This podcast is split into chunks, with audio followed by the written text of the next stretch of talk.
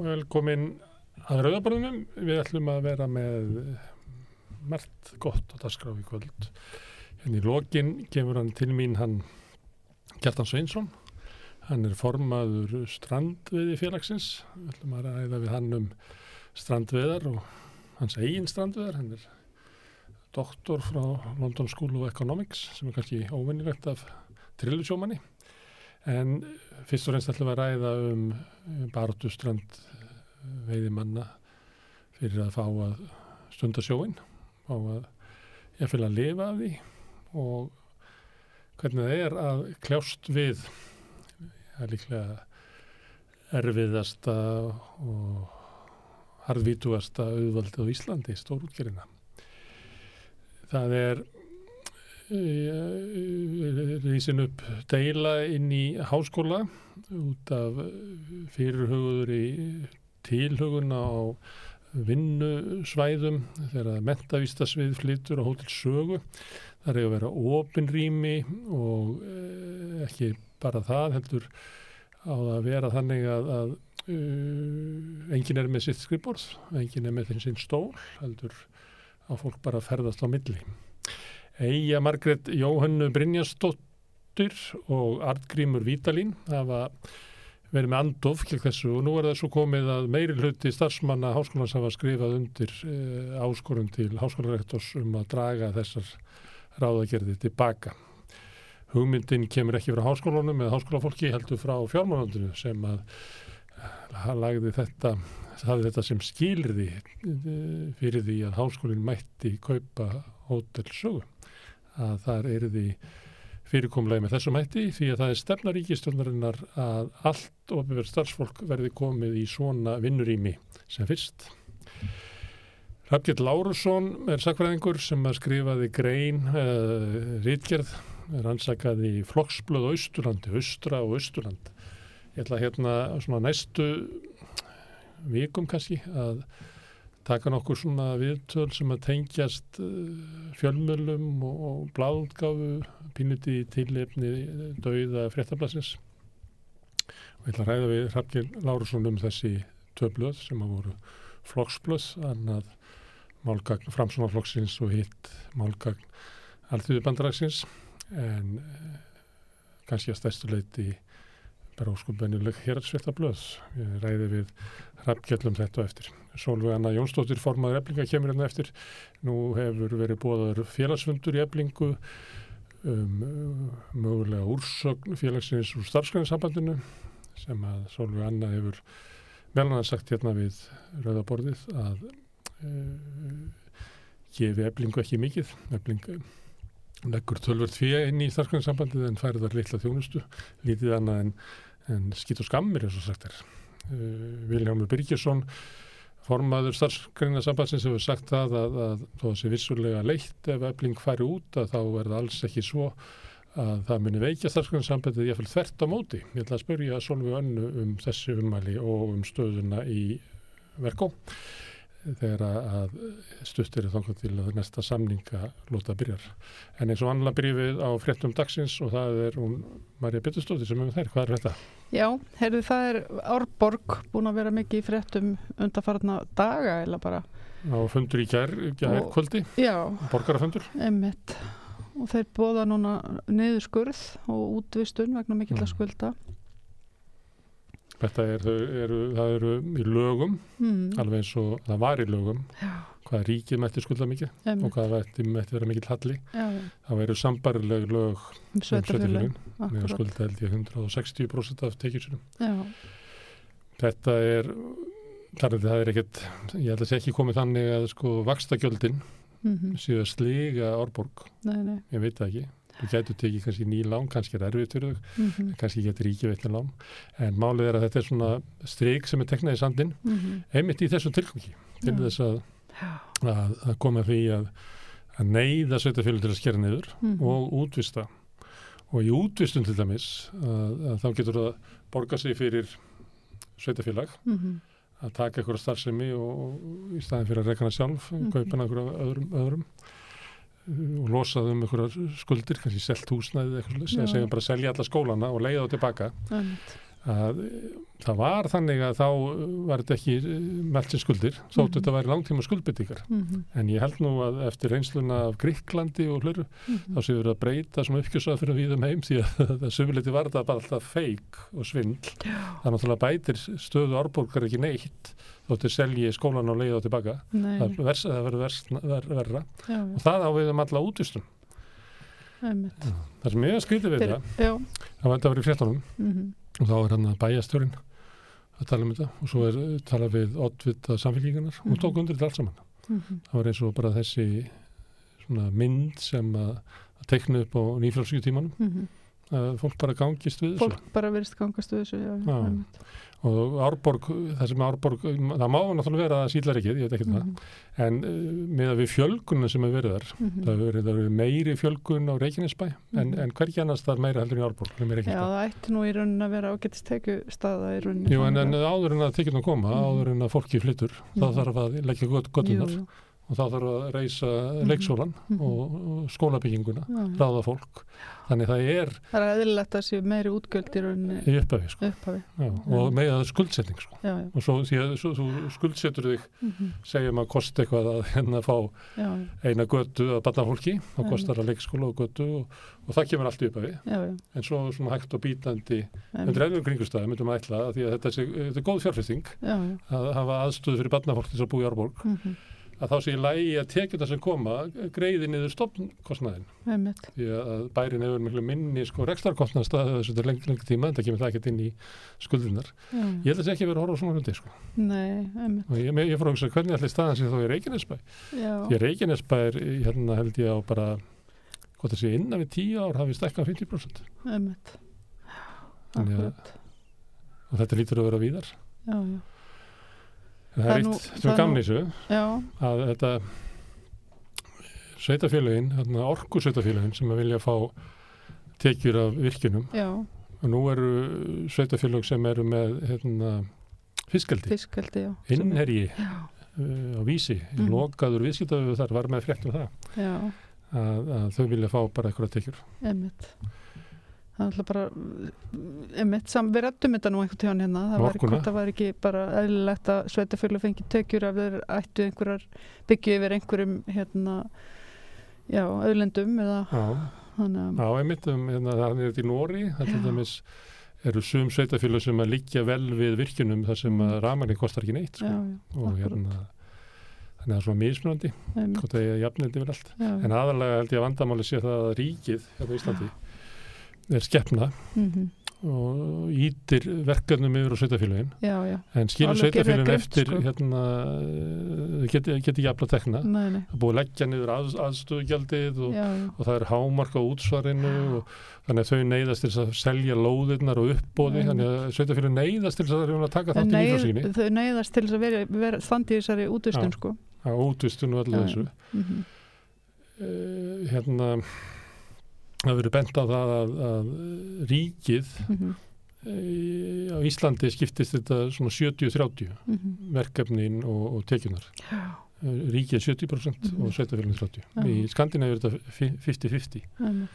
og ég meina það er almenntalið Mhm. það er betra að veita þjónustu sem nær. Já, að sveitafélag veiti mhm. þessi betra þjónustans í höndunum og sveitafélagunum þessum að já. flytja aldraða og öryrkja ánga yfir. Já. en á Íslandi er það þannig að það fara ekki peningandi með þannig að Nei, nei, þetta er nú bara eins og maður bara sér heilsugjæsluna líka hvernig, hvernig það er bara, já, er bara grotna, grotna niður í höndum sveitafélagana því, og svo rí- ríkir refsingum bara. Já, og kemur bara inn og já, Nei, það er líka skrítið, hvað allir voru til í það að hlýta hlýta tilmælum ráðunitisins Já. eins og það væri svona það er náttúrulega bara því heila orð, sko.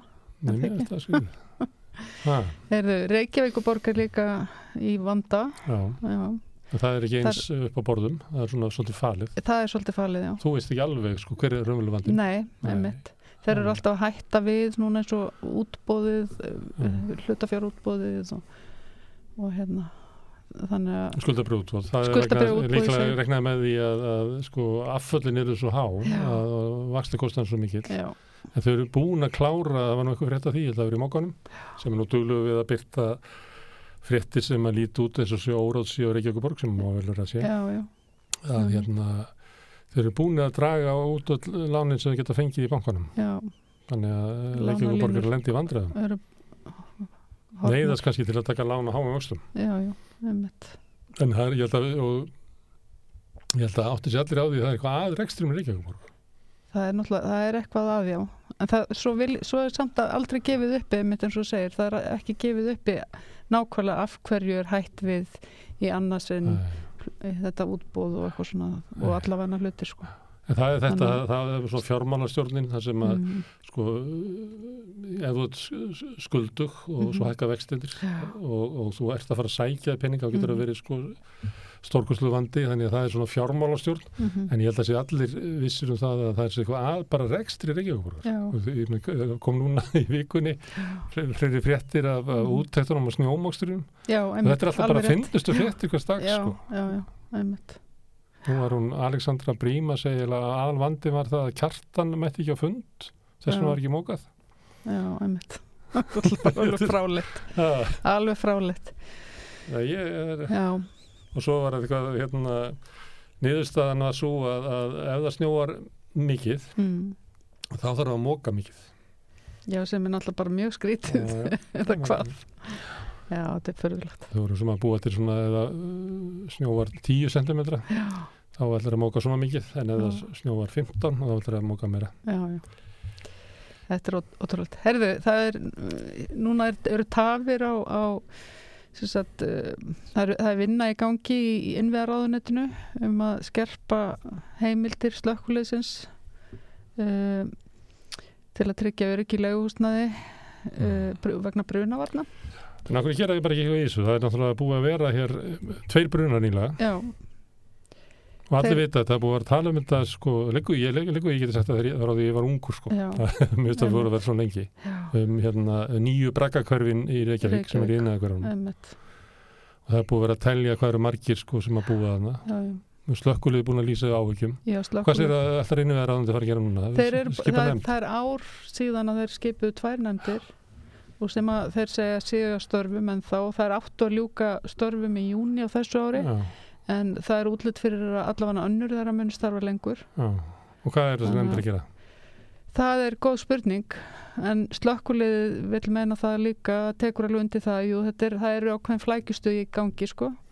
Þeir reyndu til dæmis að fá bara hérna, laga úrskurðum að fá að uh, rýma húsnæð, já, rýma húsnaði Já, þannig af að þeir eru búin að það prófa einslegt okkur það ekki veitt er það út af vegnarétti þeirra nei, sem að vegna þess að lögin er ekki Nei, skýr lögum? dómarinn. Og já, það er undarlegt að, að þetta takir svona langa tíma að, að breyta þessum hlutum. Já. þannig að ég veit ekki meir.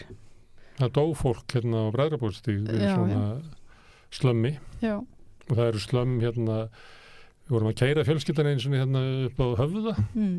og þetta er, þetta er út um allt þetta er svo sorgast að segja þetta sko. ég veit það, þetta er bara kvöldmataleitið í miðri viku Já. svona hálf dimmt út og rigning og svo allt í henni bara er eitthvað fjölskylda bara að lappa einmitt, heim?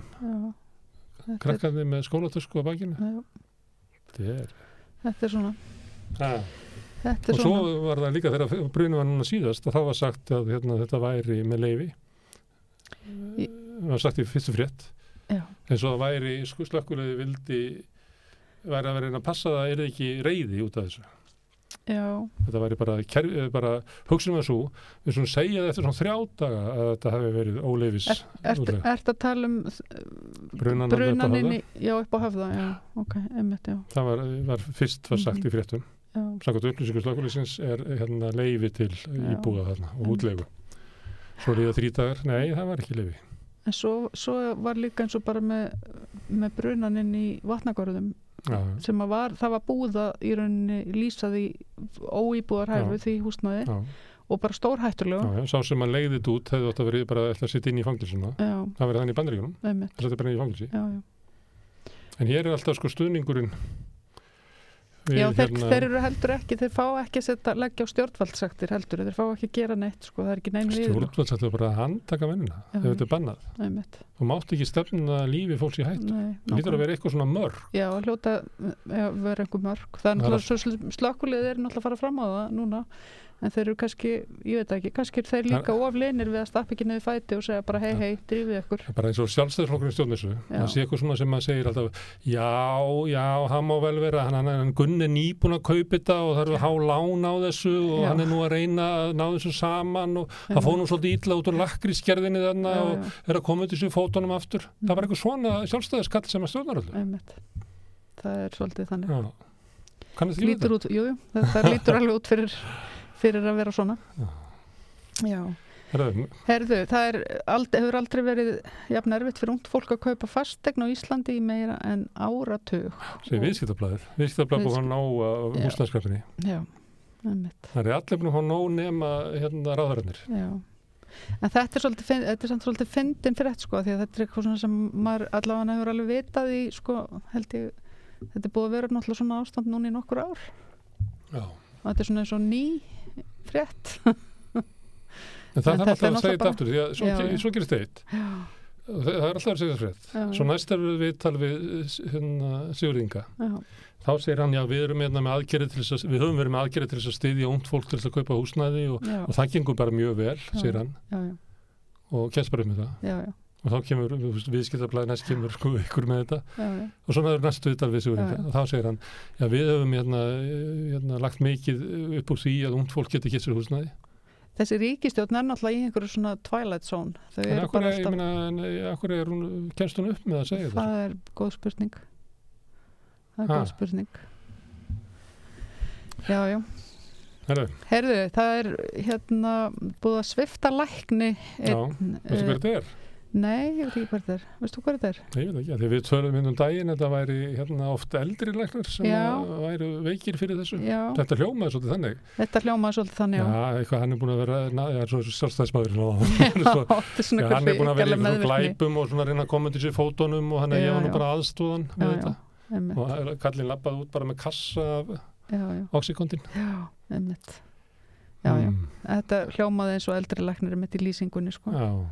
Mm, og og hérna, en hann var sviftur réttundum hann var sviftur í ættindum og hann var alveg mjög fúllið við því sko og vildi, var mjög fúllið við því að hérna, þeir skildu koma bara sko og stoppa hann af þarna fyrir framann sjúklingana hans og eitthvað svona. Já. Já, er læknar auðvitað er telja- vera það sinn heilaga rétt Já, að taka ákvarðanir um það hvernig þeir Líf- hegða lífi fólks, læknistörfum já. sinum einmitt, það gengur ekki að sé einhver annar sem gerir það. Nei, nei þetta er samband læknis og sjúklings. Já, og, og það gerir þetta náttúrulega þessi mál oft svolítið flókin að þú, það. það má eða það heldur. Nei, nei, nákvæmlega. En með það var frétti, Rúver svolítið með þessar fréttir. Og við talaði við hann að valgerði upp á vogi. Það koma tveir á dag inn já, vegna ópjóða ó- já, ópíóða fíkn Já, alltaf yngra og yngra fólk. Já, og þegar byrjuðu að koma hérna upp á aldamótunum og þá voru þetta mikið til amfetaminsjúklingar sem hafðu verið að sprauta sig sem voru að koma eldri mhm, eldri, eldra fólk. Við getum svona ímyndaði svona síðari hluta ferilsins sem mhm, tópistar mhm, og að hérna en núna séu þetta bara ungt fólk. Já, og mér finnst svolítið mikið fyrir dag. Það eru já, já, 700 eitthvað ári. Já, og með, ég ætla bara að fara að skoða sko, samanbröð þessu og, og Er ekki líka, er ekki, já, er ekki líka að tala um að þessi sko meiri ópjóðafíkn hér á landi heldur en á hinu Norrlandunum? jú, miklu meira. Já, en það er spurning hvort að við séum bara að fara inn að nálgast Baldaríkin, það sem þetta er það, sko sko. hryllileg bláa, það sem þetta hefur valdið því að e, lífslíkur kvítra Já. í lá- lágstjættunum já, hefur lækkað á áður en COVID kom sko. Já, þá lækkað að var búið að lækka held ég um þrjú ár. Einmitt, og svo þegar COVID kom að þá bara hrapar það. Það er alveg ótrúlega að sjá þessar tölur. Já. þess að bera það saman bara Ástralíu eitthvað sem hún getur ætlað að vera í svipað bandaríkin. Einmitt, og svo bandaríkin. Já, að hérna og, og megin ástæðan er óbjöðu faraldurinn Nei. og það er líka megin ástæðan hluta ástæðan fyrir hvað var mikið sko falli í lífslíkum í COVID. Já, þetta fer inn í svo uh, veika hópa.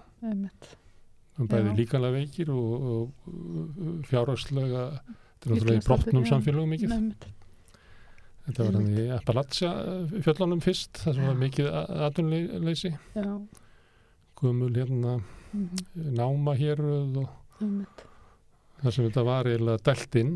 Já, já, og það, það er mjög raunsan lýsing á þessu á, á seríu sem ég held að sé eitthvað staðar á, á seríunum, hvað heitir hún aftur?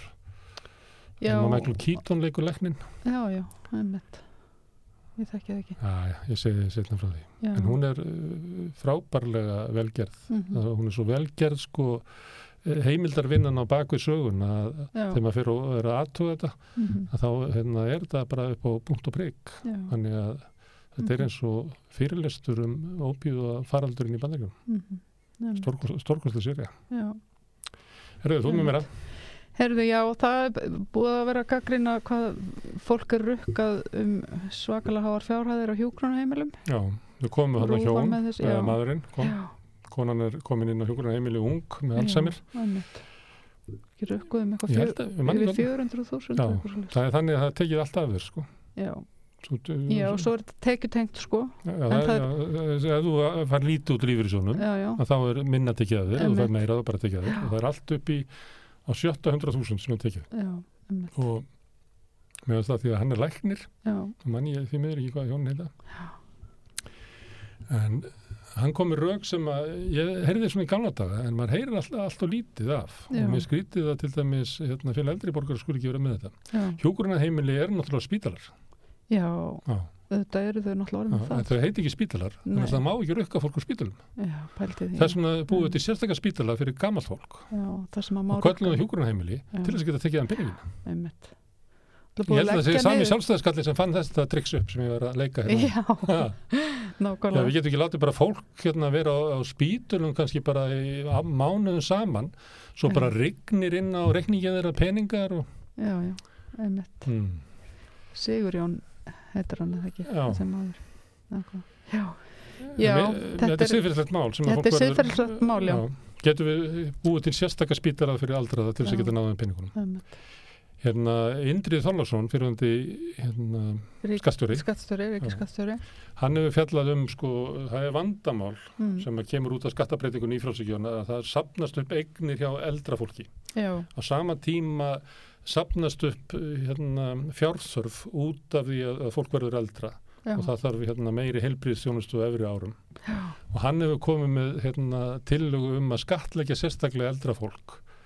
En þá er hann ekki að tala um að sko, fólki sem að leggst inn, mm. heldur bara fólk almennt. Já. Þetta sé bara hluti af öryggisnetinu, það sé hluti af tilflutningi milli kynnslóða. Einmitt. Það sé óeðilegt að þeir sem eru að borga skattana í dag já, séu að borga þjónustu fyrir þá sem að hafa notið þessa skattabreitinga á þessum tíma. Svona, ég, meina, ég er að umorða það sem hann segir, ég ekki hengjaðu upp allt sem hann segir. já, En uh, þegar hann er að segja þetta þá hugsa maður bara, vá, hvað þetta er eitthvað rótakt, ég ekki ekki eh, leggja þetta til. En það sem hann er að leggja til er að þetta sé gert á svona síðlegan hátt já, og með, með opin augu að við séum að gera þetta vegna aukina þjónustu sem við þurfum að, að sinna. einmitt. En núna er þetta gert með því að það eru bara þeir sem eru veikir og þurfa að fara inn á sjúkrásin að það eru bara blóðmjölkuð. Sko. Það er náttúrulega algjörlega ósýðlegt, gert í skjóli myrkus og þagnar. einmitt. Og hann ætla búið að breyta, smá saman breyta eins og þessu rekstraformi, sko það sem hétt áður allir heimili, þar sem Mm. fólk dvaldi vel mikið lengur. Já. Þetta er ekki þannig, ég meina núna er þetta bara sko hjúknarheimili fyrir sko alelsta fólkið og Þetta- meðalaldurinn er hvað tvö árið eitthvað svo leys. Já, og, og dvalartíminn er mjög stuttur sko.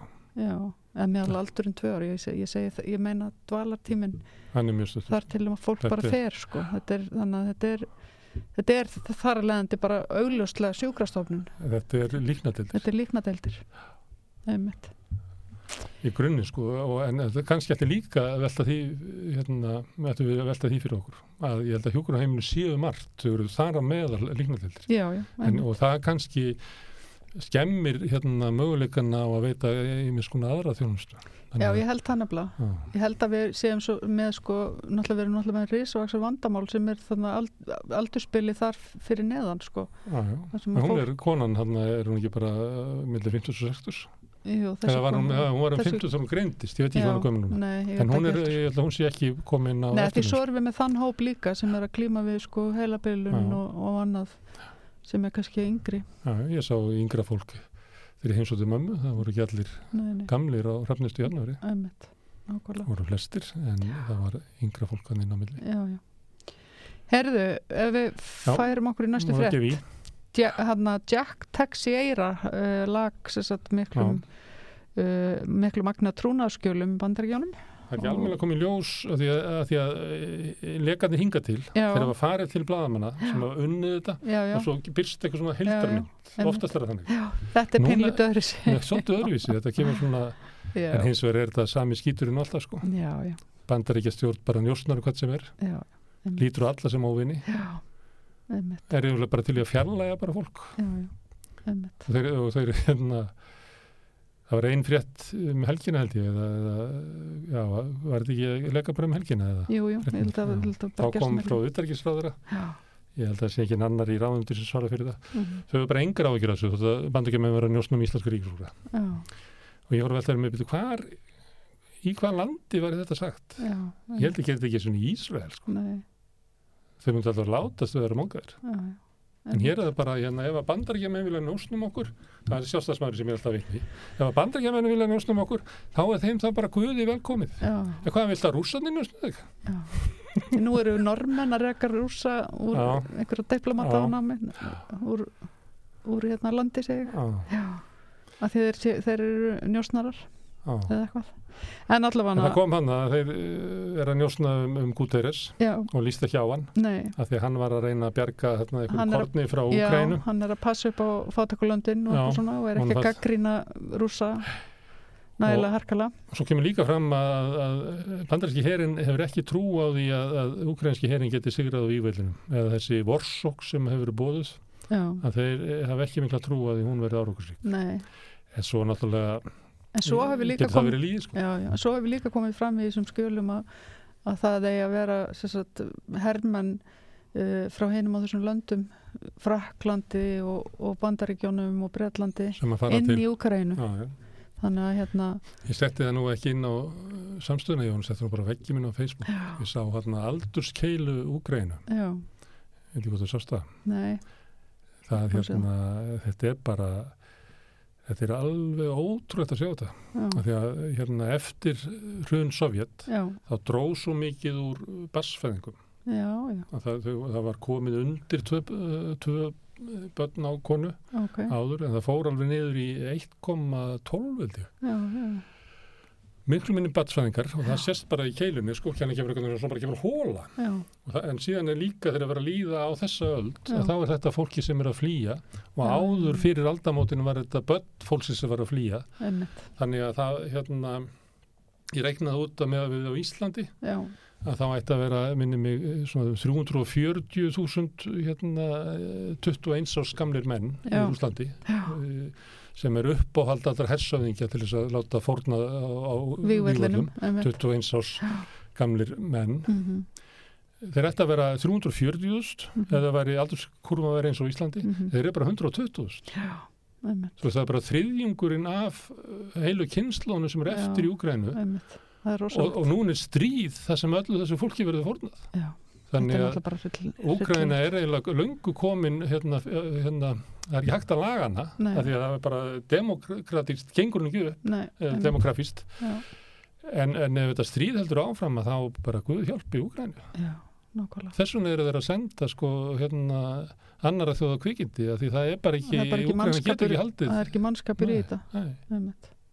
þetta, er, þetta stríð þetta bara algjör hryllingur og, en, en á sama tíma einhvern veginn líst manni ekkit á sko, eins og bara núna það sem nor normenn er að gera skilur og hvernig allir eru fannir að blanda sér í þetta mm. blanda sér í sko málum eða mál tengd stríðun einhvern veginn eða tengd þessum þjóðum Já. að hérna það er einhvern veginn já ég er bara það tölverðar áhyggjur á því að, Evrópa sé fann að sko æsa sig einhvern veginn of mikið upp og, og, og sé þetta endi með einhverjum ásköpum sko. Ekki Makrón hann, hann er að byggja kynverðin um að gera eitthvað. Hann hefur ekki trú, hann er færinga til þess að tala við í Evrópu nei af nei, því að hann vil stoppa stríðið. Já já, hann vil stoppa að hann stríðið. þarf að fara til Peking til þess að tala Að- við til, já já, einmitt, nákvæmlega. Það er enginn í Evrópu sem til að tala nei nei, einmitt. Einmitt, það var reyndar í Táragas í, París voru mótmæl í dag Já. mót á hækkun það er á morgun sem Já. að stjórnlega dámstólum með úrskuldum hvort þetta standist lög já með eftirlaunaldurinn já, sem að hefur endu þannig framjá þinginu já, en það er bara að ég nefndi já.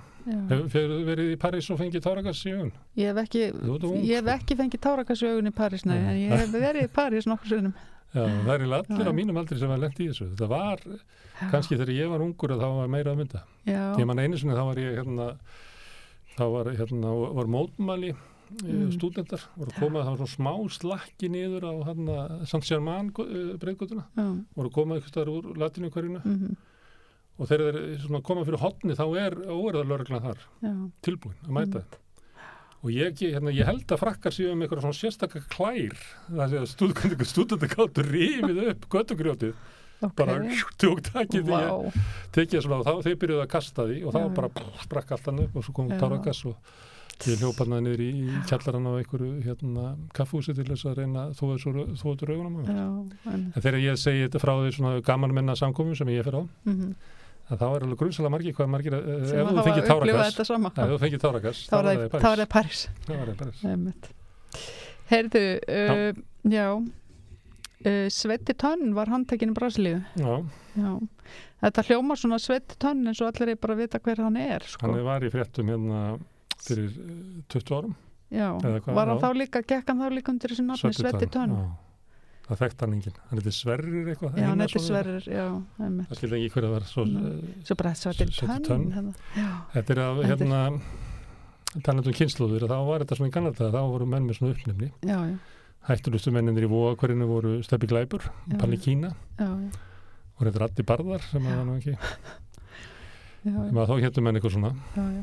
En ég til nokkur, dæmis, þó nokkri sem hafa alltaf verið hérna, kendi, bara hérna rauði, rauði batteriði, Já, þessi rauði og hinn rauði. Já, eða þeir hafa verið rauðarir. já, já, Já, já. en þetta er ekki lengur. Nei. Ég held að heldur sé engin, Kristín Kollu Stín að mér þess að í bandarsmála lengur. Nei, ég held ekki heldur. Ég held að þetta sé, það er, það var svona borin svona ákveðin virðing fyrir nöfnum í dag. Já. Krakkarnir læra þetta. Engin Gundi, engin Gvendur, Nei. engin Gummi. Einmitt. Já, þau taka upp stundu sjálf ef þau ákveða að vera kolluð eitthvað. Það þau, þau gera það yfirleitt sjálf, sko. Engin að vinum sólegar er með svona. Nei. Það var ein í, ég veit ekki hvort ég með segja það, sem að þurður og Rúri sem er náttúrulega fallegustu já, hérna já. En svo er allt innum bara hægt, Ég, það Rúri. ég þekki Ég mikið missi þetta út um mér og ég þekki mikið af svona kynsegin krökkum og lingum. já, Þau eru svo mikið að taka sér nöfn já, bara sum þannig að maður er bara fullt í fangi með að fylgjast með. Já, og heita oft, oft svona út, einhverjum útlendum nöfnum líka Já. Og, og, og svona stjartfræðilegum nöfnum. Skiptu oft. Þannig að maður, hérna, maður veit ekki við hvernig maður er að tala. nei, nei, það stundur svolítið þannig. Rappararnir líka. Já, rappararnir líka. Já. Þannig að þetta brýst allt saman fram. Herðu, við erum búin að vera alltaf lengi, við erum vera að tala um síðasta- fréttir í dagsins. Síðasta fréttin, Ásmundur Einar skráði ekki hús sem hann leiði á 400.000. Já. Hann klikkaði á að setja það í hagsmannaskráninguna. Já. Það er, sagt, það er engin leigjandi í ríkistöndinni Nei, og þau eru algjörlega blind fyrir sjónum með algjörlega En það eru. Já, Þess vegna er ríkistöndin svona... já, já. Hmm. Já, já. Það er, hann er ekki eini leigusalinu það, hann ásmundur ég meina, það eru fleiri örugla minnir að það verið talað um fleiri áður Já. sem hafa verið að Það leiða hefur líka verið bent á þetta í borgarstjórn. Kom fram að voru nokkri leigusalar. Og þeim finnst ekkit Nei. ekki skiptamáli þó að maki í eitthvað fyrirtæki eða eitthvað svona Ég held að aldrei gest svona, nú erum við að tala um málum með leigjanda. Það vil svo til að ég leigi út, þannig að ég ætla að yfirgefa fundin. já, Ég held að bara, Það þetta er- er algjörlega blind á þetta. já þau eru þetta Þau telja þessi að veist, eiginlega betri insýnin leigumarkaðin af þeirra leigusalar. já, já, Og skilja hvaða vesin er það er rosalega erfitt að vera leigusali. einmitt, Þau skilja aldrei hvaða hryllingur það er að vera einmitt þetta er vandamál Herðu, komið. já, þetta er komið Þá séum við þetta gott og nú ætlum við að tala um, um frétti dagsins við Solveigu Hönnu Jónsdóttur, formann eblingar, með drögnblik. Er rétt að greiða lámarkslaun fyrir hámarks ábyrð? Til að manna mikilvægustu störfin þarf mannsæmandi laun. Ebling stjættafélag. Samstöðin er í eigu hlustenda, áhorfenda og lesenda. Þú getur átt samstöðina á samt öðrum félögum í alþýðufélaginu. Þú getur gengið í alþýðufélagið á samstöðin.is. Þar er nappur sem segir skráning. Með því að ganga í leyendasamtökin stiður þú bara áttu leyenda. Leyendasamtökin eru fyrir alla þá sem vilja berjast fyrir réttlátu húsnæðiskerfi. Leyendasamtökin.is Herðu, eflingar í fréttum í dag eins og undanfanna mánu, vikur, mánuðu ár. Solveig Nægjansdóttir, velkomin. Takk. Herðu, nú er það, ég ætti náttúrulega að segja þetta við rauðaborðið að ástæðan fyrir að þú ert í fréttum núna í vikunni er að fjölmjöla fylgjast ekki með rauðaborðinu. Þú varst múin að segja þetta fyrir þremur eða fjóru vikum hérna að, að þið væruð að undirbúa Mhm. að skoða það og er því bóða til fundar um hvort að þið ætti að vera áfram í starfsgrunnsalandinu. Mhm. Er búið að bóða fundin? Uh, Fundurinn verður búaður uh, eflust á morgun og verður haldin í þar næstu viku. Það verður auðvitað bara búaður uh, með réttum tímafristi með Mm. mm. lög félagsins.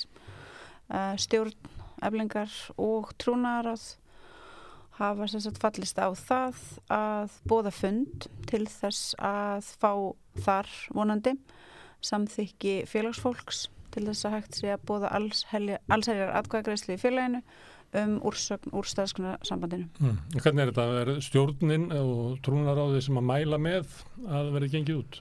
Uh, raunverulega gera þau það ekki en fyrst þú spyrða þessu þá Mm. má það svo sem alveg koma fram að þetta var einróma niðurstaða trúnaðarás að þetta yrði gert og um, hér nefni ég það kannski líka þær umræður sem hafa staðin í samninganemnd Mm. félagsins þannig að uh, ég held nú svo sem að ef að um, meðlimir þessara félagslegu Mm. Eflingar eru þau spurð þá sannlega myndi þau mæla með þessu Já.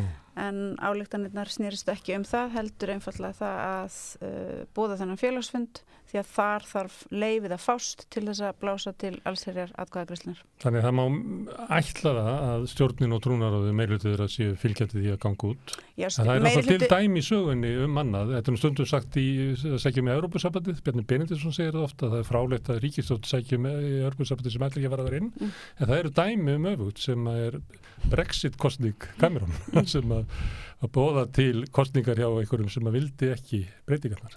Já, meinar þá að það geti færið þannig að félagsfólk eflingar Nei, ég er að bara velta fyrir ef að þið eru að leggja það til Já, já. Að, að það verði atkvæðagrisla. Já, Hvort það megi ekki túlkað og örgla þannig að þið viljið fara út.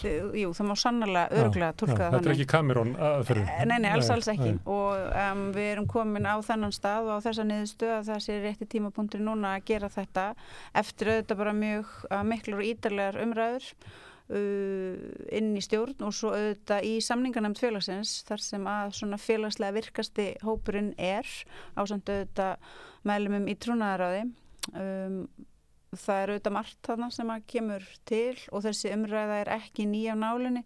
Hún meiri sig að koma upp alltaf með reglulegu millibili hefur mér verið sagt uh, áður en að ég tók við þarna 2018 um, en Bara eh, aftur í verkamannasambandið. Ég, ég bara veit ekki hversu langt. ég ætla ekki að þykjast vita það um, en í það minnsta uh, þá hefur fólk rætt þetta af og til uh, og við erum komin á þennan stað núna. Það er auðvitað margt sem kemur til. Mm. um, fyrst Herðu. og fremst er það það að við eigum raunverulega á þessum tímpundi og höfum kannski aldrei átt neitt erindi þarna inn um, Efling er auðvitað risastórt félag eins og margótt hefur komið fram með 28 ást félagsmann við erum vinnu afl höfuborgarsvæðisins og við höfum ymsar sér þarfir um, sem að um, hafa auðvitað ekki fengið neitt hljómgrunn innan starfskunarsambandsins um, svo er það auðvitað svo að við notum ekki þjónustu starfskunarsambandsins að neinu leiti en borgum þanga greiðlega háar fjárhæðir skatt á ári hverju á síðasta ári borguðum við 53 miljónir þarna inn. Um, þannig að það er margt, margt sem kemur til uh, og um, að lokum er það svo auðvitað mikilvæg ástæða sem er svo að það er ekkert nema sjálfsagt og eðlilegt að svona risastórt félag eins og ebling með um, svona fjölbreyttan félagsmannahóp, mjög sérstakann félagsmannahóp sem að hefur um, já, bara sérstök mál sem að þarf að berjast fyrir að, að félag eins og þetta hafi sína sjálfstöðu aðild að alþjóðsambandinu ekki gegnum um, landsamband Mm. Þið metið að þessar 53 miljónum myndi nýtast ykkur betur A- í ykkar starfsemi. að sjálfsögðu, ég menna þarna nýtast það okkur náttúrulega bara ekki neitt Nei. um, við eins og ég segi fáum enga þjónustu og þurfum ekki á henni að Fá halda bara skýt og skömm. Já, auðvitað fáum við náttúrulega bara skýtur sko það, Það er, það er bara- víða svo en þarna já, sérstaklega auðvitað núna um, síðasta vetur. Um, og þá kannski ætti ég að, bæta því við að um, þegar ég tók við sem formaður 2018 þá um, gerði ég að mínu viti mjög heiðarlega tilraun sem stóð lengi yfir til þess að eiga bara í ágætum um, góðum samskiptum við formennina innan starfskona sambandsins um, ég taldi þá að um, það væri hægt að um, vera ósamála um hitt og þetta en að það væri samt hægt einhvern veginn að eiga í sæmilega normálum samskiptum. Um, því miður þá dróst svo mynd upp smám saman og um, þá svo sem við um, um fleiri staði innan hreyfingarinnar að það var einfallega ekki hægt en um, ég ætla samt að segja það hér að það er ekki uh, mín persónlega afstæða eða það sem einhvern veginn ég hef séð og upplifað sem að þarna ræður fyrr heldur er um, þessi um, afstæða eins og ég segi þessar svona félagslega Mm. virkasta hóps einfallega niðurstaða um, mikilla samtala og pælinga um, í um, allan vetur og svo, já, líka Mm. fyrr Fórum yfir þetta um röki fyrir því að fara þarna út og röki fyrir því að vera þarna inni uh, fyrir nokkru vikum. En það sem er nýtt í þessari viku eru viðbröð Viljáns Birgissonar. Þegar þetta var borðið undir hann mm að þá sagði hann, það var tvent sem að mér varst aðeinsvert. Annars var að sagði hann það að, að það var auðvitað leðilegt ef það efling hværi en, en það var um alls ekki alls ekki veikja starfsgrænsambandið, jáfnveg þvert á móti -hmm. sagði hann.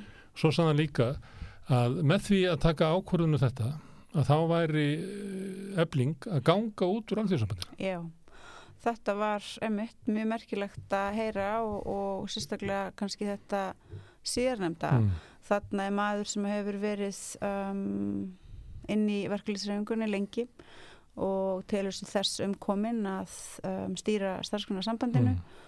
Uh, hefur svo steftir og mun áframsækist eftir því að vera einna varafórsetum alþjóðsambandsins og um, hann, hann stekkur einfallega fram um leið og fjölmiðla ringi í hann og Mm. gasprar Mm. eitthvað sem hann greinilega veit ekkert um Mm. varðandi svona graf alvarlegt mál eða maður myndi í því mynda ímynda, ímynda sér að honum þætti þetta graf alvarlegt mál þarna er lang, lang stærsta félagið innan starfsgrunarsambandsins um, að fara í þessa vegferð en hann kynir sér ekki einu svona lög alþjóðsambandsins og auðvita um, gerir það sem að því miður týðkast og hefur týðkast á ymsum um, stöðum innan hreyfingarinnar hlustar ekki á málflutning formans eblingar um, við vorum auðvitað búin að skoða þetta mjög vel og um, niðurstaða þeirrar skoðunar var augljós að um, færi ebling úr staðskonarsamöndinu þá stæði eftir sjálfstæði aðild að alþjóðsamöndinu en hann fullir þér þetta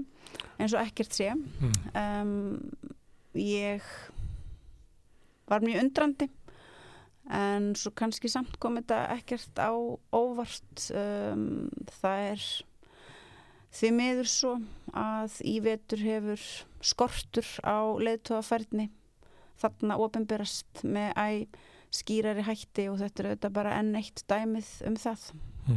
Var líka í þessu samtali þá saði hann eitthvað í þá veru að þetta er að koma í ljós hvort að almenni félagar og þess að vera að tala framjá fórustöflingar til almenna félaga það er náttúrulega ekkert eins og hefur svolítið verið gert til að sáttasemur hefur gert þetta samtök aðlýsins hefur gert þetta allir hafa allir hafa gert þetta Ja. eh, sem að miðst kannski allir að menn hafa þessa kenningu en eftir allar þessar hérna, atkvæðagreislur og verkvöllin og eitthvað fleira þá myndum maður ætla að, þetta eh, hérna, menn myndu hætta þessu. Já, nei, menn munu eflust bara aldrei hætta þessu. Mm. og þetta er bara það sem er gert og það er alveg sama þó ég og félaga mínir séum augljóslega um, samstiga í því sem við erum að gera þó að einmitt eins og þú bendir á um, við höfum yfirleitt og alltaf lesið stöðuna rétt þegar það kemur að vilja félagsfólks breytir engu um, og þetta er bara það sem að týðkast inn í þessari hreyfingu og Vilhelm Birgisson hefur þarna ákveðið að feta þá sömu breyt sem að aðrir hafa gert um, á undan honum og það er auðvitað bara til marks um,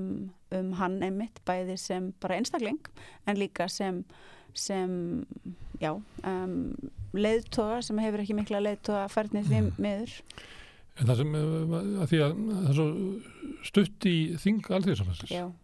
Sem er, er ekki bara lokað sem ánaður Jú, 27. og 28.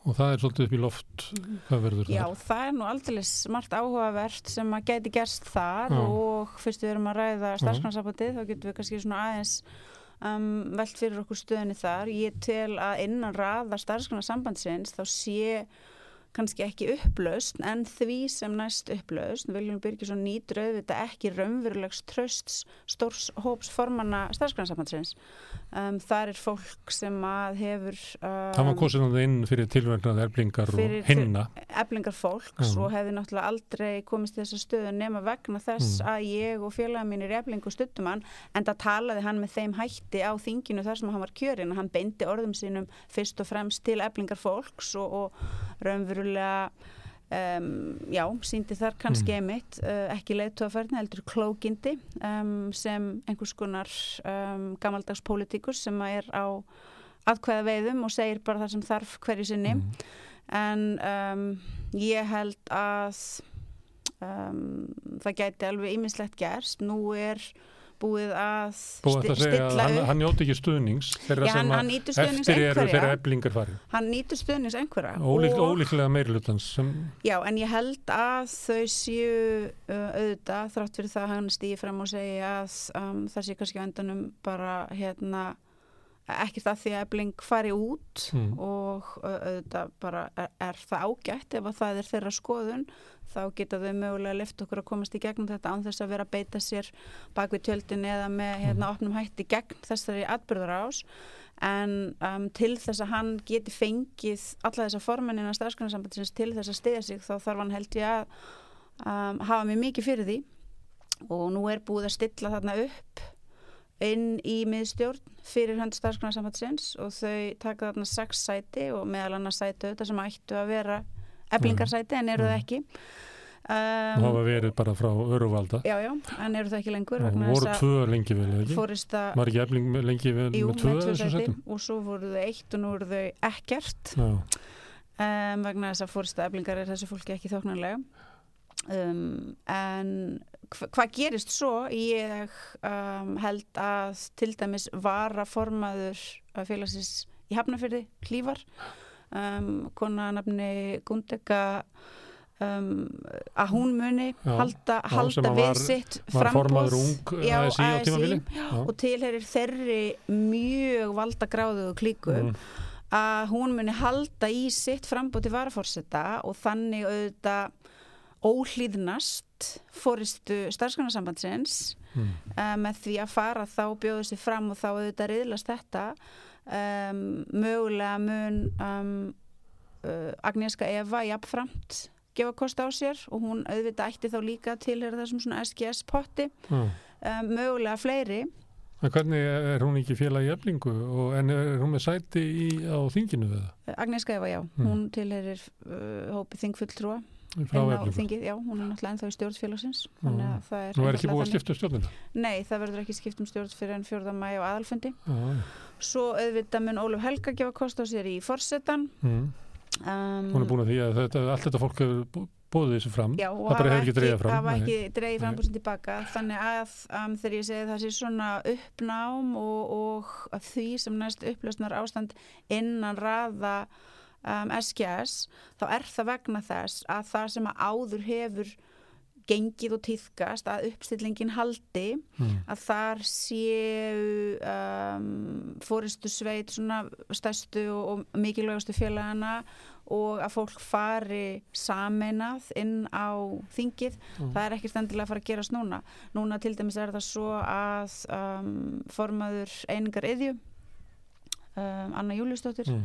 hún er til dæmis ekki í þessari uppröðun og ég Mhm. veit að það auðvitað um, hefur valdið um, m- m- mikili kergju þarna inn í þessari þessari svona súpu og þetta er náttúrulega það fólk sem hefur um, margt hvert ásaka mig og Ragnar Þór um að vera einfallega valdasjúk en það sem ég hef séð um, hjá þessu fólki þá á þessum tímpunkti get ég einfallega ekki sagt annað en að það eina sem að þetta snúst um hjá þeim séu einfallega völdin Mm.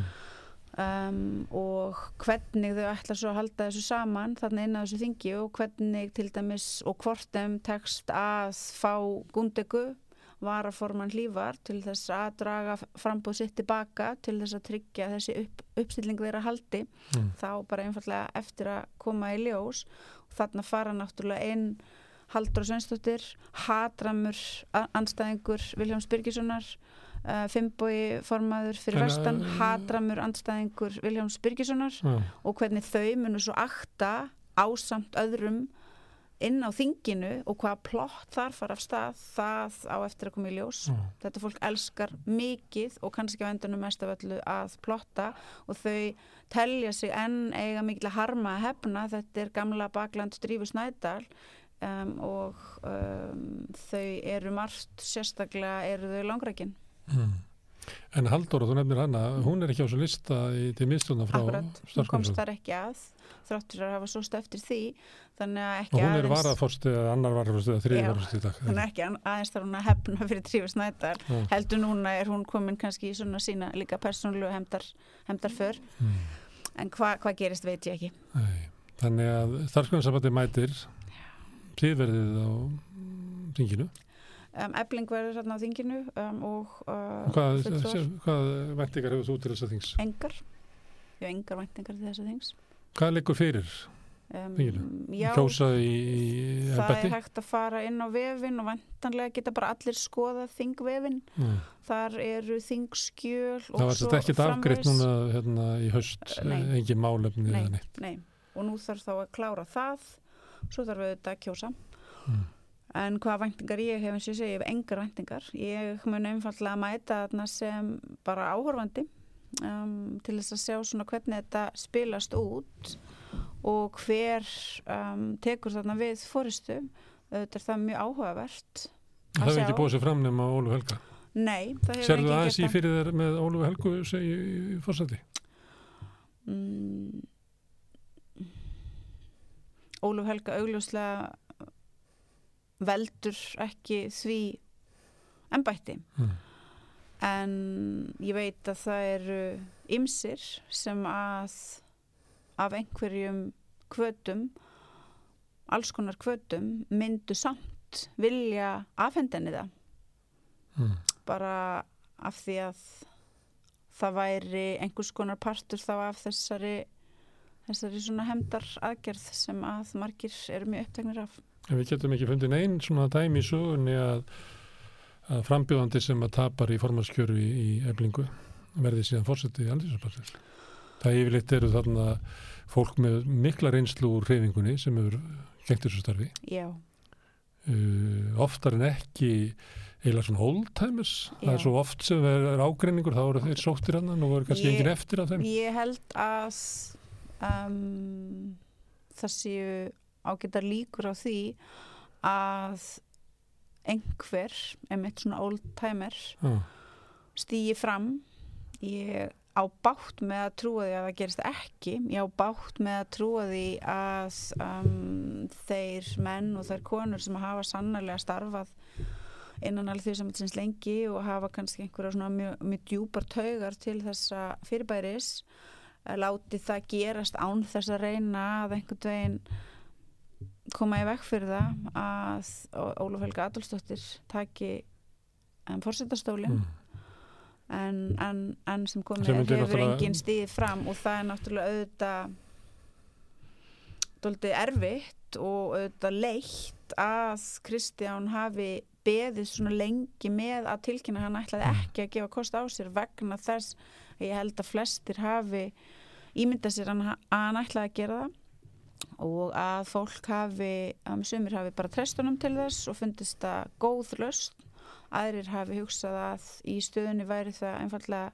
skásti kosturinn Mm. en svo meðal annars vegna þess ófremdar ástand sem að ríkir innan um, herbúða starfsgrunarsamhansins um, og þess ríkulega vilja sem að það er til staðar til þess að mitt að reyna að gera bara hvað sem er til þess að grafa undan möguleikum á því að hlutinir geti einhvern veginn byrjað að settlast að þá treystir hann sér ekki til þess.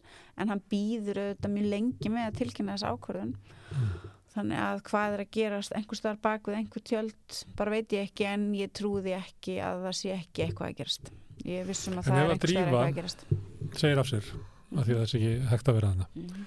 Kristján Þórður ör, örglega skoða það og gengið út frá því að hann hafi verið svona líklegast í kosturinn. Já. en hann þegar hann sé meira sem að skoða þetta þá verður hún augljósar að þetta er eiginlega ekki mönnum bjóðandi. Já, sko, hann ætlaði sér þetta náttúrulega að aðtuga hvort það væri hægt að finna einhvern vettvang þar sem hægt væri einhvern veginn að leiða fólk saman og, til einhverja og- starfa og en koma- annað en einhverja fólk sem að klóra augun. koma svona samtali af stað og reyna að finna, já, einhvern stað þar sem að fólk geti mögulega skilið eftir hérna illindin og bara sest niður og ég var tilbúin til þess, Ragnar Þór Mm. var tilbúin til þess en aðrir voru það ekki því miður en já, fyrir ekki, ég treflaði ég, hérna, mann í gamla daga þá var auglýst eh, staða og það var maður sem sagði að, að þeir sem sækjum þessar stöðu Mm.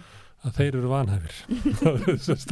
Það það ætti öllum að vera ljóst að, að vestastarf á Íslandi er að vera fórsetið þessi Já, sko, það sem að gerðist náttúrulega með Drífu Snædal og þar sem ég hef uh, rakið í greinum Mm. og sagt frá bara með mjög heðalegum hætti og, og ég hef svo sem verið ásökuð fyrir ímislegt en það hefur ekki en einasta mannski geta stíði fram og, og um, einhvern veginn bent á það að ég sé að fara með rangt mál vegna þess að ég er ekki að gera það vandamálið í til dæmis samskiptum uh, mínum sem formans eblingar og hennar sem fórsta alþjóðsamtins var það að hún vann með ólýræðslegum hætti.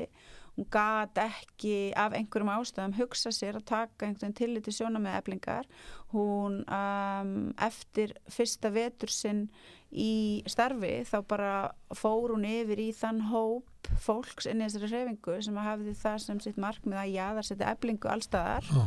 og það gerði hún með mjög markvisum hætti og það hlýtur að vera áhugavert fyrir einhverja að skoða til dæmis þá staðreind að innan alþjóðsambandsins hefur verið í um, þessi ár síðan að hún drífa kom þannig inn 2018 um, farið á stað einhver svona tilurinn til þess að sitja kvenna baráttu og, og verkefliðsbaráttu kvenna á oddin en það hefur alltaf verið gert með því að byrja fyrst á því að passa ég sé þar hvergi Mhm. nálagt Já. þannig að það segir auðvitað kannski meira en margt annað um það hversu ríkulegur viljin hefur verið til þess að ég að setja mig og eblingu um, þannig að það var auðvitað vandin það var ekki það að um, þetta starf þurfi einhvern veginn endilega að vera það versta heldur að ef að þú virðir ekki einhverja svona grundvallar reglur um það að formenn sem að þarna inni eru formenn risastóra fjöla eins og eflingar eða VFR Mm. eigi auðvita að hafa aðkomu á málum eigi auðvita heimtingu á það að vera upplýst um það sem að verður að gera eigi auðvita að vera involveruð í mál sem að fyrst og fremst snúa að þeirra félagsfólki. Um, þú gerir þetta ekki og þá er ekkert annað en óumflýjanlegt held ég að það verði mikil átök sem urðu. Mm. átökin urðu út af þessu þau voru ekki út af neinu öðru En um, e, það er fólk inn í, eða formenn, inn í starfsgrænsambandinu sem að e, bara telja að vera mikilvægast að, að jaðarsetja eflingu. Er þessi á Drífu. formanna hópur bara af því að við erum að tala um Já. þetta og af því að ég er núna svona síðustu dag búin að vera að velta þessu daldið mikið fyrir mér þá er það náttúrulega með miklum ólíkindum að þetta fólk hefur meðal annars aftur og aftur kalla mig og Ragnar Þór gerendur og ofbeldisfólk Mm. Ekki bara á fundum, Mm. ekki bara þegar þeim er heitt í hamsi heldur hafa þau fjölmörg til dæmis skrifað undir grein Mm.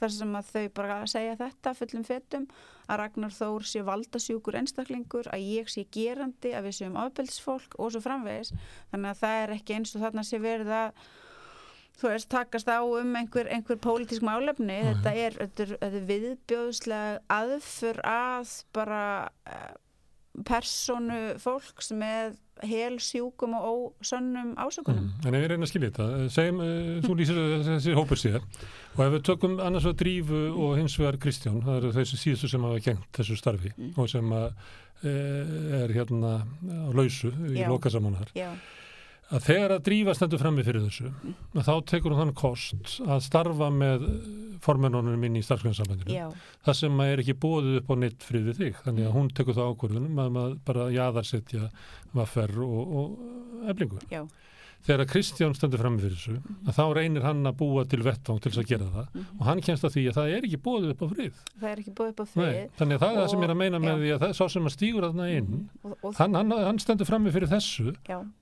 og, og, er ekki, þetta vandamál ekki torfið og þetta vandamál er svo sannarlega ekki horfið Nei. og þess vegna auðvitað á það bara eftir að koma í ljós hvort að sé einhver sem að vilji reyna þetta sem að sé ekki þá einmitt að sækjast eftir þessu eins og Ólaf Helga til þess að einmitt halda áfram að kynda ófríðar bálið og gera það bara verra og verra og raunverulega fara í vegferð sem að hlýtur að snúast um það að um, íta eblingu bara alveg, alveg burt, losna bara við eblingu náttúrulega að hún laði til að eflingur er vísað af að sé það Já, aðeins í að þingi hún ásamt öðrum. Já, já, um, en það verður svolítið sögulegt að hún það til. síðan fórseti alþjóðsabærs það er því sögulegt ekki bara af þeim ástæðum heldur En já, þannig að hvort að það er einhver sem treystir sér til þess að gera þetta í þeim aðstæðum sem ríkja það á eftir að koma í ljós. Um, Kristján að mínu viti hefði getað og ég held að Kristján hefði getað svona vaksið inn í þetta embætti og, En hann lítur og að er- þessa ákvörðun sko, ég meina þetta er ekki létt ákvörðun hjá hann Nei, það, það voru þú sem horfðu til hans aðtöða hvort að hann vil koma og tala eitthvað um þetta en ég já, já. efast um að hann gera það hann er náttúrulega svona fremur bara svona hófær Já. og hófstiltur maður og ég held að hann hafi ekki mikinn áhuga á því að hann ætlar að koma til vera mín á mándaginn er það? Já, ok, ég ætla að hérna- ætla heyra. hraðborða verkefliðsfóringjum Ok, en ég og ætla um þetta ekki ég, Ég, þetta er ekki- mikilvæg staða. Já. Það er bara mi- mikla líkur á því og ég, það sem ég er að lýsa þarna, Mhm. að það að ef að það ætti að koma ný fórustu þarna inn, að þá myndi kannski viðkomandi, segjum að það væri oldtimer eða einhver svona sem ætlaði að búa til Já. sátt. já, Ég myndi segja við hann, ekki trúa orði af sem að hérna, fólk segir. Því það var aðri hvað farið þess að hérna, leið áður og sagt, þú veist, hérna, ef, við gerum þetta og svona verður ekki hægt að gera þetta svona sirka svona. Ekki það sem hann halda. Ég myndi ekki geta ráðlegt neinum að segja hann um. nei ég, Myndi þú ég- ráðlega ekki eitthvað að gera það? ég myndi ekki Er þið nógu neinum illa að við eitthvað til þess að... Nei, ég myndi ekki ráðlega nefnum að gera það og ég ætla til dæmis ekki að, að, að sjálf bjóða mig fram í eitt einasta embætti að nynni vegna þess að ég veit að um, ef ég myndi gera það og ef ég myndi ná kjöri um, þó það væri ekki nema bara inn í miðstjórn þá myndi það bara þýða að svo styrlun Mm. sem að hefur ríkt um, á þessum vettvengum um, síð, síðasta vetur og lengur myndi bara halda áfram um, þar sem að því miður í vetur hefur oft á fundum sem ég hef ekki mætt á en eh, fæ fundargerði sendar bara sökum stöðuminnar sem Mhm. formans eflingar um, allt um, allar umröður hafa meira minna farið í það að svífurða mig og félaga mína og það er basically alveg nákvæmlega sama hvað hefur verið að ganga á um, þetta fólk, Viljón Birkisson og aðrir eh, þykjast nú vera mjög undrandi yfir því að um, samslaða sé ekki mjög ofarlega í huga eblingar Guð minn góður þegar að við vorum í hörðum verkfalls átökum þegar að ríkisáttur sem mér hafði lagt fram ólöglega miðlunatilugu þegar samtök atvinnulífsins hafðu komist að neðustu um að, að fara í verkbann og reka 20.000 félagsmenn eblingar heim launalösa ekkert af þessu. Dögði til þess að þetta fólk gæti normaliserast Mhm. í afstöðu sinni um, og sínt solidarity sínt að það er í alvöru verkefliðsleitóar sínt að það í alvöru hefur einhvern áhuga á því að um, grundvallar lögmál í einmitt um, samstöðu verkefliðsbarstunar séu en um, við líði En stöðningurinn kom víða, eða svona hér og þar fram í verkefnisefingunni en ekki á starfsgrænsföldu. Já og auðvitað er það svo að það er eitt að senda álíktanir frá sér og annað að raunverulega beita sér.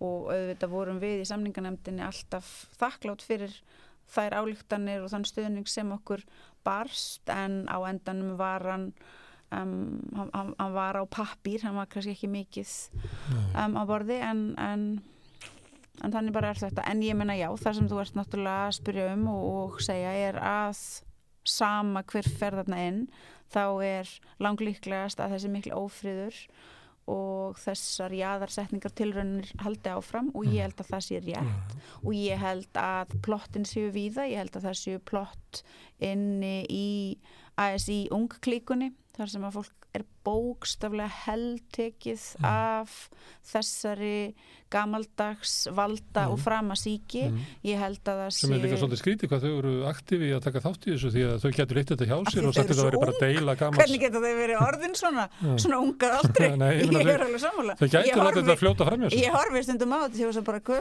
hvernig getur mannskja sem er einmitt ung. Um, verið búin að um, ákveða að þáttaka hennar eða hans í verklingsbortinu snúist bókstala einverðungum um það að tróðast í valdarstóla, það er mjög áhugavert.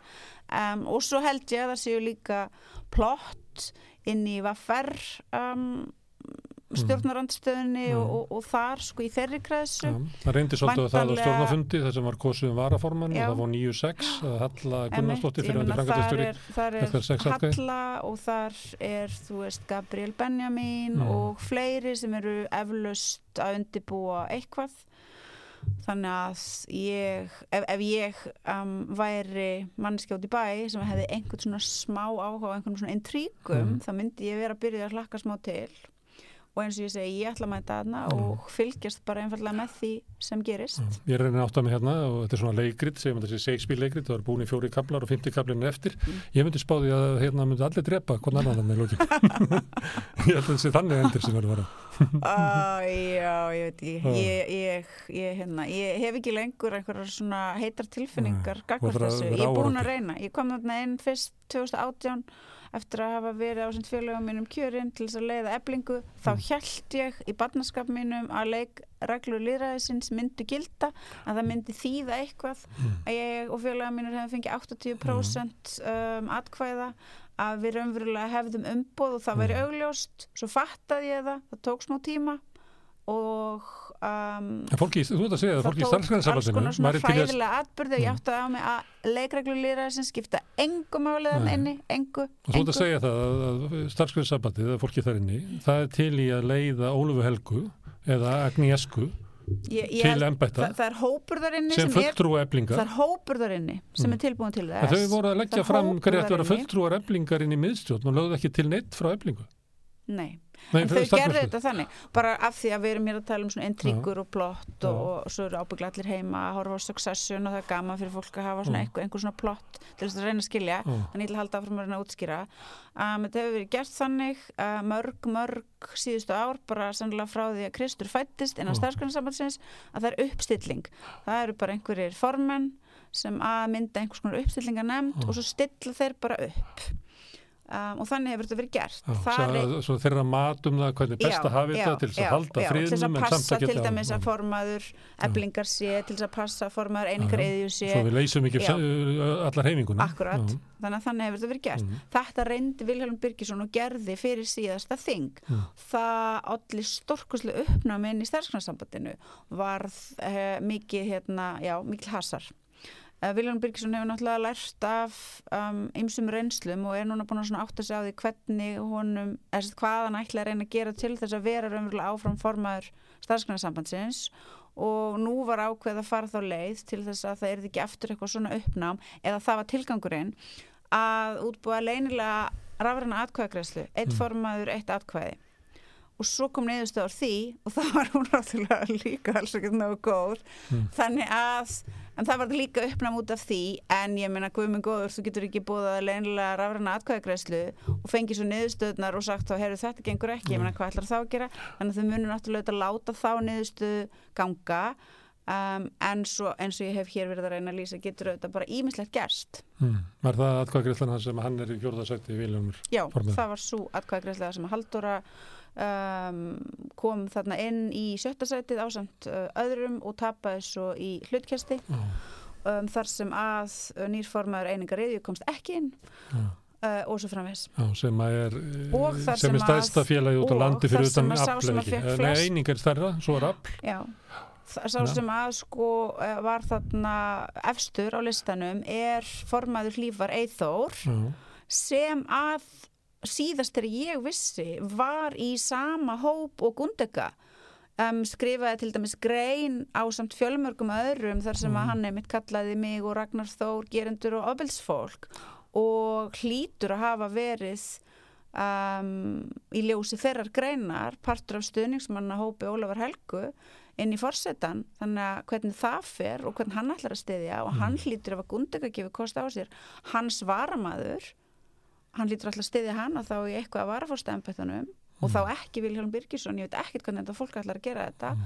Og um, aftur ég bara held að þetta verði æs spennandi og ég hvet, hvet þau sem að hafa áhuga á intryggum að reyna að skilja þetta og fylgjast með. og fylgjast með í beinu útsettingu hérna e, það getur verið að ebling gangi úr starfsgrænsafandinu en ebling er ekki leiðin út úr ASI en Nei. samt mun ebling ekki hafa mann í miðstjórninu sinni eða hvað? Já, það er náttúrulega gengur eða ekki. sko ég menna getur náttúrulega alveg verið einhver sem er eflinga meðlumir í miðstjórn til dæmis Agnieszka Eva, Ólaf Helga hver veit? En ég meina, eð- í eðlilegu svona til þess að fungari, engin þá þarf að vera einhver úr stjórninni Nei, sem að, engin úr sem sagt um, þeim hópi sem að tileirir svona líðræðislega kjörin í fóristu því fólki sem að sannarlega hefur umboð félagsfólks mun vera það þannig að þetta fólk er, að, að- er með, hérna, þetta er svo við vitnum í söguna, Já. þá er þetta fólk með stjórnmálasambandi við Tævan en neytar að viðkjöna Kína. Já, eitthvað svoleiðis. Þetta er svo leys ástand. já, já. Þetta er náttúrulega ótrúlegt ástand Já, þetta er ótrúlegt Og ástand það sé svo og það er ótrúlegt að þú veist, fólk láti bara eins og það sé ekki datöfast við þetta. Það er náttúrulega ótrúlegt. En ég er náttúrulega búin að vera að þurfa að horfast í aug við það svo lengi að ég sjálf er komin á þann stað að ég get leiða þessu. Veist, ég get horta á þetta og sagt bara eitthvað þessu fólk bara er ekki sjálfrátt. Þau bara, þau skilja ekki grundvallar reglur líðræðisins þau bara vilja ekki skilja þær. Þeim er alveg sama. Þau eru hel tekin af valda baráttu, þau eru tilbúin til að gera hvað sem er um, og þau ráðast og munu halda áfram að ráðast á þá sem að einhvern veginn eru ekki tilbúin til þess að beigja sér í duftið og, og hlýða þeim þau eru hefnigjörn, þau eru langrækin og um, já, það er bara þannig Það var, hérna, tala við Viljón Birgisson, hérna, núna bara, mann ekki hvort það var annan í pásk, hérna, eitthvað. Og það sem hann var að segja þetta sem ég var að vitna til áðan. En hann var líka spurður um svona, og fréttakona spurðan hérna hvort hann hefði ekki reynd að halda þessu saman því það er náttúrulega þetta að vera fyrsta hlutverk formans í starfsgrænsabandinu að halda starfsgrænsabandinu saman. Og hann saði einhvern veginn að hann hefði gert allt sem að, að hann hefði gert, hann hefði alltaf verið að reyna að vinna að einhverjum svona stuðningi en þú ert að benda á það til dæmis að starfsgrænsabandi leggur ekki til fulltrú eblingar inn í miðstjórn andriðsabansins, þannig að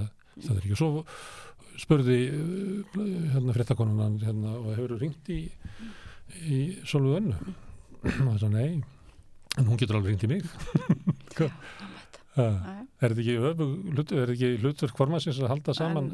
Ég bara ég hef verið formar í félagi. ég skil ekki lengur. fyrsta skilið því formansins er að halda því saman. Ég bara, ég sagði hérna áðan að það væri mikil skortur þarna á einhverju leiðtóðaferni Já. og ég held að þetta sé þetta til, til sönnunar um Já. það að alveg sama hvað gengið hefur á að hann er mitt sem formaður stafskonar sambandsreins til dæmis þegar að samtök aðvunleysins hafa sínt sitt rétta andlit og hafa ofinbyrra sig sem um, uh, svífyrðilega óvinni alls vinnandi fólks á Mm. höfuborgarsvæðinu þá samt getur hann ekki haft samband um, þannig að það er nú bara eins og það er um, svo auðvita ef við viljum svona halda áfram að skoða það sem að gerðist síðasta vetur þið voru hér um, áðan um, þú og Marja að ræða fréttir vikunar Mm. og meðal annars um, leigu leigumál Mm.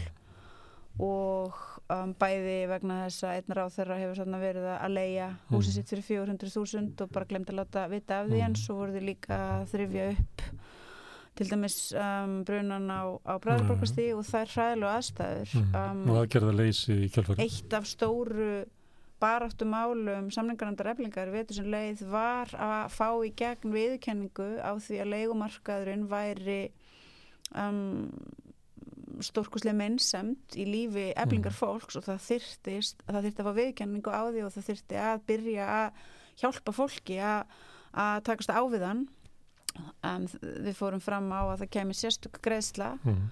uh, og hvernig brást fórista starfskonarsambandsins við þessu hún, hún trilltist Mm.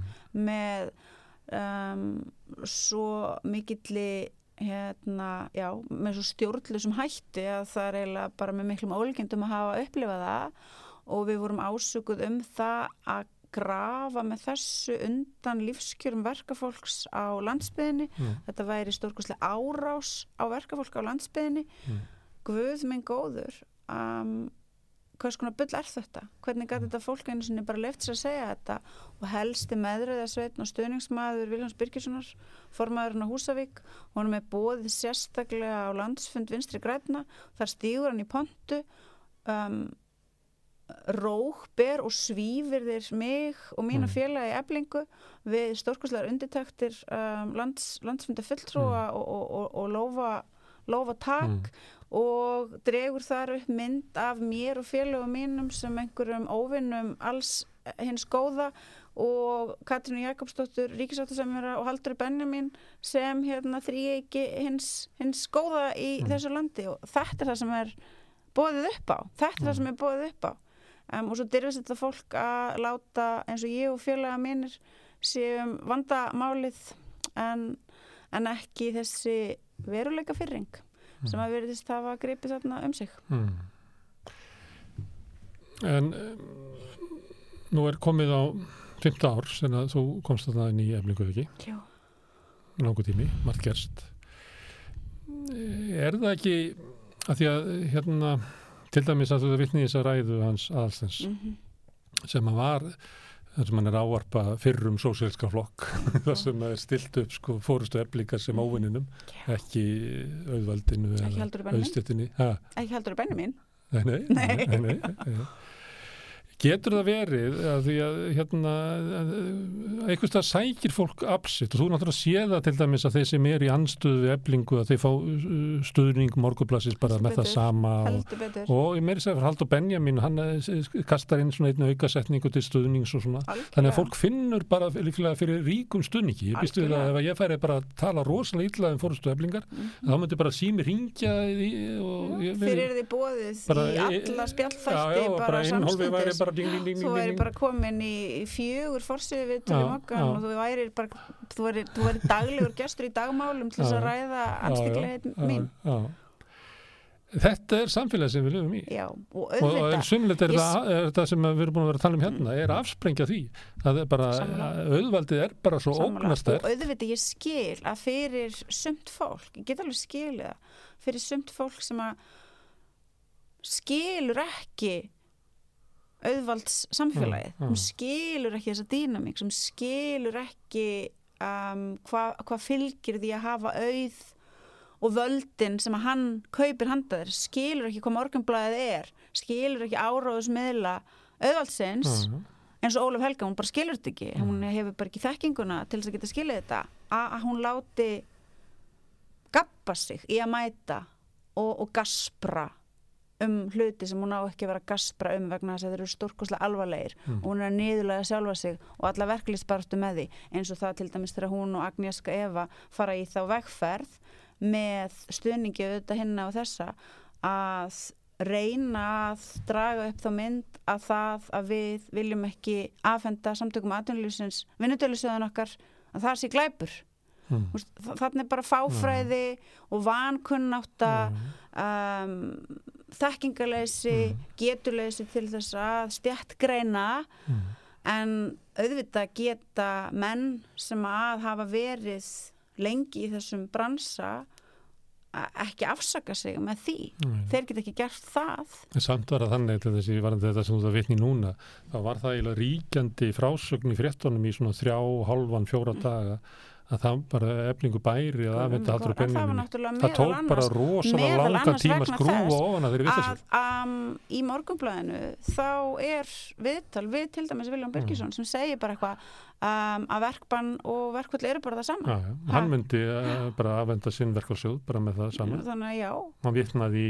og það átti náttúrulega að stilla mér þarna upp Mm. enn eina ferðina sem einhverjum nýðing og þarna til dæmis voru eins og þessi um, varaformaður í hlýf Gundega, þú veist, hún var að taka þátt í því að posta uh, frá Agnesku deliringum um það að sjálfsögðu ætti bara að tæma hennar vinnudelusjóð og, og fleiri og fleiri fullt af fólki innan þessar hreyfingar sem að maður hefði áður en til dæmis um, þetta gerðist ímynda sér að hefðu einhvern aðeins svona dýpri og betri Mm. skilning á þeim graf alvarlega raunveruleika sem við stöndum frammi Mm. fyrir graf alvarlega raunveruleika sem emmi gerir það að verkum að samtök aðurlýsins dyrfast að ætla að setja verkbann á 20.000 félagsmenn graf alvarlegum raunveruleika sem gerir það að verkum að fólk er látið kuldrast fyrir gríðar háar fjárhæðir í dauðagildrum Mm. að dauðagildru spenntar upp hér út um alla borg þar sem að fátækt verka fólk um, býr og Mm. borgar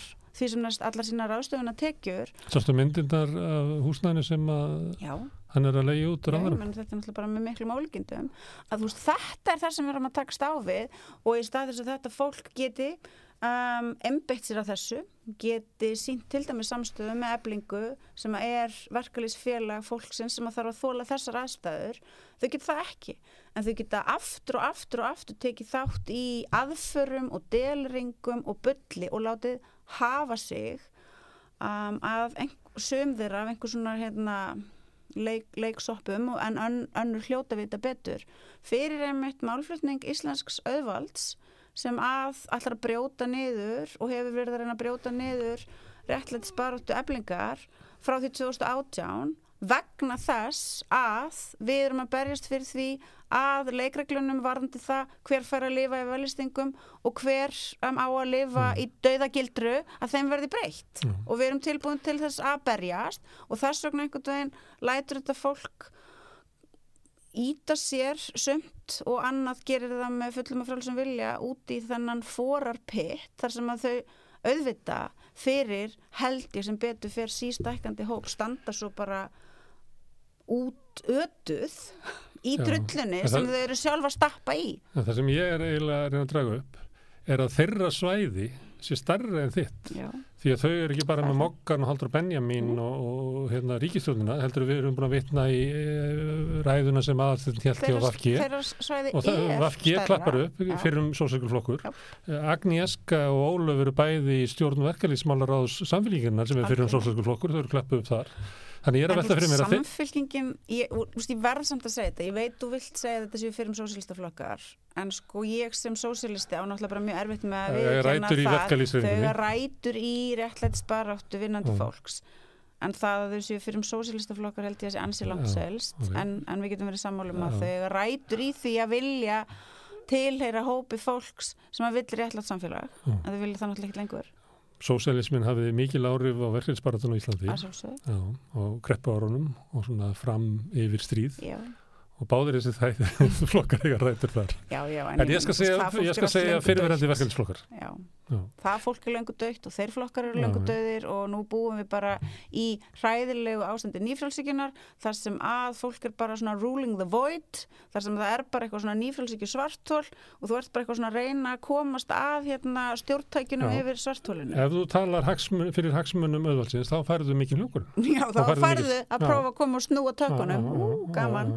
Og ert, ert liftu uh, ferði í dagmál og ferði í verkalýsmálaráð og og já, það sem ég er að koma að, hver er staða eblingar komin út úr starfsgrunnssafandunum með beina alltaf aðeins í ég ætla bara að vera svona á hlýðalínunum við aðeins í fylgjast með hvernig þetta þróast. Já, við ætlum að fylgjast með hvernig þetta þróast. eh, hérna, óttastu ekki um stöðu eblingar Já, að- eh, út af því hversu illa gengur að fá samstöðu með öðrum í, í reyfingunni ég óttast auðvitað bara ímislegt og ég menn ég ætla ekki að láta eins og ég sé hérna einhver, einhver vitfyringur og horfi bara og láti eins og að staðan sé ekki graf alvarleg hún er graf alvarleg um, en á þessum tímapunkti þá er það svo að það er ekki annað í bóði fyrir okkur mig og félaga mína í fórustu sveit eblingar fólki sem hefur umboð félagsfólks til að stýra þessu félagi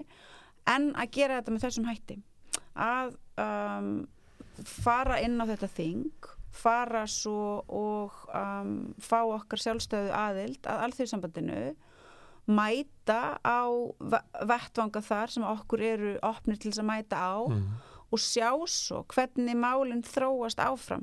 Og ég tel að það sé hinn ábyrgar leið til þess að fara. Ég tel að það sé hinn rétta leið til þess að fara á þessum tímapunkti emitt vegna þess að staðan er alvarleg.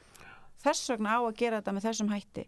Að taka þá bara eitt skref í einu og meta stöðuna um, stöðugt og sjá hvernig hlutinir spilast út. Og mögulega gerist það að einhver stígur fram til þess að forða því að Ólaf Helga verið fórsetið alþjóðsambandsins einhver aðili sem að hefur einhverja vikt þarna inni og Mhm. getur opnað á einhver samtöl, mögulega. Um, Í sögunni er það annarkort ykkur oldtimer eins og sagt er eða þá að það sé ykkur starfsmöður. það, er er engin, það er engin starfsmæður en það Þannig- gæti verið einhver oldtimer eða það gæti bara verið ekki neitt Er þið ekki kosið? Já, ég meina Er Helga frestað bara aftur? tækja þetta Ha, Nei, já, það er ekki Sækir. fresta þessu aftur það er náttúrulega ekki tækt það þarf bara, nú þarf þetta bara að spilast út það er ekkit annað í búið Hmm. það er ekkit annað í búið En segðu mér að því að við erum að tala svolítið um stöðu eflingar inn í verkefnsreifingunni og það eru hérna bráðum fimm ár síðan að, að ja, það, eru, eru hvað eru, já, Jú, fimm ár síðan að, að þið unnuð Mhm. frækinn sigur og, og það hefur ekki farið fram hjá neinum að það hefur orðið breyting á eflingu Mhm. breyting á áherslum, breyting á taktík Já. þannig ekki bara breytingum á svona tón Mhm. og stöðu og, og greiningu og samfélaginu það verður mikil breyting Mhm. Af hverju hefur svona umbylting ekki orðið í öðru félagum? ég bara get ekki svarað því Nei. ég get ekki svarað því um, Kemur það óvart? reynda nei, Sérðu- nei, sérðu- það kemur ekkert á Nú, óvart. nú erum við að hérna, tekið dæmi hérna sem að eru uh, afleggjarar hinnafélagana að störfum inn í eflingu. já, Sérðu afleggjarar eflingu að störfum inn í hinnafélagum? ég held ekki Nei. En þetta kemur mér sko ég, ég get ekki tengt að svara þessu og sagt eitthvað það er út af þessu þessu þessu Mm. um, og ég held að það séu bara fjölmarkar og flóknar ástæður fyrir því allavega fjölmarkar, kannski ekki endilega eitthvað mjög flóknar um, Kannski út af átökunum? út af mín því sem að eh, hefur verið látið yfir því ganga. Það er náttúrulega eins og ég var að segja á þann að það væri bara vanhæfur maður sem myndi bjóða sig að vera fórseti alltíðsafætsi. Það er náttúrulega halv brjálu manneskja sem ætlar að fara leiðina sem þú vart. já, en ég fór þessa leið sem ég fór af því annarkvort hefði ég farið hana eða enga vegna þess að ég er um, ég, ég er sósíalisti sem að skoða hlutina með glerugum stjættagreiningarinnar Mm. Ég hafði unnið í tíu ár sem lálunarkonu á íslensku vinnumarkaði og ég hafði upplifað á eigin skinni nákvæmlega hvað það þýðir og um, ég var búin að sjá að um, það væri engin að fara að gera neitt fyrir mig og pluss það ég trú ekkert á það að maður eigi að býða eftir því að einhver gera eitthvað, að einhver gera eitthvað fyrir mann og Og þið voru kosin til að breyta. já, Það var við mandatið. vorum kosin til að breyta Mm. og ég vildi við, prófa á þessum tímpunkti að gá hvort að mín sín og, og mín leið um, gæti fengið einhver hljómgrunn og hún fekk það hjá vissum hópi inn í félaginu en guðum en góður það þurfti nú aldrei að berjast fyrir því Mm. að svo leið fengi að halda og að um, áherslur mínar og félaga minna fengi að vera áherslur eblingar það hefur nú aldrei verið þrautin þingri að halda því einhvern veginn lifandi og hefur kostað greiðlegar fórnir fyrir mig og fyrir aðra um, ebling er eins og ég var líka að segja áðan og það er líka auðvitað eins og ég var að segja áðan en á ástæðan fyrir því að við eigum að vera bara okkar sjálfstöðu aðelda alþjóðu sambandinu og Mm. við eigum bara að vera hérna við eigum bara að vera okkar eigið félag óbundin öðrum Mm. Ebling er risastórt félag, við erum 28.000 núna, um, við verðum ábygglega komin upp í 30.000 eftir ár og ef ekki gengur hér yfir einhver hræðileg ekonomisk krísa þá höldum við bara áfram að, að, að stækka. Við erum að vinna af hlöfuborgarsvæðisins, við erum 50% aðflutt félagsfólk, við erum fólki sem að þjáist á leigumarkaði, við erum fólki sem að einhvern veginn er fast í ringiðu um, kólgalinnar og gjör spiltrar og vanhæfrar valdastjættar sem að hlustar ekki og horfir ekki á okkur. Þannig að við erum af öllum þeim félagum sem að til eru á þessu landi það félag sem að auðvita lang líklegast var að eitthvað svona gæti gerst inn í og gæti fengið einmitt um, notið einhvers konar stuðnings og um, fengið umboð frá félagsfólkinu til þess að Mm. gera og það, það er auðvitað þá líka ástæðan fyrir því að til dæmis allar verkvælsbóðanir félagsins síðan ég tók við hafa verið samþektar með mjög miklu meiri hluta Mm. það er vegna þeirra aðstæðna og þetta er það sem ég hef sagt aftur og aftur og mun halda áfram að segja um ókomna tíð er vegna þeirra efnagslega aðstæðna sem félagsfólk eflingar býr við þess vegna og þessir öfgahægri áróðus miðlar þegar þeir eru að delera um það að ég sé bara einhvern veginn að spila út einhverja byltingar fantasíu mínar og sé bara að skupa einhverju fólki með mér það er náttúrulega vegna þess að þeir eru óheðilegi legarar Mm. en það er líka bara vegna þess að þeir geta ekki sjálfur viðurkjönd að horst í augu við þær umölu aðstæðar sem hér er búið að búa til og það er vegna þess að þegar þeir sjá stóran hóp að verka fólki ómentuðu allstæðar ár heiminum þá geta þeir ekki séð það sem hérna, alvöru leikendur, fólk með autonomy og virðingu og styrk sem að sjálft vil taka sína reygin ákvarðanir. En það eru þetta þessi hópur sem aðeins mitt, já, sögum þeirra aðstæðan sem að býr við, er sá hópur sem að getur tekið verkefliðsfjöla og umbylt því vegna þess að við erum ekki bara búin að vera eitthvað að breyta við erum raunverulega búin að umbylta aðferðafræði eblingar á verkefliðsbartu mm. þessi hópur, það, það er hópurinn það er proletariatið Mm. vinnuaflið Sem að hópsins gert það. sem hefur getur gert það. Það sem er leiti, einsleitni hópsins. Önnu fjölu eru kannski ólíkari fólk innan, ólíkari átökunar. en ég meina guðum og góðar það er nú ekki eins og þessi einsleitur hópur og ég meina það er það er stórkostlega magnað og ef þetta væri ekki ebling og ef ég væri ekki formaður og þetta veginn eitthvað öðruvísi þá væri konstantli verið að klappa einhverjum fyrir það að vera með þennan glæsilega fjölbreytta hóp. En þegar það erum við þá bara láta þess að það sé ekki að gerast og þessi ein klikku kona, ein komma lufsa sem sé búin að lokka einhverja saklýsinga með sér í eitthvað leikrit sko. En ég meina það, já, einsleitur að því leiti að hann á þessa risastóru svona sameil og hagsmuna að gæta sem að er það að hann er fórnarlamb grófs arðráns og hann er tilbúin til þess að standa saman og berjast gegn því og finna leiðir til að rýsa upp finna leiðir til þess að reyna að breyta ástandinu. Um, þess vegna gæti þetta gerst í eflingum Herðu, við viljum tala lengi, en það eru framöndan handan aðeins í þingsins, eru samlingarnir í haust. já, það er nú gaman að tala um það Já. Það er það ekki líklegast að, að, að hver fari bara fram með sitt. á þessum tímapunkti, jú, er það Já. líklegast en Er reynandi að búa til samstöðu kannski að fylg út fyrir Sko, á aðeins yfir í þessum BSB og á Samiki þessum og fleira um kröfur í húsnæðismálum og er öðru slíku? það líklegast en eins og fólk sem hefur svona áhuga á pólitík og um, svona alls konar hlutum veit þá geta hlutinni breyst mjög hrætt Já.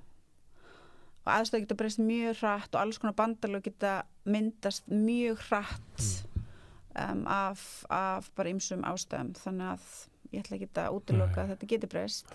En akkurat núna þá þá er það svo að það er um, ekki einhver svona aktív til dæmis samtöl í gangi um einhver, einhverja bandalagsmyndanir og þú spyr hvort að efling geti mynda bandalög yfir í ofinbyrju félögin Ég er bara til þess að mæta stjórnvöldum með eitthvað slagkrafti því að það verður að gera eitthvað í húsnæðismálum. sko Drífa Snædal Mm. um, eitt af því svona síðasta sem að hún og Halla Gunnarsdóttir gerðu sem að um, ég var mjög ósátt við var að fara án nokkurs samráðs eða umbóðs við formennina uh, í fjölöfum innan allþjóðsamtsins og búa til sérstaklega kröfugerð og ég held sé að fara hér með rétt máli mann og ekki nákvæmlega hvernig þetta var að það hafi einfallega bara verið verkefni höllu Gunnarsdóttir og starfsfólks alþjóðsamtins að fara bara, sittast niður og fundum að útbúa þessa kröfugerð. Um, ég setti mig gegn þessu bara vegna þess að þarna um, var en eina ferðina verið að kasta öllum leikreglum lýraðisins út á hafsauga. Ekkert samráð, ekkert samtal og ég sagði að það er ekki hægt að vinna svona þetta, þetta gengur ekki um, hvort að þetta var veist, einhver svona vilji þarna til staðar til þess að gera þetta alvöru til þess að gera þetta þannig að það sé hinn félagslega fórista, það sé fólki þá sjálft sem að komast þessari niðurstöðu veist hvort að það væri hægt eða hvort þetta var bara hægt vegna þess að starfsfólk og sérfræðingar settust niður og ákvaða þetta bara með sjálfum sér og komu svo svona eftir að þetta var tilbúið tilkynntu formunum, heyrði já hérna er ég með þess að fínu kröfugjörð, ég glemt að segja ykkur frá því. Og ég kallaði þetta bóðorðin tíu til þess að svona leina því að ég væri að gera kröfugjörð en hér er hún og verið svo sæl. Um, hvort það er hægt að gera þetta alvöru með þeim sem er um, kröfu gerða á ríkið. já, Já. það, það bara veit ég ekki. Ég bara veit ekki. Það þarf að gera það. Já, en það er bara svo margt klikka að gerast Mm. og um, stundum við tala um íslenska verkefliðsreifingu sem svona þá bestu og flottustu í öllum heiminn vegna þess að það er svo rosalega há stjættafélags aðild. Um, ég hef nú verið mjög gaggrinnin á þessa nálgun og skrifað greinar um það Mm. og ég er mjög gaggrinnin á, á þessa um, nálgun vegna þess að til dæmis þegar að ofinbyrju félagin fara og sitjast að samlingsborðinu við löngreðendur þú veist, þá held ég að þeim sér til dæmis mætt með allt öðru viðmóti heldur en eblingu er mætt og ég held að þar sé meiri möguleikar á því að fólk sé svona semja um alls konar aukreitis og Mm. alls konar svona hérna útferslur og nálganir sem að henda þeim.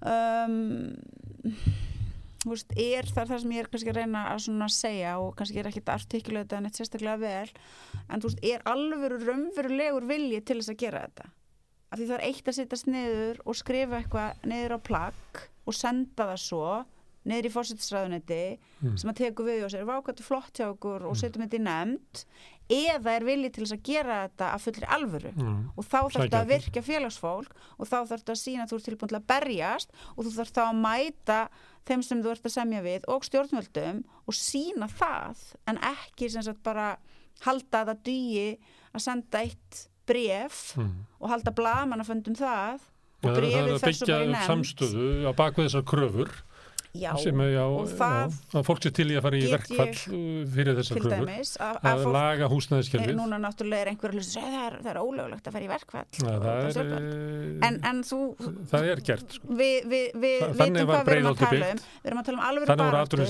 alvöru baráttu, alvöru verklisbaráttu baráttu sem ebling hefur sínt að hún er tilbúin til þess að fara Mm. í. Baráttu sem að er um, erfið sem kostar fórnir og sem kostar það að þú þarft að leggja um, ansið margt af veði. Þú veist, Mm. þú ert aldrei að fara að fá neitt árangur nema þú sýnir það og sannir og fólk viti það að þú ert tilbúin til að leggja ansið margt af veði. Hvort að þetta er hægt, bara veit ég ekki. Ég hef ekki hugmynd um það, ég hef ekki séð það en kannski verður það loksins hægt mm. einhvern veginn bráðlega bara vegna þess að ástandið fyrir vissan hóp er orðið svo hræðilega slæmt en svo skulum við þá ekki gleyma því að ástandið fyrir annan hóp er bara algjörlega frábært. Enga neysla dregst ekkert saman. Mm. Úst, íslensk millistétt og öfri millistétt hefur það bara ótrúlega gott. Lifir bara góðu fólkið lífi. Fólkið kannski loksins þegar fólk fattar það að það getur aldrei losnað við börnin sín út á heimilinu. Kannski mun það eitthvað svona dögullarist þar sem fólki en þetta. Fólkið þitt, það þarf á, á sko, samstöðu að halda? Nei, Nei. velferðarkerfinu ríkinu, já. halda. Algjörlega, sko, það verður að fá húsnæðiskerfi sem að getur lifað innan. Ég veit það. Ég skoðaði um daginn að hérna, ef ég tek frá 2007 til okkar tíma eh, hjón sem eru á sjötta taksta eftir þrjú ár hjá, hjá eblingu eiga tvö börn, annað yngra en hérna eh, það, er skatt eh, þau eru að borga 56 grunum meiri skatt á mánuði í dag heldur en 2007. ég veit þetta er ógæðslega Þetta er Þetta er og, það- og, það kemur manni bara þetta óvart aftur og aftur hversu hratt þessi grunnkerfi er að þetta hreinja. er ótrúlegt, ég er að lesa núna bókina eftir hann Stefán Ólason, Barðunum Björginar Mm.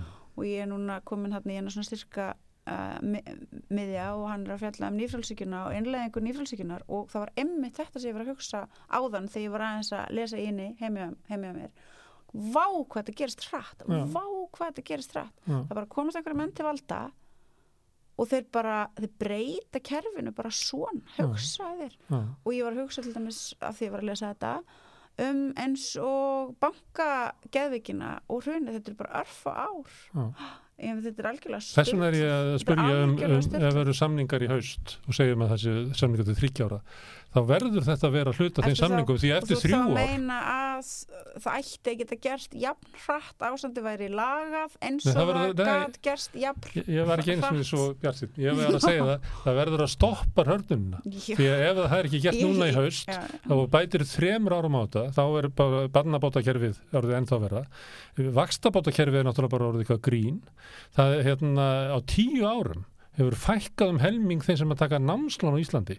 Það bytna náttúrulega þýðir það að, að fólk uh, kra, uh, Já. ungmenni Já.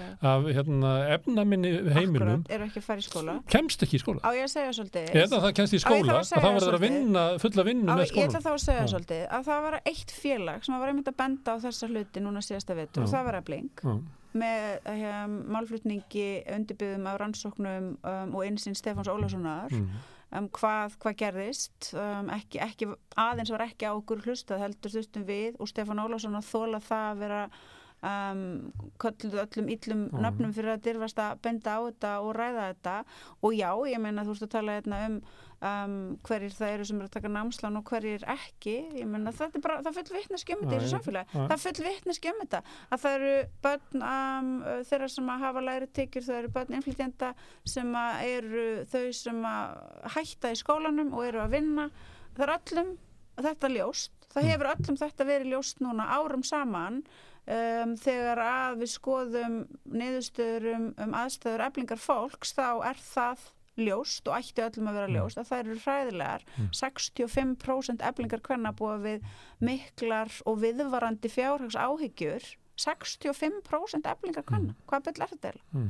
og, og þetta bara þetta er bara established fakt ekki nema að fólki í þessu samfélagi ætli að ásaka eflingarkonur um að ljúa því hvernig þeim líði Mm. og hvernig aðstæður þeirra séu skulum ímynda okkur að það sé ekki lengur í bóði að Mm. ásaka konur um að ljúa til um svona hluti það er, það er samt ekkert gert Mhm. það er samt ekkert gert og ég veit að það sem þú ert að segja er að það verður að gera eitthvað og ég er 100% Já. sammála því og ég vona að fólk átti sig á því að já, ef að það verður ekki gripið til einhver aðgerða þá erum við hér að fara inn í bara mjög svona dimma tíma og þeir Já. eru auðvitað fyrir stóran hóp þegar orðnir mjög dimmir Já. og þegar við svo bætum við það hörmulega ástand sem að nú þegar ríkir hjá greiðastórum hópi að hér flist inn stór hópur fólks til viðbútar til þess að kynda háastar maskinu auðvaldsins inn í þetta ástand handónýtt ástand og lendir þá í því að fara í samkeppni um, um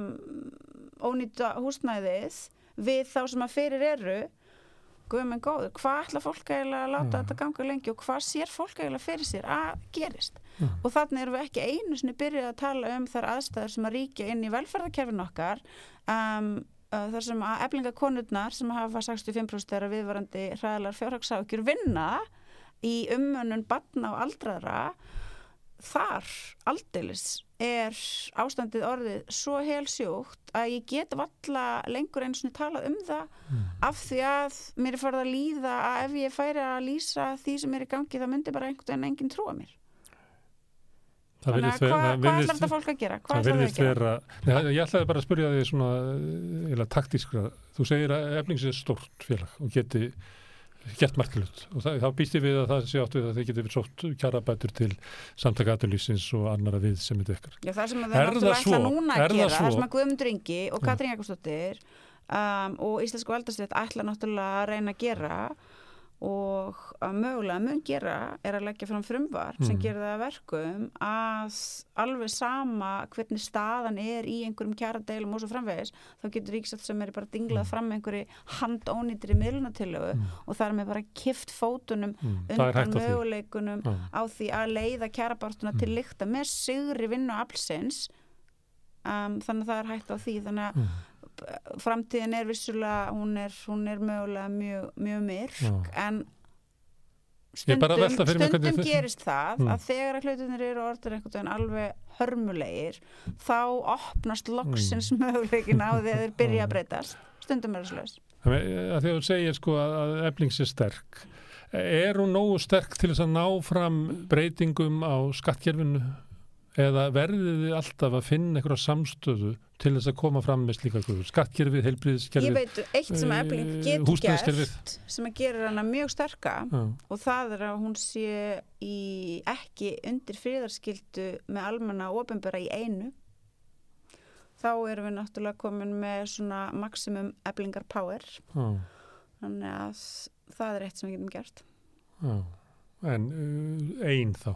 Ég er að spyrja Já, ég meina, að því að stundum þú kannast alveg við það við getum alveg um- haldið um áfram að veist, fa- fara svona þessa leið. Já, hvað getur ebling ein? Já, Sumir myndu segja að eftir þannig vetur sem leið þá hafi það sérst með skýrum hætti að veist ebling komist ekki nema viss langt ein en þá myndi ég segja á móti um, ástæðan fyrir því að um, ebling komst ekki lengra var náttúrulega uh, vegna þess að það voru samantekin ráð valda mikill aðila til þess að koma í vekk fyrir það og þá myndu henni segja já, ég menn þau samanteknur ráð halda náttúrulega bara áfram og það verður bara alltaf gert. Og mögulega er það svo um, ég trúi því samt og það er mín afstæða að takist okkur áfram að halda áfram að byggja félagið upp, takist okkur áfram að virkja félagsfólk til þáttöku í enn meiri mæli en við höfum náð að gera að já, þá geti ebling um, knúið á um raunverulegar breytingar Í skattkerfi, heilbriðskerfi, húsnæðskerfi, bannabótum. í einhverju af þessu. Já. Ég ætla svo sannarlega ekki ekki, að halda því hér fram, því að það. það sem ég vil allra síst af öllu er að fólk fái enn eitt tækifæri til þess að halda því fram í þessi haldin einhverjum persónleika röskunum og sé hérna ekki jarðtengt. Ég er svo Mm. sannarlega mjög jarðtengt um, engin manneskja sem að raunverulega er að stjætt greina samfélagið sem hún býr í getur tapað jarðtengingunni, það er bara fremskilir þið þannig að ég ætla ekki að láta eins og ebling sé eitthvað hérna ofurkraftur sem að gæti bara einhvern veginn umbreytt íslensku samfélagi og gert það að einhverju hérna réttlætis partís en við gætum náð árengri í einhverjum af þessum Mm. málum, já ég trúi því Mm.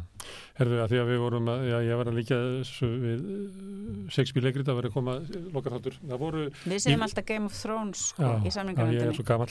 Hérna, uh, í vetur, að þá varstu að, að glíma við tvo kalla aðala, uh, hertóðan af Humbarlandi, aðalstegn Leifsson Mhm. og uh, hertóðan af, Gumbarlandi, hérna Haldur Benjamin, þeir eru báðið farnir. Léns herra höfuborgarsvæðis eins og ég kalla hann Þeir eru báðið farnir. Já, allt þetta er náttúrulega ekkert farin hann bara sést ekki hann það er eh, mjög ólíklegt að hann verði sátta sem er í deilu eflingar, heldur það? En hann náttúrulega getur ekki verið Nei. satt sem er í deilu eflingar Nei. en hann er samt, hann vantarlega erðan einhvers staðar En Hvernig finnst þið það að veginn þeir falla?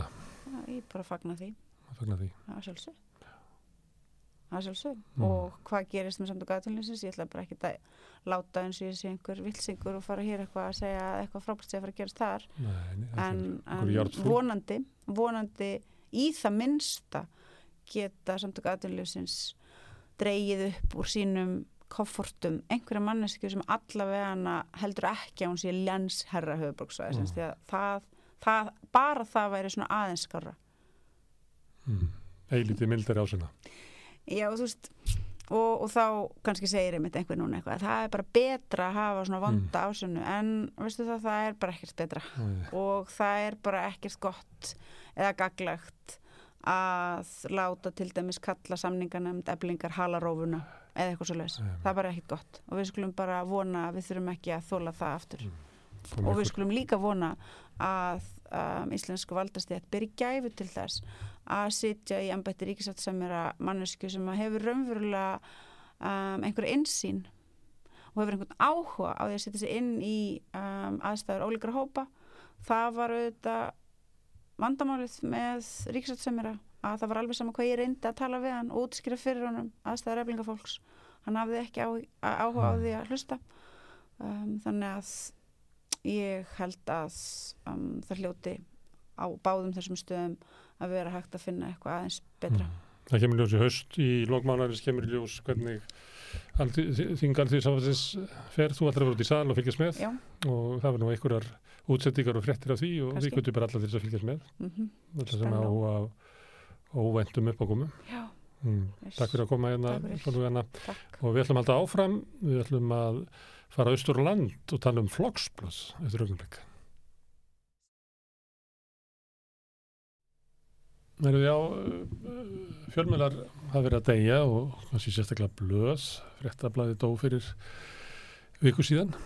Og við ætlum að fjallum það svolítið hérna við rauðaborðið fallin blöð og reyna átt okkur kannski á hluturki bladana í, í sögunni og kannski uh, hvað við erum að missa út úr samtímanum með því að, að missa frá okkur blöðin.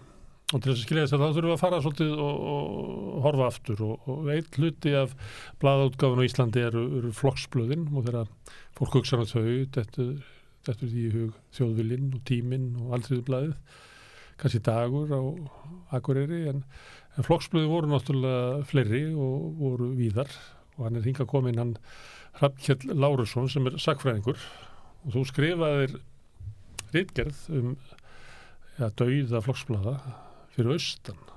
Og það voru fyrst og fremst austri sem er framsónarblad og austurland sem eru allaballar Já, ég uh, gerði rannsókn fyrir nokkrum árum síðan sem var reyndar svona á breyðara sviði varðandi fjölmjölun og Östurlandi á árabilinu 1985 til 2010 þar sem ég tók ljósokamilana líka með en, en sem þá, þá störfuðu þar en, en það er nú utan við efni okkar hér í dag. Já.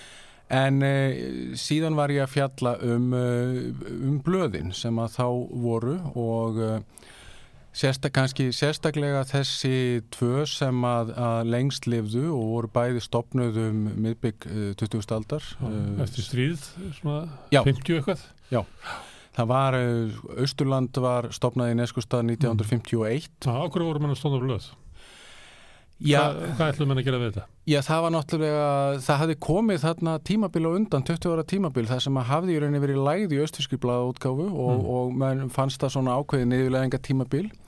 En síðan þarna eru þessi blöð sem eru stopnuð þarna 51 Austurland og 56 Austri að þau eru stopnuð af stjórnmáluflokkum. Austurland af uh, Alþjóðbandaleginu og Austri af, af framsóknarflokknum. Mm. Bæði voruðu stopnuð í Neskustad en, en Austri flutti sig 1976 upp í eigistæði og var gefinn Mm. þar út þar til að hann hætti útgáfu. Já, sem var svona sterkari, sterkara bakland fransónlóksins hér að Já, nú oft talað, var nú talað um að stundum fyrir austan sem kjörlendið þeirra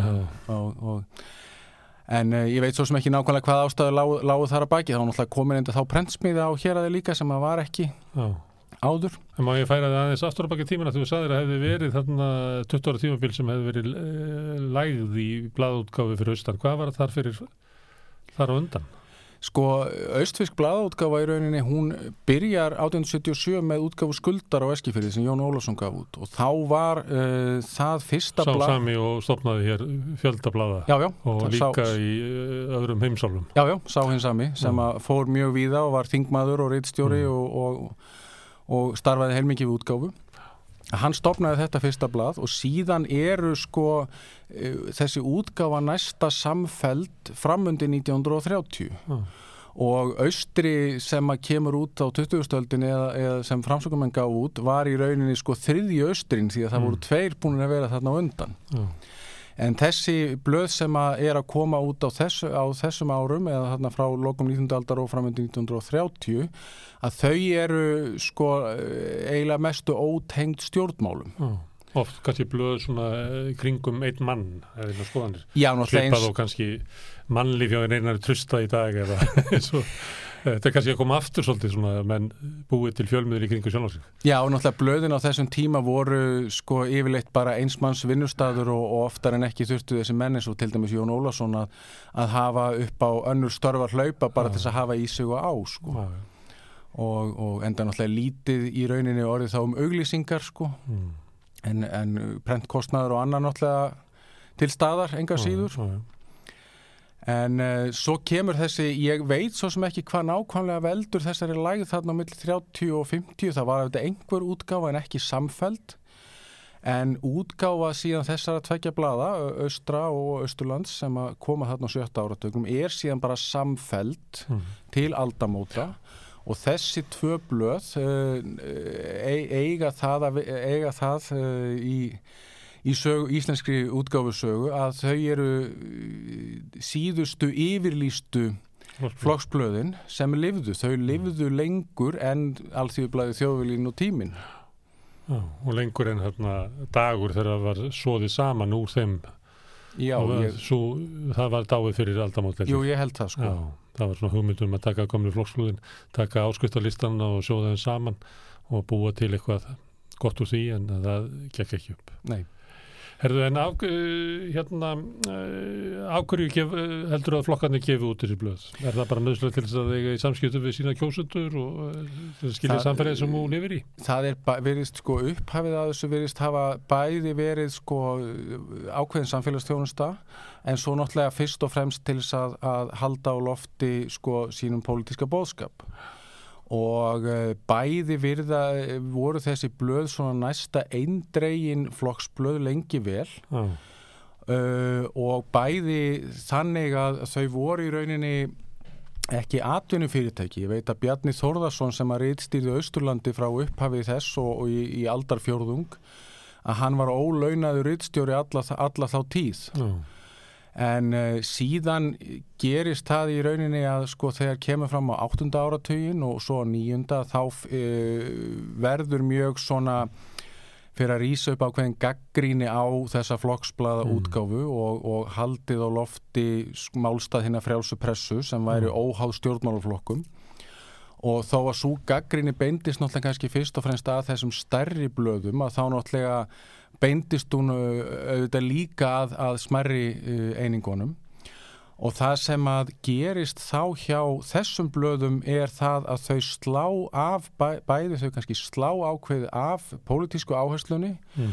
og breyta sér í, uh, í fyrirtæki breyta sér í rauninni fyrirtæki sem er fyrst og fremst með það í huga að, að uh, vera með fréttaþjónustu og uh, skapa rúm fyrir uh, skoðanaskipti. Eh, síðan náttúrulega fengu þau sko sinn, sinn svona flokks uh, þitt flokks yfirbræði hvers skipti sem kom á kostningum hvort sem það var til sveitastjórnið alþingis. Mm. Svipað og ég held að við þekkjum bara enn á morgunblæðinu og svona, ég eh, held að sé ennþá þannig að það eh, breytir eh, svona hægt og býtundur svip þegar að vera að líða kostningum. Ég, það er alveg ástæða fyrir því að ég valdi að, að ta- tala um sko síðustu yfirlýstu Já. flokksblöðun af því að það er náttúrulega þegar þú nefnir mokkan sko Já. að þá er náttúrulega já þá er svona kannski bara spurningin eftir hvernig þú spyrð hvort að þið líta á hans Það var náttúrulega ekki gefn út af flokknum. Nei, nei, Nei.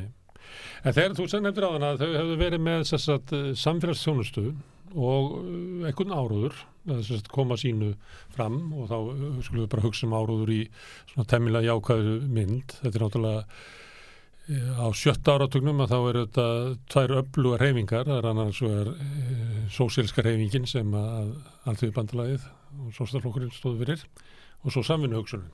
Þannig að, að þetta voru umbreytingaröfl á sínum tíma og kannski eðlilegt að gefa út blöð út frá þessu sjónarhóttni uh, ekki og, og til þess að það virki að, þá verður að veita einhverja samfélagslega þjónustu því það dugar ekki að koma bara með einhvern uh, hérna, tala yfir hausamótunum á fólki þú verður að vera þáttakandi í samfélaginu Og það er náttúrulega að ná til sko í rauninni hvaða fjölmiðl sem er á hvaða tíma sem hann er stopnaður. Mm. Hann verður náttúrulega höfða til samfélagsins sem hann sprettur úr.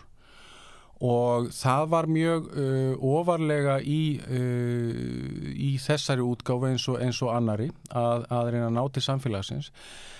En það sem náttúrulega er með uh, þessa tvo miðla er það náttúrulega að alþjóðbandalagi stóð náttúrulega alltaf uh, gríðarlega sterti í, neskustad mm. og framsóknarflokkurinn í rauninni stóð alltið mjög sterkur á Austurlandi og ég held að það hafi svolítið knúið það líka menn töldu sig sko þurfa fjölmiðil bara einfallega til þess að, að styrkja og viðhalda sinni pólitísku stöðu. Og eh, en svo náttúrulega þurfti að gera fleira en að, að vera bara með, með bóðskapin Mm. Og það sem er áhugavert við þessa miðla að ein helsta gaggrinin sem að var að koma fram á 8. og 9. áratögnum á, flokksblöðin var það að þau nýtu pólit eða styrkja Mm. frá hinnu ofinbera í gegnum flokkana og en uh, varðandi þessi blöð að þá nutu þau í rauninni sára lítils að því Uh, sangvænt um upplýsingum sem ég fekk ég, uh, þegar ég vann þessa rannsókna þá uh, tók ég tölversta viðtölum mm. sérstaklega við svona einstaklinga sem að þá voru, uh, voru enn en, til staðar og hafðu Mm. verið framalí þessu og sko framsóknar flokkurinn uh, sko þeir voru austri var að fá oft ekki neitt uh, en kannski mesta lægi sko 5-10% af rekstrakostnaði þegar best létt uh, Austurland fekk aldrei neitt Nei. og uh, það var sögðu að sá peningur hefði fyrst og fremst farið til þjóðviljans sem Mm. að, að, að alltíðbandalegi fekk Mm.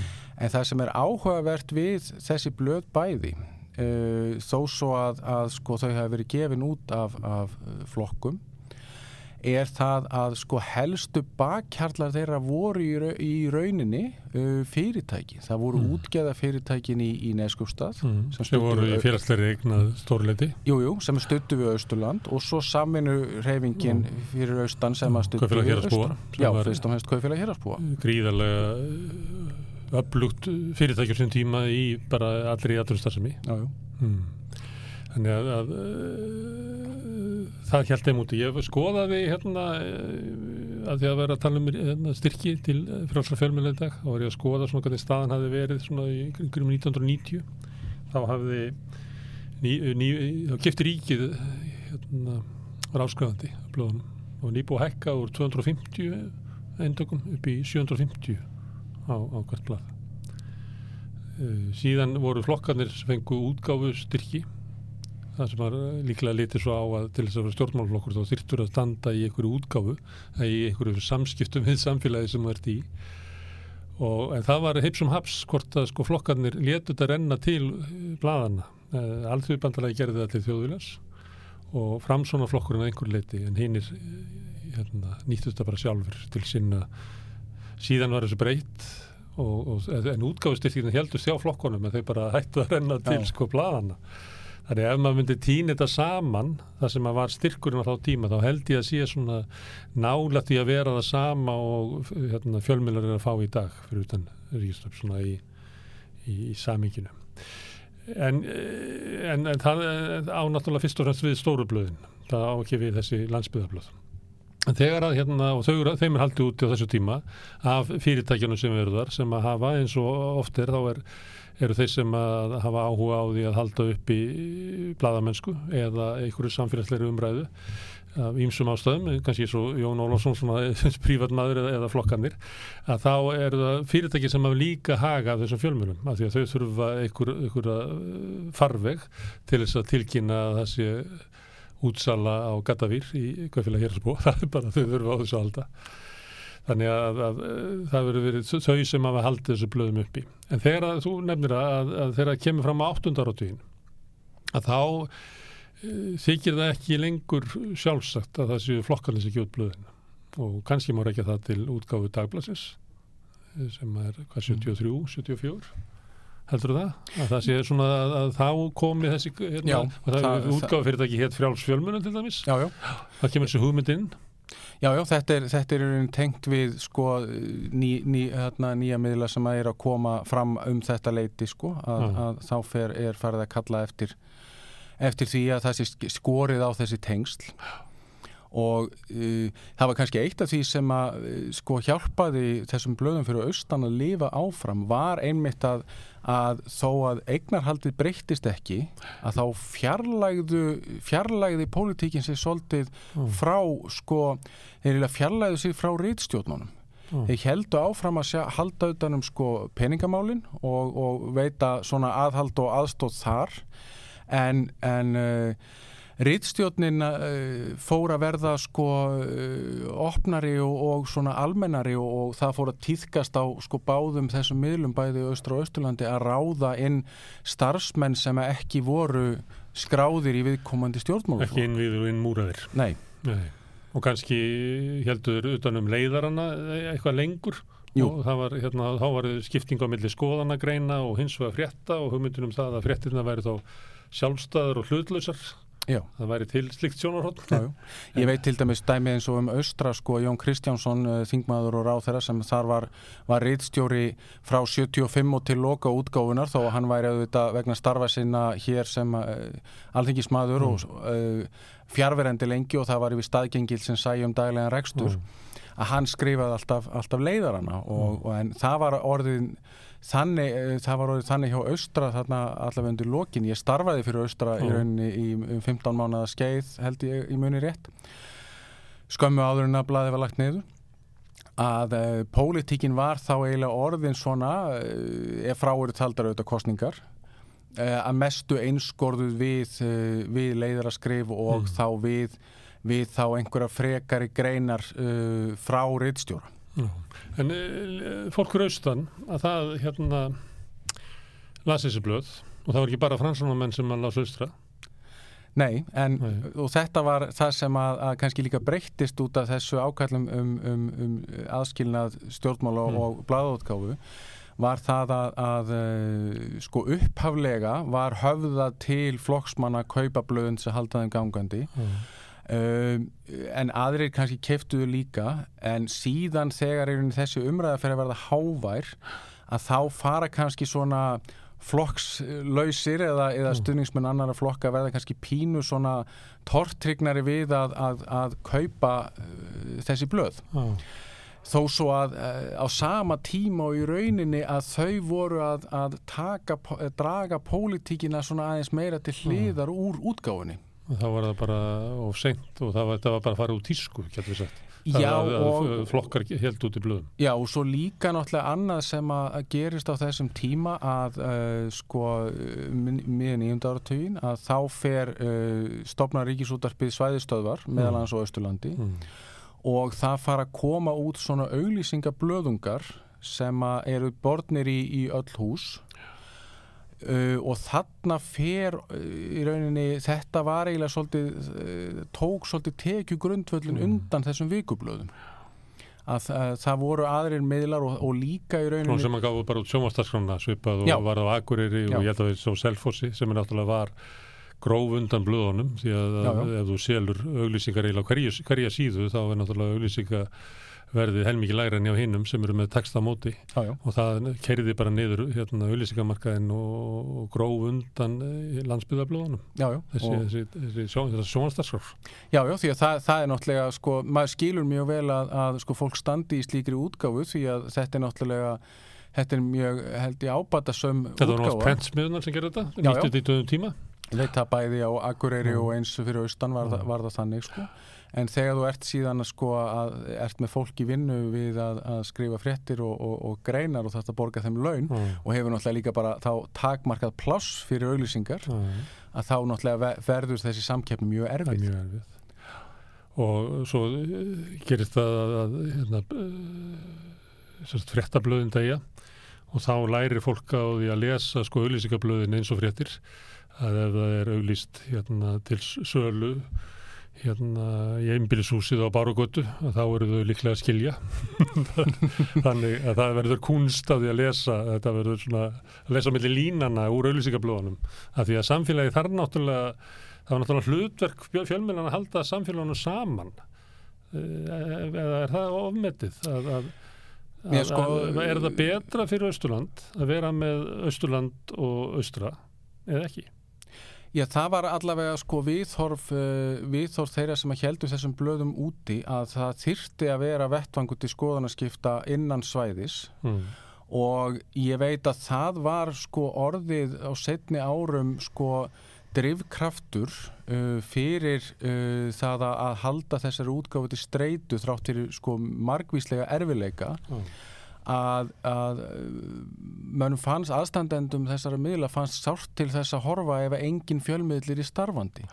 Og þessir tveir miðlar þeir byrja strax 1989 að ræða sín á milli og svo er það tekið víðar það samtal að steipa þessum miðlum saman en það er ekki alveg ljóst svo sem á hverju nákvæmlega strandaði, ég held svona fyrst til að byrja með hafa hann bara einfallega strandað á pólitíkinni að menn sæði ekki alveg fyrir sér að pólitískin anstæðingar getur staðið saman að Mm. blaðaútgáfu. En svo þegar að fer að líða fram á, á uh, tíunda áratugin að þá er náttúrulega bæði eru náttúrulega uh, þetta orðin síðustu uh, yfirlýstu flokksblöðin og þá er, náttúrulega fleira að koma til til dæmis að, að þá styttist náttúrulega í það að, að netið sé að, að Mm. reyðja sér freka til rúms Mm. og uh, og þá svona fer þetta verða eiginlega nánast í ómúlegt en, en sko Austurland uh, þegar það er svo lagt niður 2001 í byrjun ástæðinda tókst að síðasta blað Austurlands kom um sumari 2001 og það var ammælisblað í tilefni af 50 ára upphafi útgáfunar, Mm. þá hafði reyndar ekki komið blað síðan um vorið Mm. en þá þegar að tilkynnt er um fyrstum útgáfu hljóðs og útgáfu loka þá kemur fram að það sé í bígerð að stopna annan fjölmiðil sem síðan var Östurglukkin Mm. sem að, að eh, er enn gefin út og hann er svona hann er svona eh, hann náttúrulega er sjálfstæðu miðl og stopnar á eigin fossendum en, en, en ég veit það að, að uh, fossasmenn gömlu miðlana tveggja þeir svona lögðu gott til og stuttu við svona með einhverjum hætti. Mm. Já, já, það voru líka blöðin hérna alltíðu flokkurinn til dæmis, hann gaf út pressuna, þar sem ég starfaði. Mm. og hérna ég held að enginn dottið í huga að pressan væri flokksmálgagn alltíðu blasins, þannig að ég stundu sagt að, að, að alltíðu flokkurinn sé best útgefandi sem ég hef haft. Og bara uh, frábærlega skemmtilegt fólk í uh, blaðstjórn. Skiptir sér ekkert að stefnum blaðsins, lefiðu okkur meiri segja við fórum, sko, brutum í og mörguleiti blað í, í blaðamennsku, færðum svona bara sjónarhóttnið rækilega til Mm.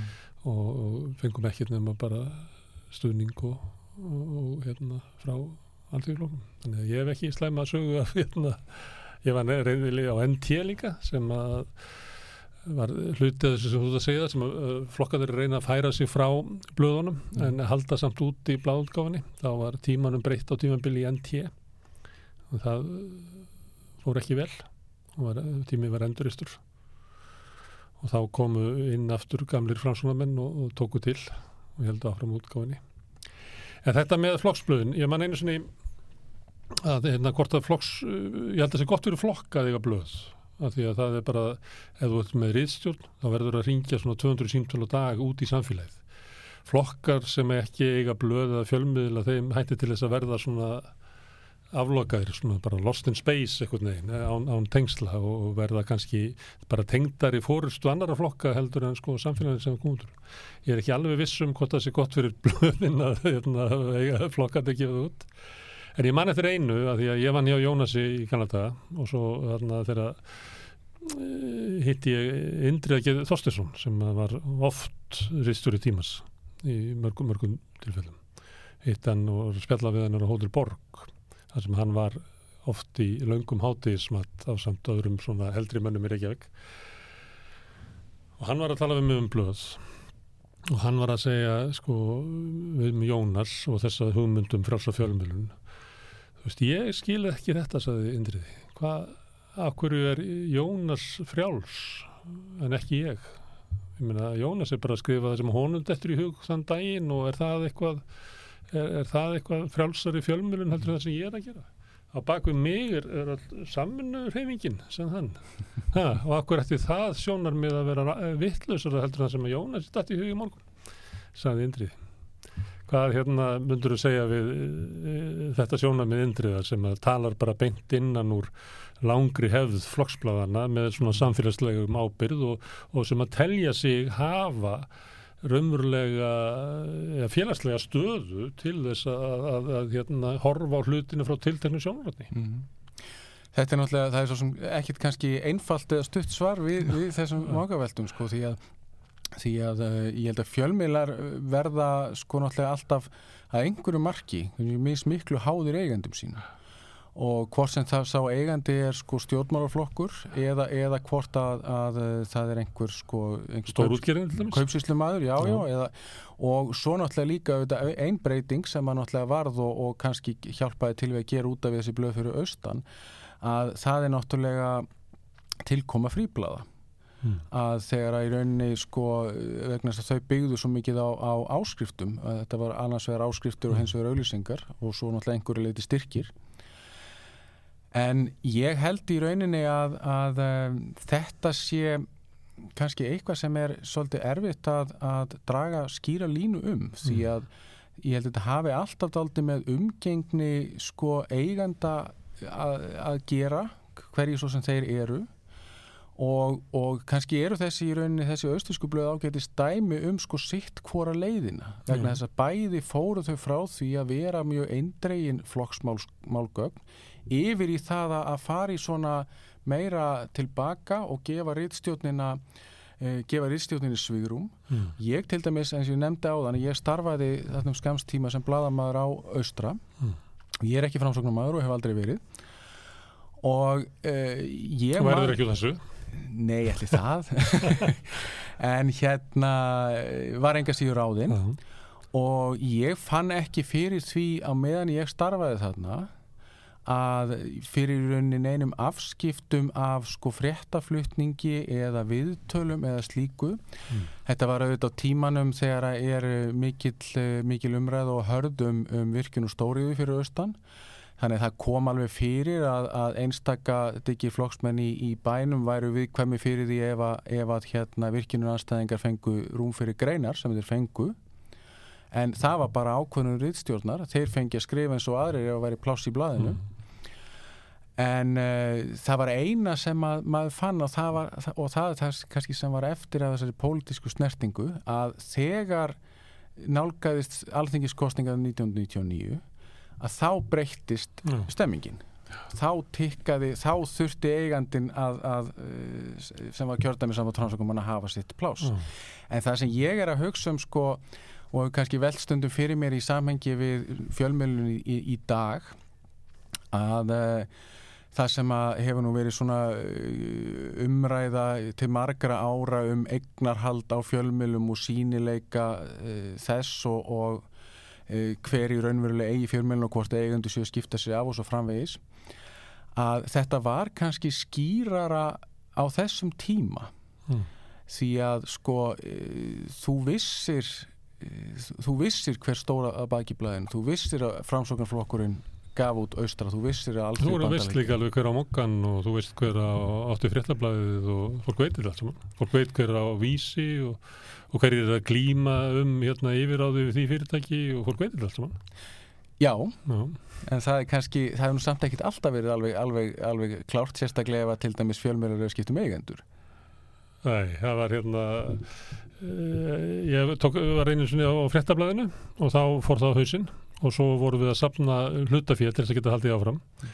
Og við reiknum með að við þurftum að sapna 100 miljónum og svo sapnum við ég man ekki hvað það var, hvað það var, hvað það var eh, hvað, 45 miljónir eitthvað leys og, og hugmyndi var svo að við ætlum að, að, að klára alltaf hitt sko, því að við, við höfum bara að byrja aftur eftir viku þannig við vorum ekki búin að sko stopna fyrirtæki þegar við byrjuðum. Svo kom bara í ljós að við þurftum aldrei meira en þennan pening.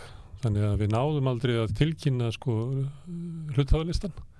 Ég veit ekki hvort að krafan hafi verið svo að við sögðum sko í þessari viku, já þá er hlutfallið þannig að þá er þessum svona mikið, ég veit ekki hvort að það er umvöla krafan, að því að menn hafa nú bara notað þetta í einhverju pólitískum tilgangi að menn vissi ekki hvað það var. Ég held að það hef ekki komið fram neitt á þessu tímabili í blaðinu sem að menn er að halda því fram að einhver eigandi, einhver dulaföldu eigandi hefur notað blaði í einhverju nafnind sko.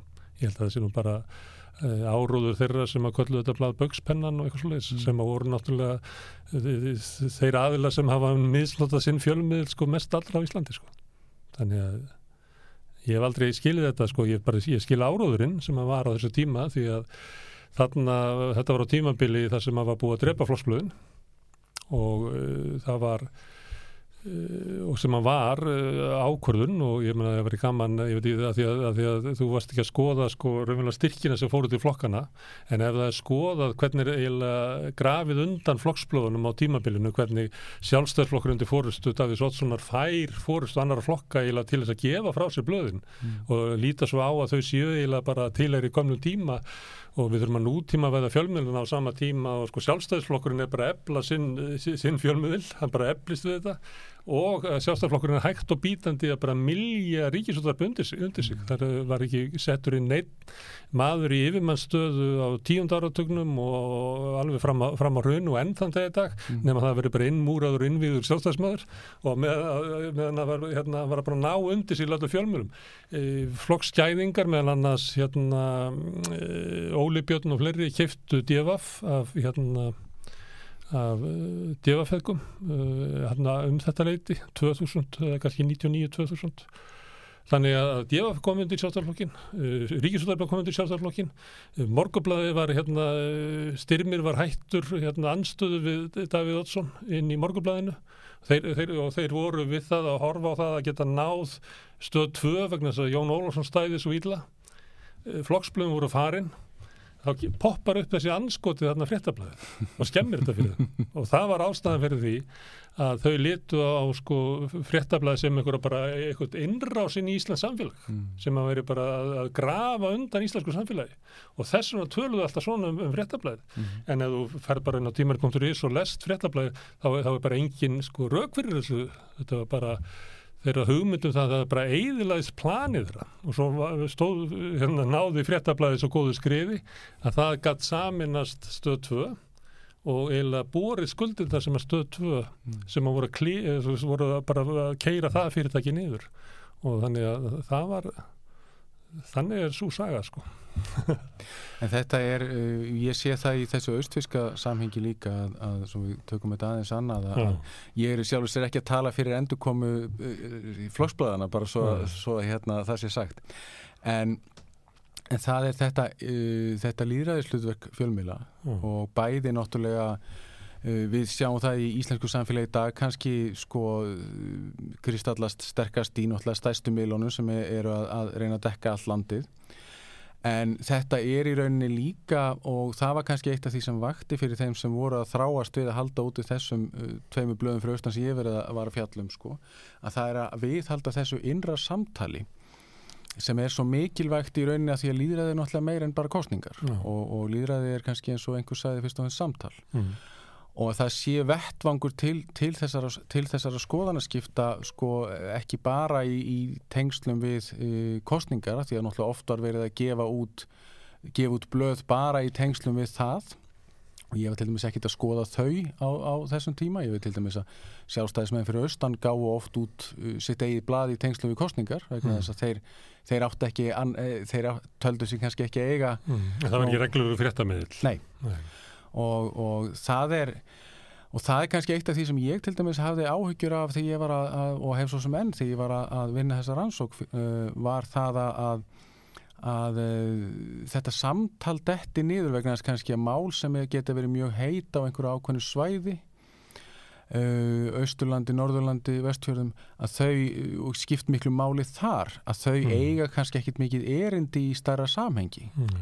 En eru mikilvæg enga síður mikilvægt fyrir fólk sé á einhverjum tilteknum vettvangi að ræða sig niður á einhverju niðurstöðu Já, og, já, og að, að, að líka, þetta er líka spurningin um að koma á, á framfæri upplýsingum líka. Mm. vegna þess að eitt sem maður hefur sér gerast núna og kannski er, er, er meira uh, umhugsunir efni það sem að, að sko fjölmiðlar er, er veik fjölmiðlun að það er að nú eru náttúrulega öll fyrirtæki og stopnarnir komnar með sko uh, sínur eigin vefsíður og að þá sé uh, sko miðlunin komið kannski svolítið úr einni átt Já. að, að, að þau bara sendi út sína tilkynningar sem eru bara á þeirra forsendum en það sé í rauninni enginn sem að grípur Mm. þær og spyr spurningan á Mm. móti þetta er ekki riðstýrt efni Nei, og vettvangur er farin þannig að þó svo allir sé að byrta eitthvað á, á Facebook eða eitthvað staðar að þá er ekki, þá hittist það ekkert nei, nei, þannig er mínu vettvangi. Það er svo dreift. Herðu, þú segir hérna verandi flokksblöðin og þá talar um í upphafi að þá var hluti af, af rekstargrundunum, grundvallinum var áskrift og það var að því að fólk vildi halda þessum miðli gangandi út af einhverjum hugssjónum eða það tengdi eh, lífsafstöðu sína við, við það sem miðli var að gera. Nú er hérna með dauða fréttablasins að þá er tími sko ókeppis fréttana að hverfa, þótt að MBL og vísis við ennþá opinn, að þá er verið að tala núna, maður heyrið bara ráður að endróma það að, að svona eh, næst sé að leita ykkur svona það sem að væri áskrift að vera þetta styðja áskriftina. Ég veit ekki alveg hvað það er að hugsa, hvort þessu hugsa um einhvern svona sóknargjöld, þannig að við getum, eða hvort þau eru til að borga áskrift á mót okkur eða eitthvað, ég veit ekki hvernig þetta er hugsað.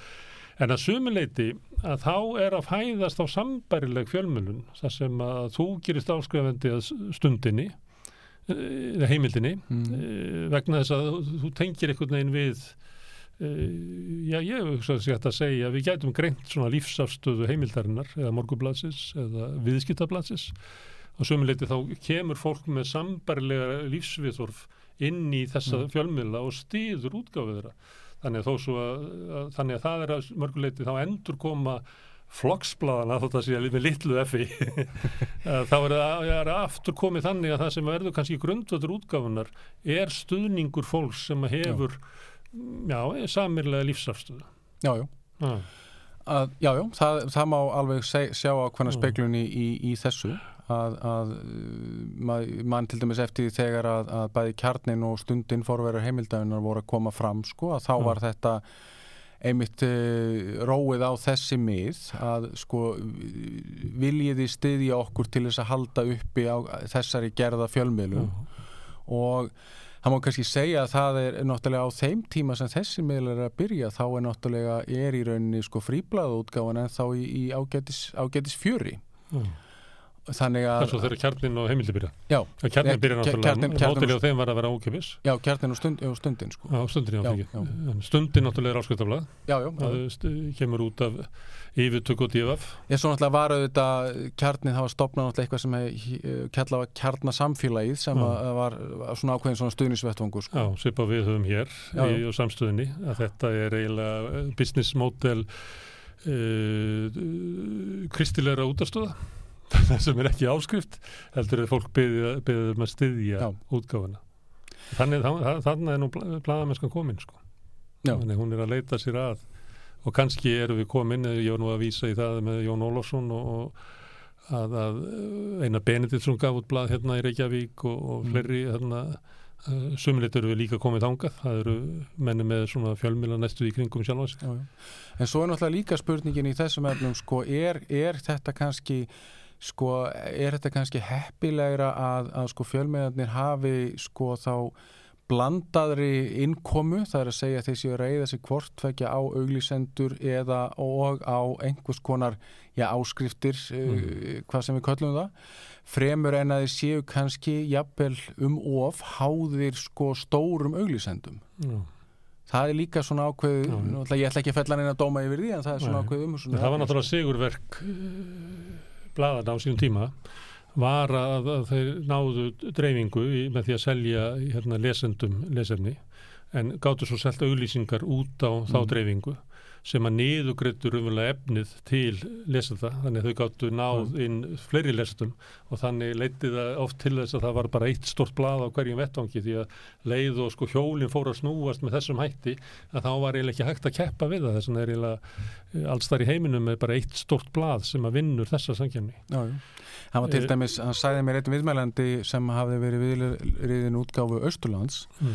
að eh, sko spurður um fjármögnunina sko þá, þá sagði þessi að, að að það hefði stundum þegar að ítla ef að svona hart í ári sko að þá var leita til sko svona helstu fyrirtækja í bænum sem sáu sér hagi í því að þetta blað kemi út, jafnvel þó að hann tæki fram að, að þetta voru ekki endilega alltífbandalasmenn, þeir bara töldu mikilvægt að það, þessi vettvangu væri til staðar að það var sko leita til þeirra um að auglýsa meira eða kaupa stærri auglýsingar en þeir kannski í rauninni þurftu á að Mhm. halda. Og hann sagði sko að, að þeir fjallist yfirleitt á þetta og í þessu voru rauninni uh, fólknir sko má segja óbeinir styrkir. Já. Það er að segja að kaupandin er að kaupa meira en hann hefur þörf fyrir sko. saminir hagsmunir. kaupminniði vissu það. Morgunblæði fór á hausinn e, snemma á þriða ártúrum og þá voru það kaupminniði í Reykjavík sem enduristu það. Fyrst út af þessu að lýsa að Mm. þau, þyrtu, þau þurftu á kanalnum að halda til segja að samskipti sín við viðskiptablöðu, við nefndum fréttablaði á þann og það var ástæðan fyrir því að, að það voru einu sem að vildu endur þessar fréttablaði voru kaupminniði í Reykjavík því að þeir höfðu hagaði sko bara viðskiptalan haga við Mm. að, að hafa hennan kanal sem að bæði til þess að vera mótvægi morgunblæði en líka vegna þess að þarna var kanal sem að fór til helmingsheimilina sem að morgunblæði fór ekki til sem að voru náttúrulega bara allt annar önnur tegund markaðar og, það var reyndar komið þarna á þeim tíma að, ég man ekki hvort þú mannst eftir því, það var gefið út bónusblæðið og hagusblæðið og bíkóblæðið og húsasmiðublæðið vegna þess að morgunblæðið gat ekki fyllt sko þörfina Mm. til að ná til yngra fólks, uh, efna minna fólks og annað slíkt. já ég, Þannig að þessi mér á- samilu hagsmunir voru alltaf svo sterkir en núna er náttúrulega er auglýsetum meira minna farnir bara inn á, á erlendar veitur sko. Já, já. Nei, ég, ég, man, ég man eftir þessum tíma sem þú ætti að tala um þetta þarna, svona upp úr, upp úr aldamótonum að, að maður man eftir þessu vegna, kannski vegna þess að, sko, lúan hjá manni var alltaf full Já, af þessu. Já, af, af, af, þessu öllu saman sko. Og við skilgrindum fréttablaðið auglýsingamarka fréttablaðsins þá regnaðum við að 30% af auglýsingamarkanum væri raunverulega farin út úr blöðunum vegna þess að blöðin næðu ekki að, að, að uppfylla þarfir auglýsatana á Mm. þeim tíma. Þannig að það var svona hugmyndið þá. En núna er náttúrulega eh, þetta með að, að, að búa til mótur sem bæði áskriftatekjur og auglýsingatekjur er líklega fallið sko. Það er, er engi sem að mun ná því aftur upp sko. Málkumblaðið er bara komið niður í 19% lestur, ég held að það sé 9% lestur á fólki undir 50. Þannig að ég held að það byggist ekki upp aftur þetta, þetta sigurverk sem ég var að lýsa á þann sko. Já. Og á lokalmiðlunum þá skiptir það máli eins og þú ert að lýsa að það sem er auglýsendunir sem ekki efna á að fara í mokkan til þess að auglýsa til Östurlands að það var alltaf auglýsinga fyrir sem að gæt haldið í gangandi þessum, þessum fjölmjölum og það er spurningum hvað hafi orðið um það. Eða er það þeir sem eru fyrir austan er þetta bara orðið en útibú? Það er ekki sérstu fyrirtæki þannig Já, ég ætla nú svo sem ekki að segja að það er náttúrulega breyttist auðvitað mjög mikið í, í tengslum við, við virkjuna og stóruði framkvæmdar og þá mm. komu mörg sko stærri fyrirtæki austur og settu uh, út í búð þar en uh, ég bara skal viðkjanna það að ég náttúrulega hef ekki búið austra núna mm. allan okkur skeið þannig að ég er kannski ekki besti maður til að svara mm. því sko hvernig, hvernig auðlýsingamarkaðurinn þar er akkurat núna sko en það náttúrulega það svæði auðvitað eins og bara aðri hluta lands, þessa lands og annara náttúrulega er að það er að breytast að, að, að auglýsingar er að færa, hafa náttúrulega verið að færa svo mikið frá fjölmjölum og kannski frá svæðinu eins og þarna. Ég að maður bara stendur við bensinstöðuna niðri við hérna, þjóðvegin á ílstöðum og horfir upp og skiltinn, þá er þetta bara meira og minna verslanir og, og þjónustöð frá Reykjavík sem að geta bara auglýst á landsvísu mm -hmm. þannig að það er kannski sér sérstakki auðlýsingamarkaður á Ísturlandi er kannski ekki eins stóru hann var á blómatíma Östra og Ísturlands. Nei, nei, en, en svo eru reyndar sko lífa bæði, veit ég, e, e, bæði fyrir Norðan og, og á Akureyri og eða fyrir Svæðinu og eins fyrir Östan, það lífa þessi, þessi auðlýsingablöð, Já. þau er enn við líði og, og, og hérna og það er kannski orðið svolítið þannig núna sko ef ég kem norður eða, eða austur að, að maður grýpur þetta alltaf og flettir þessu því að, því að hérna því að þetta svona segir manni hvað er, hvað er verið að bjóða og hvað, er, og hvað er og náttúrulega verið að lýsa viðburði líka á fleira já, já. þannig það er hægt að skilja samfélagi með einhverjum hætti að lesa sér bara ekki um öllusikarnar það er ekkert efnið eftir. En nú er ekki sjóast að skoði þessu það? Já Nei, allir það, allir það, það séum ekki hægt. Nei, Nei ég held, ég maður fæ nú kannski ekki heldamynda samfélaginu að ég lesa þessa mila en það er svona ákveðin sín Já en það sem að vantar er náttúrulega það sem að, að uh, blöðin gáfu áður sem var svona samiluð vettfangu til skoðan að skipta Já, náttúrulega, þetta er, eru til Östur staðar eins og ég veit fyrir austan sko, er náttúrulega austur frétt og austur, austur glukkin sem ja. er annars vegar netmiðl og hins vegar prentmiðl er náttúrulega til staðar. En, en hérna það er náttúrulega dreyið uh, þetta fjölmjöla umhverfi var í rauninni mun sko stærra uh, alveg fram yfir aldamót þegar að og fram undir og fram yfir þegar að eins og til dæmis á tíund áratögnum að þá eru gefin út tvö blöð og svæðisútarp Östurlands er, er þar starfandi mm. og þá til dæmis er morgumbladið og, og með um, fastanfréttaritaraðar mm. stöð 2 er með útibúðar þannig að, að það var í rauninni miklu meira sko miklu stærri fjölmjöla heimur þar heldur en er í dag en, en svo náttúrulega hefur hefur þetta breyst og kannski ekki síst náttúrulega með tilkomin netsins. Herður Hafgild, gaman að fá því hérna að tala um fjölmiðla. Takk fyrir mig. Herður, við ætlum að halda áfram hérna við Rauðaborðið og við ætlum að fara uh, vestur á Mela og tala við fólk í háskólanum sem er ekki ánægt með að vera þraungvað í það að vinna í opnum rýmum. Er augnumlikar.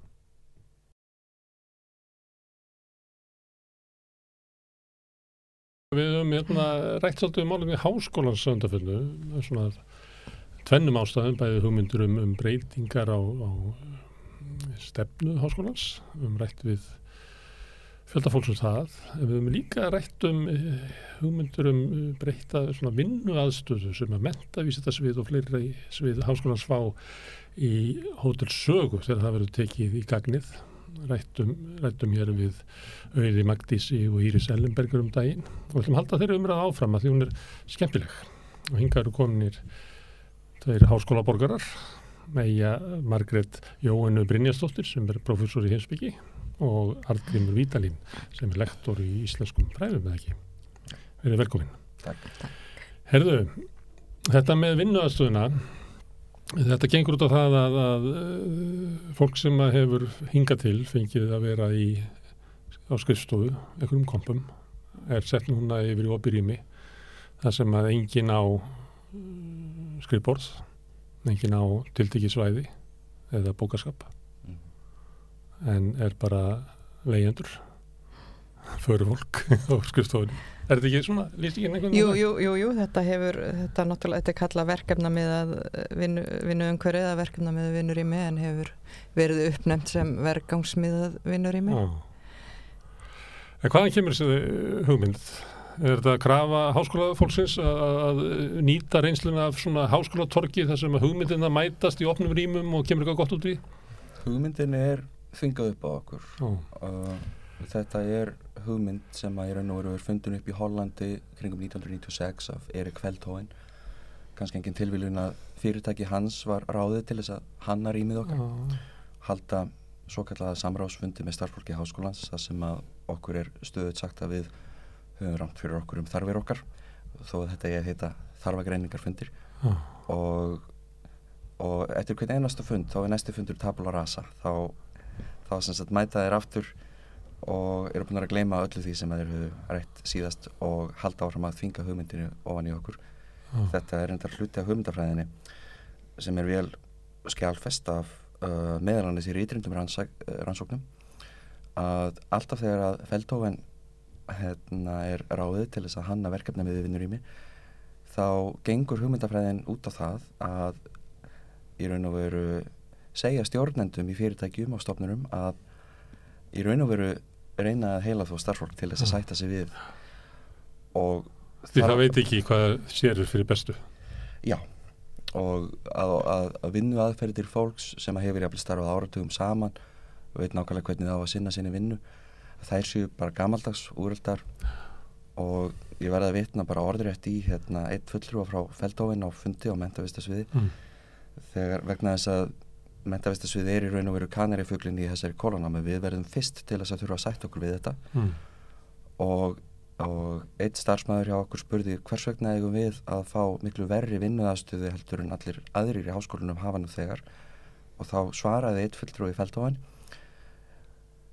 hver segir að þið verðið ekki með þeim en betri vinnuðastuð en allir aðrir? Já. að það er svona sem að þeir snúa öllu við og reyna að, að, að í raun og veru gaslýsa starffólk En þú eh, segja að þið verður á 96, það er nú bara eiginlega gær, stutt síðan, ekki komið mikið reynsla á þetta. Þannig að þetta er eitthvað meira heldur bara opinn eh, vinnur í mig. Ég er hérna, var í bladamönsku í Kanada og þá var, eh, sáu stjórnundur blada hérna Ólaður Presidentmenn, sást inn á hérna, skrifstofur Vorstu Post sem var opið í mig og þá var öllu breytt yfir í opið í mig því að það verður smart. En þetta er eitthvað annað og meira heldur en bara opið mig. Já, sko þetta, já, þetta hefðbundna opna vinnur það mitt sér maður fyrir sér einhvern svona sal þar sem að allir eiga sinn bás eða sitt skrippborð og en uh, verkefna með vinnur mig þá er sko, þá á enginn að eiga sitt fasta skrippborð heldur á fólk bara að byrja daginn á því að, að, að setjast þar sem það finnur laust pláss Já. Og, og það þýðir auðvitað að það á að skila auðu borði í lok vinnudags það má ekki skilja neitt eftir á borðinu Þannig allt sem að þið eru að rannsaka að vera að komast til reyni tösku, bara eins og Já, hjá já. heimilistöðsku fólki. Það er mér að bórið alltaf sína eigur. Já, mér skilst að það er sko kannski að fólk fái einhver geimsluskápi eitthvað svo leiðis og, og e, já, þannig að og, og þetta er kallað sagt, verkefna miðað af því að, að því að fólk á að vera að nota mismunandi vinnustöðvar eftir því hvaða verkefni það er að fást við Mm.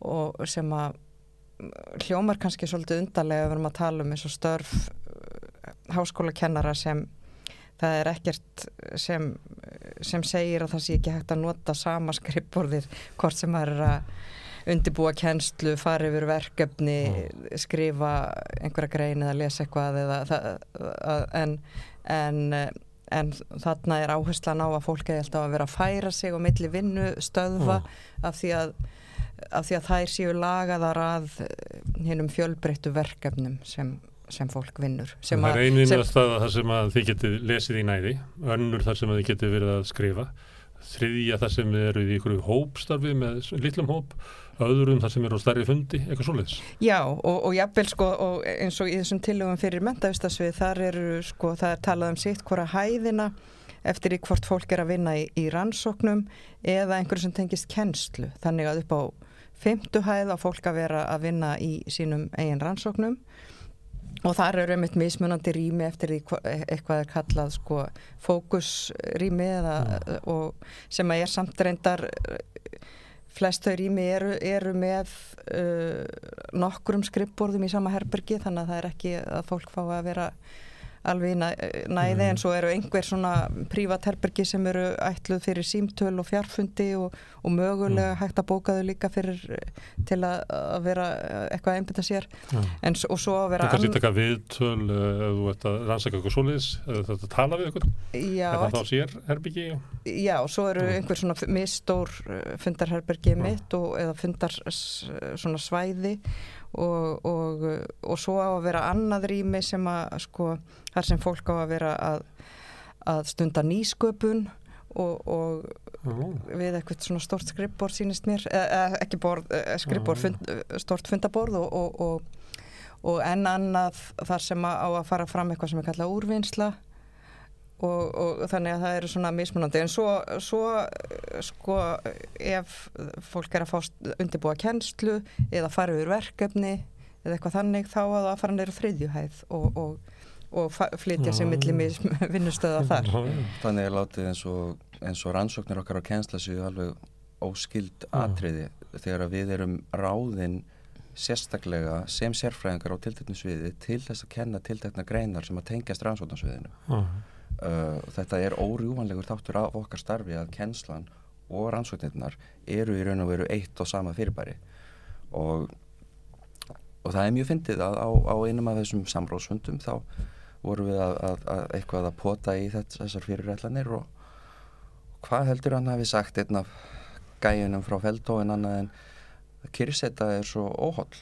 Það er einhver banvæð, banvænæsti lífstílsjúkdómur nútímans og þið fá sem vilja reyfingu út úr þessu hann lappa á milli já, og milli hæða og, og hafa engan stað til þess að geima rannsóknargögnin okkar. Það er í raun og veru ein helsta ástæða þess fyrir utan næði sem við þurfum að akademiski starfsmenn allir þess að haft skrifstofur í árhundruðir. Það er vegna þess að við þurfum líka rýmið til þess að geima gögnin og það er einfallega ekki satt sem að talsmenn verkefna með að vinnur í maður að halda fram að allt sé komið á internetið í dag. Það er bara alls ekki tilfellið. Þið lýs, hérna, þið lýsir þessu svolítið svona eh, eins og hálfgerðum farsa. Það séu ykkur menn út í Hollandi sem að svona er að ímynda sér hvernig væri best að, að rástafa ykkar vinnutíma og vinnustundum og öðru slíku.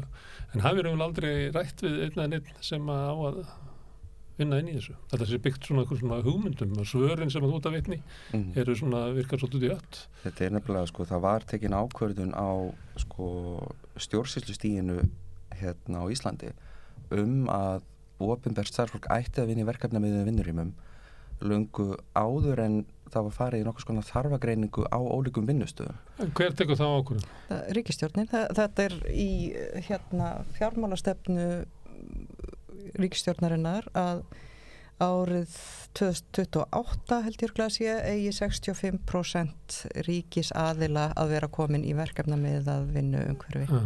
Já. Það er örgulega til þess að spara húsnæði. Ég býst við því Já, að þeir já. reiknið það út að sé að koma þegar þú ferð að kenna og getur annar nota skrifbórið. Einmitt, eitthvað já, svoleiðis. þetta er spartnaður En er eitthvað annað sem ég sjá fyrir sér að, að það bara komi bara meiri vinna út úr ykkur þegar þeir eru að fara að myndla hæða og Sko, það er það sem að hollenska ráðgjöðafyrirtæki segir og það sem að íslensk stjórnvöld og stjórn háskólans virðist hafa samþygt að hljóta að vera rétt hjá þeim. Að þetta auki afköst, uh, samstarf, uh, ánægju og ég veit ekki hvað og hvað annað. já, en uh, það eru bara, það er til fjöldi reytirindra rannsókna á slíkum vinnurýmum, bæði hefðbundum opnum vinnurýmum með föstum starfstöðum og á verkefnamiðum vinnurýmum það sem að enginn hefur sína starfstöðu fasta. Og, og staðrendin er svo að nummer eitt uh, í raun og veru sko sparnaður í rekstrakostnaði er valla marktækur Mm. Vegna þess að ótrúlega margir vinnustæður þurfa hvort sem er að hætta við þetta allt saman á 2-3 árum þegar kemur ljós að starffólk mætir ekki lengur í vinnuna. Í öðru lagi þá kemur ljós að, að verkefna með vinnurými hafa mjög neikvæð áhrif á starfsanda, líðan, sjálfsmynd. Uh, fólk fyrir oftar í veikindalefi, það hættir að mæti vinnuna það segir upp störfum. Mm. jafnvel líkil starfsfólk sem hefur starfað áratugum saman finnst að þessi ekki hlustað á það og það bara fer og nú eru þetta vandin sá að það er ekkert hlaupið að því að fá starf við háskóla nokkur staðar í heiminum. Uh, tökum bara dæmi úr segjum starffræði það er áræðilega eitt starf fyrir hverja þúsund sem útskrifast okkur einasta ári. Og, og við erum settið þá stöðu að við erum loksins búin eftir sko áratuga bastl að komast í þá aðstöðu að geta starfa við rannsóknir og kennslu og þá allt í hennu að gera okkur starfið gjörsanlega ómögulegt mm. á sama tíma og það er mjög erfitt fyrir okkur í raun og veru að leita okkur á annari vinnu út af því hvernig aðstæðan er á þessum tiltekna vinnumarkaði ef svo mætti árið komast mm.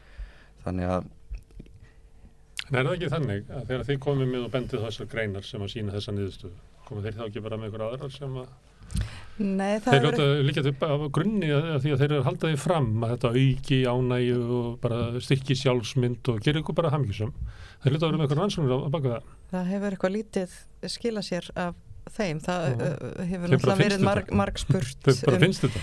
Já, það hefur verið marg spurt um, um þær rannsóknir. En, en uh, það þeim hefur ekki, þær hafa ekki verið laða fram Þegar ég sé þér Nei, og, og, og, og það er jafnvel sko viðurkjent af svona talsmönnum verkefna með þess vinnuumhverfis að uh, atriði eins og að skortur á næði og, og uh, skortur á takkifæri til að einbita sér og, og, og slíkt að, að það sé eitthvað sem að verkefna með að vinnu umhverju sé uh, sem sagt ne, hafi ekki góð áhrif á það. Mm. en, en, en það þykir bara í lægi sem fórnarkostnaður verið störa Þykir líka í lægi sem fórnarkostnaður að missa líkil starffólk mm. bæði vegna helsufarsvandamála í kjálfærið og vegna þess að það segju En ef þetta er ný hugmynd og hérna líki ekki fyrir svona rannsóknum sem sína hérna, gæði hennar, eh, hvernig getur þetta ratað inn stefna ríkistúnarinnar? Það er mjög áhugavert nefnilega að hugmyndin í sjálfu sér er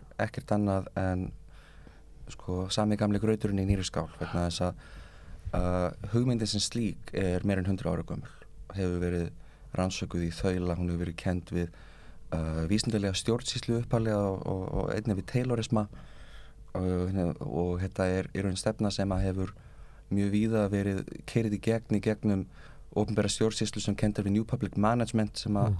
var fundur upp uh, snemma á nýjunda áratögnum og er líka kenduð Thatcherisma mm. og þetta er svo stjórnsýsla sem að Íslenska ríkið hefur haldið sér við eins og hundur á, á mm. róði sem er mjög undarleg, það fylgir meðal annars ístæri háskólinn þar að leia sjálfum sér eigið húsnæði, mm. greiða sjálfum sér fyrir nótkun á kennslustofum sem þýðir að rýmið er verð nýtt en ella mm. Það er að vera búið til markað úr öllu Já, og þetta er raun og veru bara gamaldast nýfrálsíkja sem er verið að búða í nýjum búningi mm. uh, dölbúið í einhverjum frösum sem að standast ekki rannsóknir og hérna það er nefnilega alveg sérstaklega áhugavert að uh, hvernig þetta kemur út úr rannsóknum og þegar að við spurjum um þessar jákvæður rannsóknir mm. að þess að helsta gaggrinni sem að við fáum og ég vil taka það fram hér að við erum núna ríflega 600 manns sem höfum skrifað undir undirskrifta listi mm. gegn þessu það er meiri hluti akademiskra uh, starfsmanna við Háskóla Íslands sem hefur skrifað undir þetta. Ekki bara við mentaði vísitarsvið. Nei, við erum, við erum öll saminu gegn þessu mm. og ég held að stjórnveld átti sér bara ekki hreinlega á því hversu saminu við erum. Að helsta gaggrinni sem við fáum á móti er að við séum kannski bara að handvelja einhverja rannsóknin sem staðfesti okkar skoðin mm. og við spyrum á móti sínið okkur hinnar rannsóknin mm. þegar við erum vísendamenn, við viljum sjá þær við skulum lesa þær með opnum huga en þær rannsóknir virðast ekki vera til eða í það minnsta þá vil enginn reyna að draga þær fram þannig að raukstunningurum fyrir flutningi okkar úr hefðbundnum vinnurímum yfir í þetta því afsakið raugl mm það er engin rauksturning fyrir því mm. annar en spartnaður og það er líka niðurstaða allra rannsókna að það eina sem verkefna miðvinnir í mig ganga út á sangand hugmyndafræði feltóin og fleiri aðala er spartnaður í rekstrakostnaði ekkert annað, ekki gæði vinnunar mm. Þetta var reynd uh, fyrir nokkrum árum í háskólanum í Malmö, Svíþjóð mm. það var að tekinu nokkur ný bygging þar sem heitir Nýjagara og uh, 2015 og með svona verkefna með vinnu umhverju mm. og það var bara og, og, og það hafa sagt, verið gerða rannsóknir á það voru sagt, gerða rannsóknir á starfsfólki þar í, í kjálfarið fyrst, já það var rannsókn sem var gerð nýju mánuðum eftir flutning og, og svo var svona viðtalsrannsókn við sagt, bæði akademistarfsfólk og, og millistjórnendur og það bara var gríðarlega óanægja með með þetta og, og, mm. og starfsfólki vildi ekki hlýða þessum reglum um að það mætti ekki eigna sér fast borð og komið ljósta að, að, að það var náttúrulega bara mikil borgarlega óhlinni með, mm. með það að fólk fór að reyna að eigna sér borð og, mm. Og það Hvernig þá með því að setja svona blómapottir? Já, með því að skilja eitthvað eftir á borðinu sko. Og og reynda að sitja alltaf við sama borði dag eftir dag og, og, og, og það starfsandin versnaði, það voru samskipti minguðu og þannig og það var líka sko það sem að eitt af því sem þótti slæmt það var að, að þetta hafði svona neikvæða áhrif á svona akademiska sjálfsmynd af því að, að fólkinu fannst þegar það kom inn í bygginguna að það væri að koma inn á inn í flugstöð eða rútustöð en ekki háskóla mm. og, og, og það skiptir bara heilmiklu máli hvernig maður upplifir vinnustað sin Þannig getur bara unnið á Starbucks Einmitt. Og, og þannig að, að það sem gerðist svo var að um tveimur ára síðar var bara ráðist í kostnæðasamar breytingar á húsnæðinu til þess að breyta þessu. Þetta lítur að vera kostnarsamt að komis í þetta horf sem aðeins stemt því að þetta hafi verið að breyta hótelhæðanum í svona opin rými. Þannig að það hafi verið að brjóta alls sem eitthvað ekki þetta og það stendur til að gera sömulegis í öllum öðrum byggingum smá saman eftir því sem að já, eftir því sem að sem sagt, núna til dæmis er íslenskan á næsta leiti íslensku og menningar deild ástand með stopnun Óta Magnússonar að fara að flytja yfir í glænýtt hús íslenskunar og það er ekki svona, eða? Nei, það er nefnilega áhugavert. Það er vegna þess að, að teikningarna voru samþektar áður en ríkistjórn tók upp þessu stefnu. Mm. Það stóð samt til að breyta teikningunum og það þurfti heilmikið stapp og stríð og arkitektinn sjálfan til þess að standa á mótiði og endan það áttuðu þau sig á því að öll endur hönnun rýmisins er því svo rosalega kostnaðasum að stjórnsíslan lúfaði. Mm.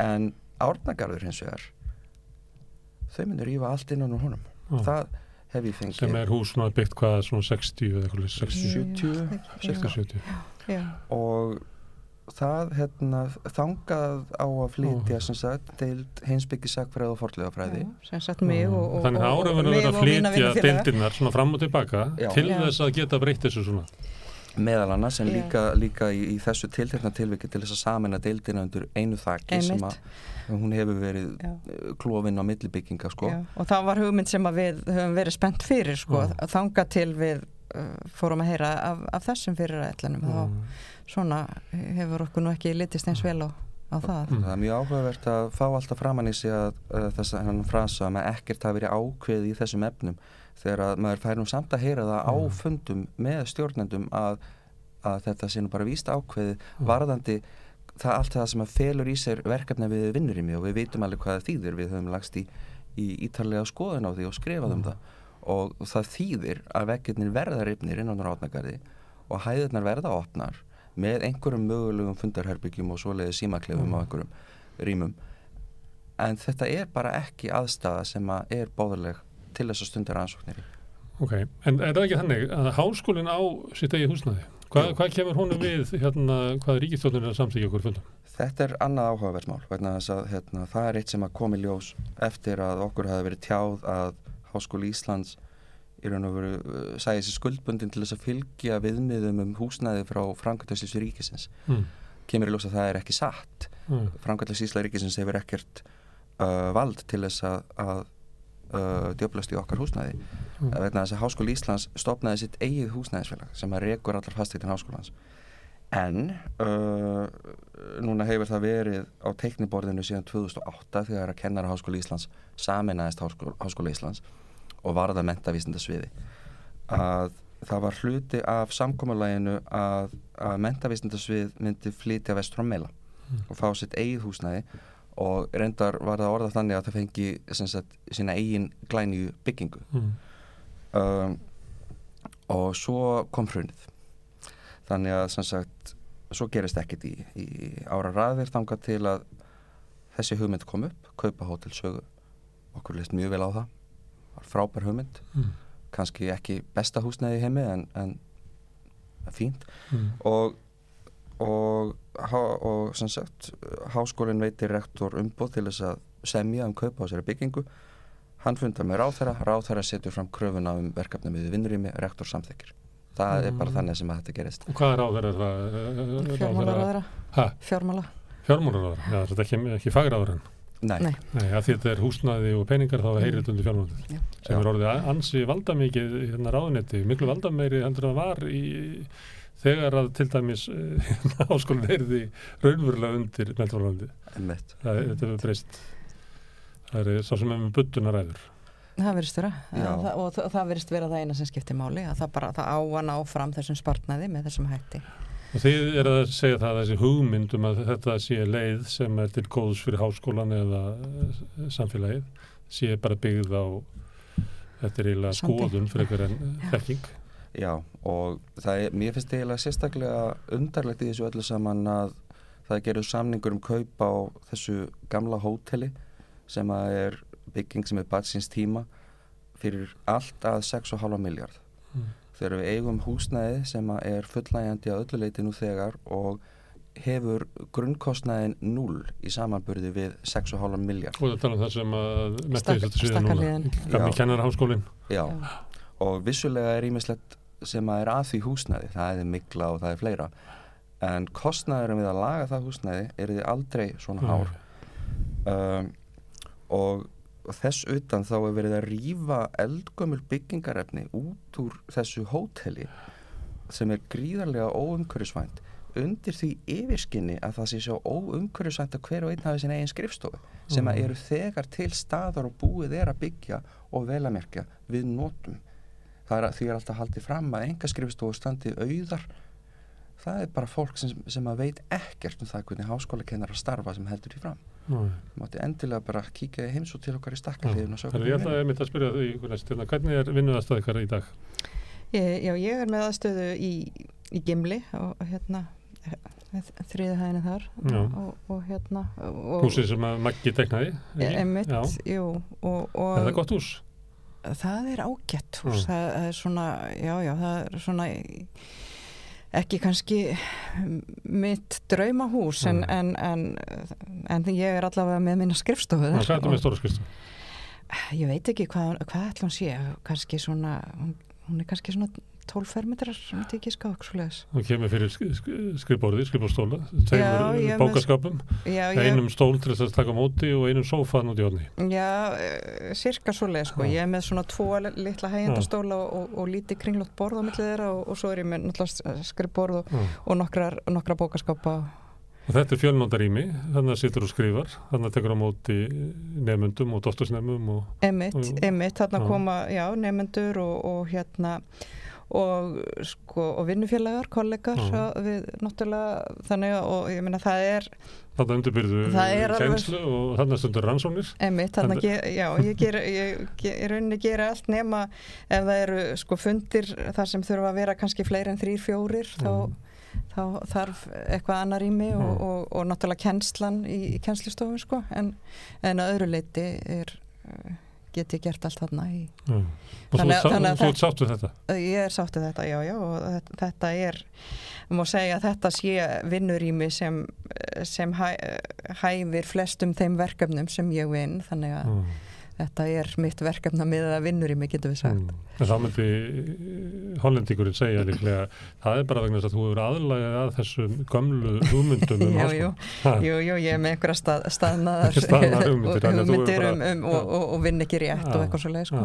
En Svo er eins og aðeins öðruvísi varið á ventavistasviða sem að allt nám uh, með fáinum undatekningum er í raun og veru uh, í bóðin sem fjarnám. Við kennum mjög lítið á stað.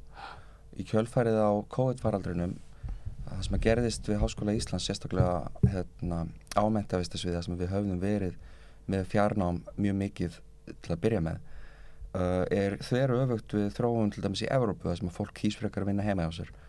Við höfum í auknum mæli farið að kenna á skrifstofunum okkar sem leiðis þannig að það sem við, við Bætist við og annað það sem að ég að vera að lýsa að, að þetta er líka kjenslustofa Já, og það kennarapúltið.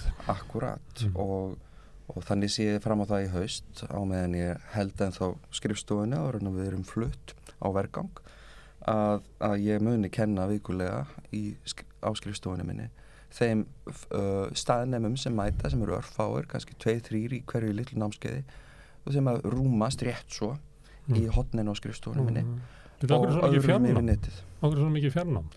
Það er nú aðlega vegna þess reyndar að, að hérna, kennaranemar eru yfirleitt eldri heldur en aðrar háskólanemar, þetta er fólk sem hefur kent árum saman og er að afla sér réttinda og það er þegar í vinnu sem kennarar kemst ekki á dagvinni tíma. Þannig að þetta varð ofan á, ég man ekki alveg hvaða langt síðan, kannski fyrir tíu árum eða svo. Herðu, en eh, 600 uh, akademiskir starfsmenn háskólas hafa skrifað undir uh, andstöðu sína við, við þessar fyrirætlanir og það er meiri hlutin en og svo, svo lýsið þið hins vegar að þið farið á fundið það sem á að vera samráðs og það, eh, það er hérna, ég heyri hvað þú segir er sagt og svo á næsta fundi kemur það kemur ljós að það verður ekki að hlusta hvernig er það náðu svo fram? við hvernig er það að berjast? Hvað, hvað getið þið gert?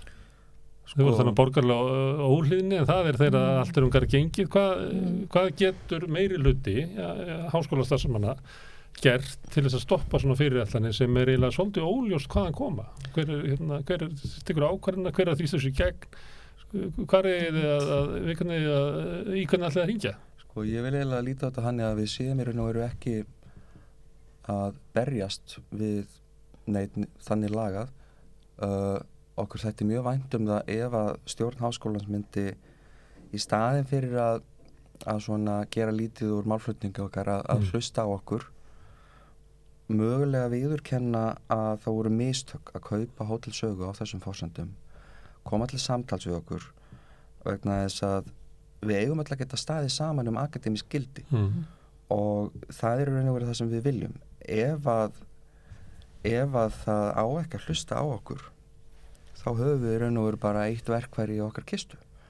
Og það er það sem að er réttur hvers vinnandi manns, það er verkværsrétturinn og við erum alveg, held ég Mm. 600 manns cirka tilbúin til þess að beita því verkværi ef ekki verður á okkur hlusta við getum lamað háskólan á 5 mínútum Ó, það verður að vera ef ég þekki reglunar þá verður að vera hluti að við kröfum um sko kjö- kjör þú getur hengt eitthvað svona með Já. en þú mátt ekki verið verkvall út af vinnuðastu þú mátt ekki bara fara í verkvall ef það er liður í, í hérna, eða, eða, eða samningsáallun sem hefur lögð fram til sáttasemjara og aðeins lýsaði yfir að hafa ekki eftir þá máttu verið verkvall það er vissu rétt það er búið að taka af okkur við með ekki verið setu verkvall eins og við það er vissu rétt Mm. hins vegar er ekkert sem segir að við munum ekki gera það.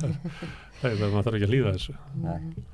En þannig að, að, að það sem er að í þessu máli er ekki endilega fjármálaráðurann sem kannski með ranga skoðun heldur það að háskólinn hafi fallist á rök fjármálaráðurans Já, það, það má segja það og, og, og, og það er náttúrulega það er það sem er alvarlegt í þessu svo sem Það- áttu að, að gæta að, Já. að hérna, eh, réttindum ykkar og vinnuðaðstöðu hann tók upp hérna kröfur Já, mannsins hefur, hefur ákveðið að, að, að ganga þeim kröfum sko. Já. en, en auðvitað, sko, mér finnst áhugjefni líka að, að það sé verið að að það standi til að setja 65% eh, ríkistarfsmanna í, í, eh, í svona vinnuðastöðu Mm. sem, að, sem að þó að þó að hún sko verðist koma einstaklega út í háskólum að þá kemur hún ekkit vel út í á alls konar öðrum vinnustöðum Mm. heldur og, og, og þannig að, að, að það er auðvitað slemt líka en, en, en svona einmitt það sem snýrað okkur er náttúrulega okkar vinnustöður og, og, og það er, er það áhugjefni og, og, og bara leiðinlegt að að, að, rektor skul ekki Já. hafa ákveðið að, að standa með sínu starfsfólki Mm. eða hafi einhvern veginn vannmeti stöðuna sko. þetta er líka mjög alvarlegt inngrip ráðherra og stjórnvalda inn í sjálfstæði háskóla Mm. sem að eiga að vera tryggð með lögum og en í raun og veru ef að, ef að stjórn háskólan sér til í að taka nokkuð skrif aftur, hlusta á okkur mm. og taka slæði með okkur þá munum við öll sömul fylgja okkur að baki rektor það er í raun og veru þetta er ekkert flókið. Það er enginn sem að getur þvinga þetta í gegn. Uh, ef að rektor stendur með okkur þá getur við staðið verða með akademisk skildi algjörlega óháð því hvað einhverjum ráþurum finnst. Þetta kemur ráþurum ekki við. Gangi ykkur vel í þessari partu ég ætla að aðtókvæmt að geta fundið fleiri dæmi um, um hérna, þessi verkefna meðuður rými. Ég veit til dæmis að skatturinn og tollurinn er að flytja í ný innréttað leiguhúsnaði það var ja. komst hérna fjármánvöldi að því að það veri hafkamera að, að skatturinn leiði heldur en nætti húsnaði þannig að kannski er voru röki fyrir því að, að það átt að vera minni, minna húsnaði með eitthvað svona aðfram, vil að halda fram að kanna þetta, því að, að þetta er, ef þetta er stefna stjórnvalda þá skiptir þetta já, er þetta ekki tíu þústa manna sem að það hérna, mun hægt og bítandi breyta að vinna þessu? Það hlýtur að vera. Herðu, ég var ekki mjög kært ekki fyrir að koma. Takk fyrir. Og við ætlum að fara núna út á sjó með kjartani Sveinsinni formanni strandveiði félagsins eftir augnaflik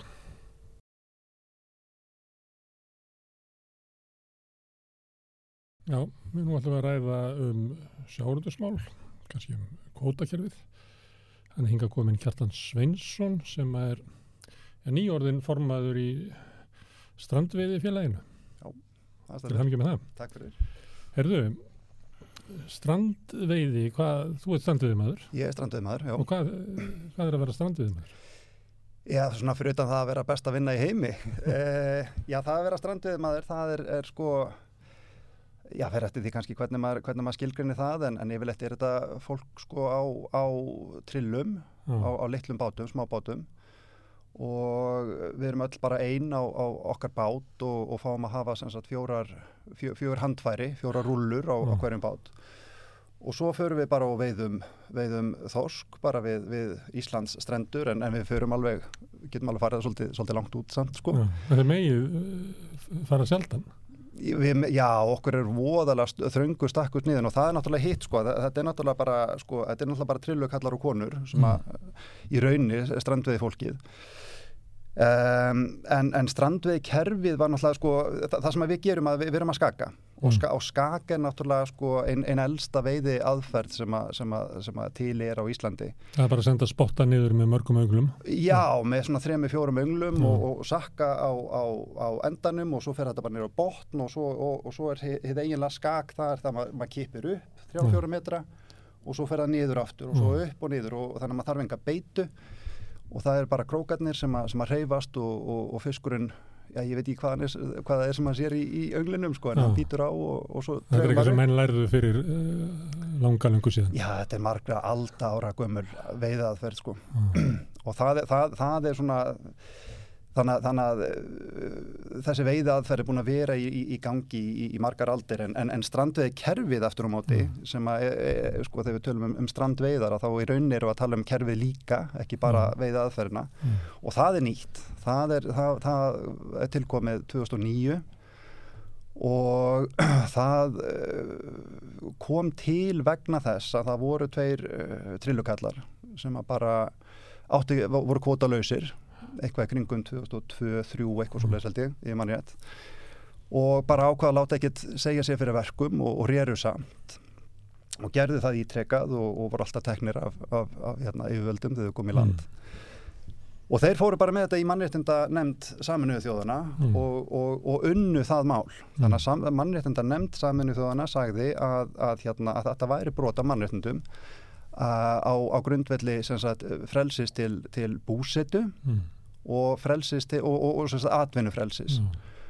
þannig að þá, þá þurftu Íslands stjórnvöld að koma einhvers konar kerfi á og þetta var sem sagt lendingin, þetta, þetta strandvegi kerfi mm. Jón Bjarnarsson sem að setur þetta inn ég held, að, ég held reyndar að það veri Stengrimur Jóð sem að, að setja þetta á fyrst ah, en, en, en, en Jón Bjarnarsson sem sagt útfærði þetta ég, okay. ég, var, okay. ég var ekki á landinu þegar ah, það okay, kerðist þannig að mann það ekki nákvæmlega En kerfið er þannig að þið megið hérna fara hvað út hvað var, 40 daga á orðið eða? Þetta eru 48 dagar á ári uh -huh. Og, og, og, og yfir, yfir fjára mánu tímabil frá, frá öðrum mæ og fram til fram í lók ágúst sem sagt 12 dagar í mánuði Um, en svo er allskyns aðrar haftir að, að, að við megum til dæmis bara veiða á mánudögum, þriðudögum, miðugudögum og fymtudögum megum ekki fara á fyrstum og sundum megum ekki veiða á, á, á rauðum dögum og þess vegna megum ekki þess vegna byrja tímabilið annan mæ mm. uh, og við megum bara, eins og ég sagði, við megum bara vera með, með fjóra rúllur og við megum bara sagt, uh, koma með 774 kíló af, af óslæðum þorski í land og svo eitthvað af öfsa og og karfa ef, mm. ef hann er meðabli og svo er ég, ég var að gleyma þessu öllu það, það er svo mikla haft En getur þið lifað þessu? Nei, þessu? nei, nei, það getur enginn lifað á Þannig að þetta er atvinnufrelsi til þess að vinna við eitthvað þar sem getur ekki lifað því Já, það, það er nefnilega máli og, er, og til þess var nú sko stranduði félagi stopnað vegna þess að hérna, það, það, sko nú er komin 14 ár frá, frá stopningkerfisins og það verður að ringla með þetta fram og tilbaka og fram og tilbaka og setja í bakkýr og framgýr og, og, og ég veit í hvað og hvað. En aldrei þannig að það sé hægt að lifa á þessu. Og, og hérna og sko 48 dagar þetta hljómar eins og þetta sé sko að þetta sé sóknamark en þetta er raunin aflamark vegna þess að svo fáum við bara 10 tonn og þegar potun er búin þá er, þá er bara, bara sett stopp þannig að senasta suma til dæmis að þá var sett stopp 21. júli mm. og þá var bara uh, sko eitt þriðja eftir að verðtíðinni ah, Og svo líka stoppið við daginn en þú er búin að fá þessi rúm 700 kíló þá verður það að fara í land Já, já, já, já. Að ef það vel fiskast þá er ekki góðu dagur í þér, það er bara alltaf sami dagurinn. Já, og þá þarf maður að fara út aftur daginn eftir og eigða olju og, og, og allt það en frekar heldur en að geta bara sko veitt 1500, ton, 1500 kíló einn daginn og, mm. og sleft síðan næsta degi sko. Hverjir eru strönduðumenn ef það er ekki hægt að lifa þessu? Er þetta, er þetta bara Já, það er svona fólk Ólæknandi romantíkar Já Ég veit það nú ekki, það, þetta er náttúrulega fólk sem að, sem að bara elska sjóin, mm. það er náttúrulega nummer 1, 2 og 3 og, og ég veit það bara frá, frá, frá sjálfum mér að, að, að ég menna þetta er þótt að maður þurfi síðan að finna sér eitthvað annað að gera á, á, á veturna til þess, til þess að toppa upp heimilis bókaldið sko, mm. að þá er þetta bara alveg, alveg toppurinn, ég menna það jafnast ekkit á við það að vera úti á, á sjó og vera með höfrungana leikandi sig kringu sig og og reyna að sikta út kríuna og, og allt þetta sko lesa í mm. umhverfið, þetta er mjög mikið sko, maður er alveg nátengtur náttúrunni sko, maður er einhvern veginn orðin bara með náttúrunni. Það er, er eh, hápnundurinn á þínu lífi. Það, það er kjartan upp á sitt besta þegar hann er að nota sjá, Já, já, já Þannig við erum núna að tala við bara föla útgafu að kjartani Já, já, svolítið, svolítið, svolítið reyna skrýðundan vetri fölur og fári, já, akkurat. Já Þannig að þú ert að þessu hvað fyrir bara, já, þetta er svo lýsing á svona romantík eða lífstíl eða, eða... Já, ég myndi samt eiginlega ekki vilja, vilja setja, setja þannig upp. Þú nefnir til þess að vera það, þú myndi vilja bara geta brauðfætt þig á, á tölunni. Já, já, það, það er það sem við, við eiginlega bara allur strand við flótinn það sem okkur dreymir um og einmitt þessi hugmyndum að þetta sé bara romantík og að þetta sé hobby veiðar og svoleiðis, þetta náttúrulega kemur allt úr, úr hérna áróðusmaskinu SFS mm. þess að þeir vilja að, að, að, að við séum eitthvað skonar sko, að við lítum út eins og eitthvað skonar lífandi sjóminjarsam sem við erum ekki mm. þótti, eins og ég sæði sko, að hérna eh, skakið er náttúrulega alltaf gummul aðferð mm. en hún er líka framtíðin vegna þess að við, við erum, erum vistvæn, við, við, við röskum engu á sjáabotninum við skiljum ekkit rusl eftir okkur. Mm. uh, við förum rosalega vel með fiskin og allt svoleiðis, þannig, þannig að sko ef maður fer út í, út í, uh, í fiskborðið í, í stórmarkað í, í bandarækjunum eða Breitlandi eða, eða Þískalandi eða hvað sem er og maður fer í fiskborðið að þá er dýrast og fínasta varan að það er íslensku þóskur, vittur og krók. Já, þeir segja að þú myndist á eh, stórútgerina og þeirra hagsmunarsamtök, þau segja að þið komið með slæ, slæmanabla á landi.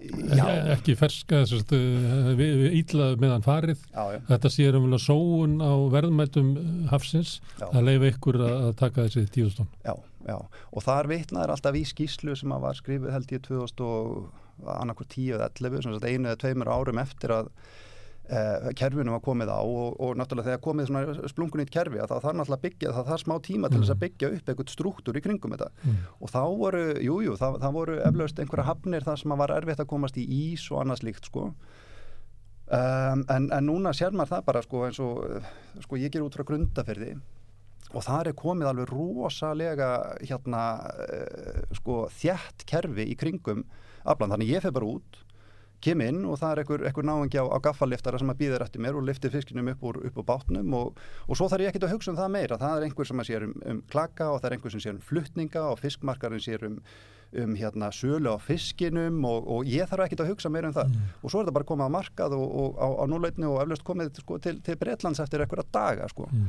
Þannig að það tekja mótur svo eins og verðmætti sem þetta er. Já og það er náttúrulega sko það að allir þessir aðilar skuli sjá sér einhvern hag, ég menna það er engin að gera þetta af góðmenn sko, það er allir sem að græða á þessu og svo náttúrulega hérna öll, öll þjónusta í, önnur þjónusta í landi eins og biflavirkjar og, nei hérna vélavirkjar og, og annað slíkt sko. Það sem verður til, þetta er svona eh, það þekkja allir sem að þekkja til sjáabyggðana að þegar það eru margir bátar í höfninni að þá svona hríslast hérna arðurinn af auðlindinni upp eftir öllu hérna samfélaginu. Já, það já. eru, þú veist, kallanir í velsmiðunni og hérna fólkið í búðinni og eitthvað svoleiðis í staðin fyrir það kemur svona eitt tógari að þá hérna, er, er erfiðar að sjá hvernig það bætir eh, allt samfélagi. Já, já, akkurat. Herðu, en hvað viljið þið?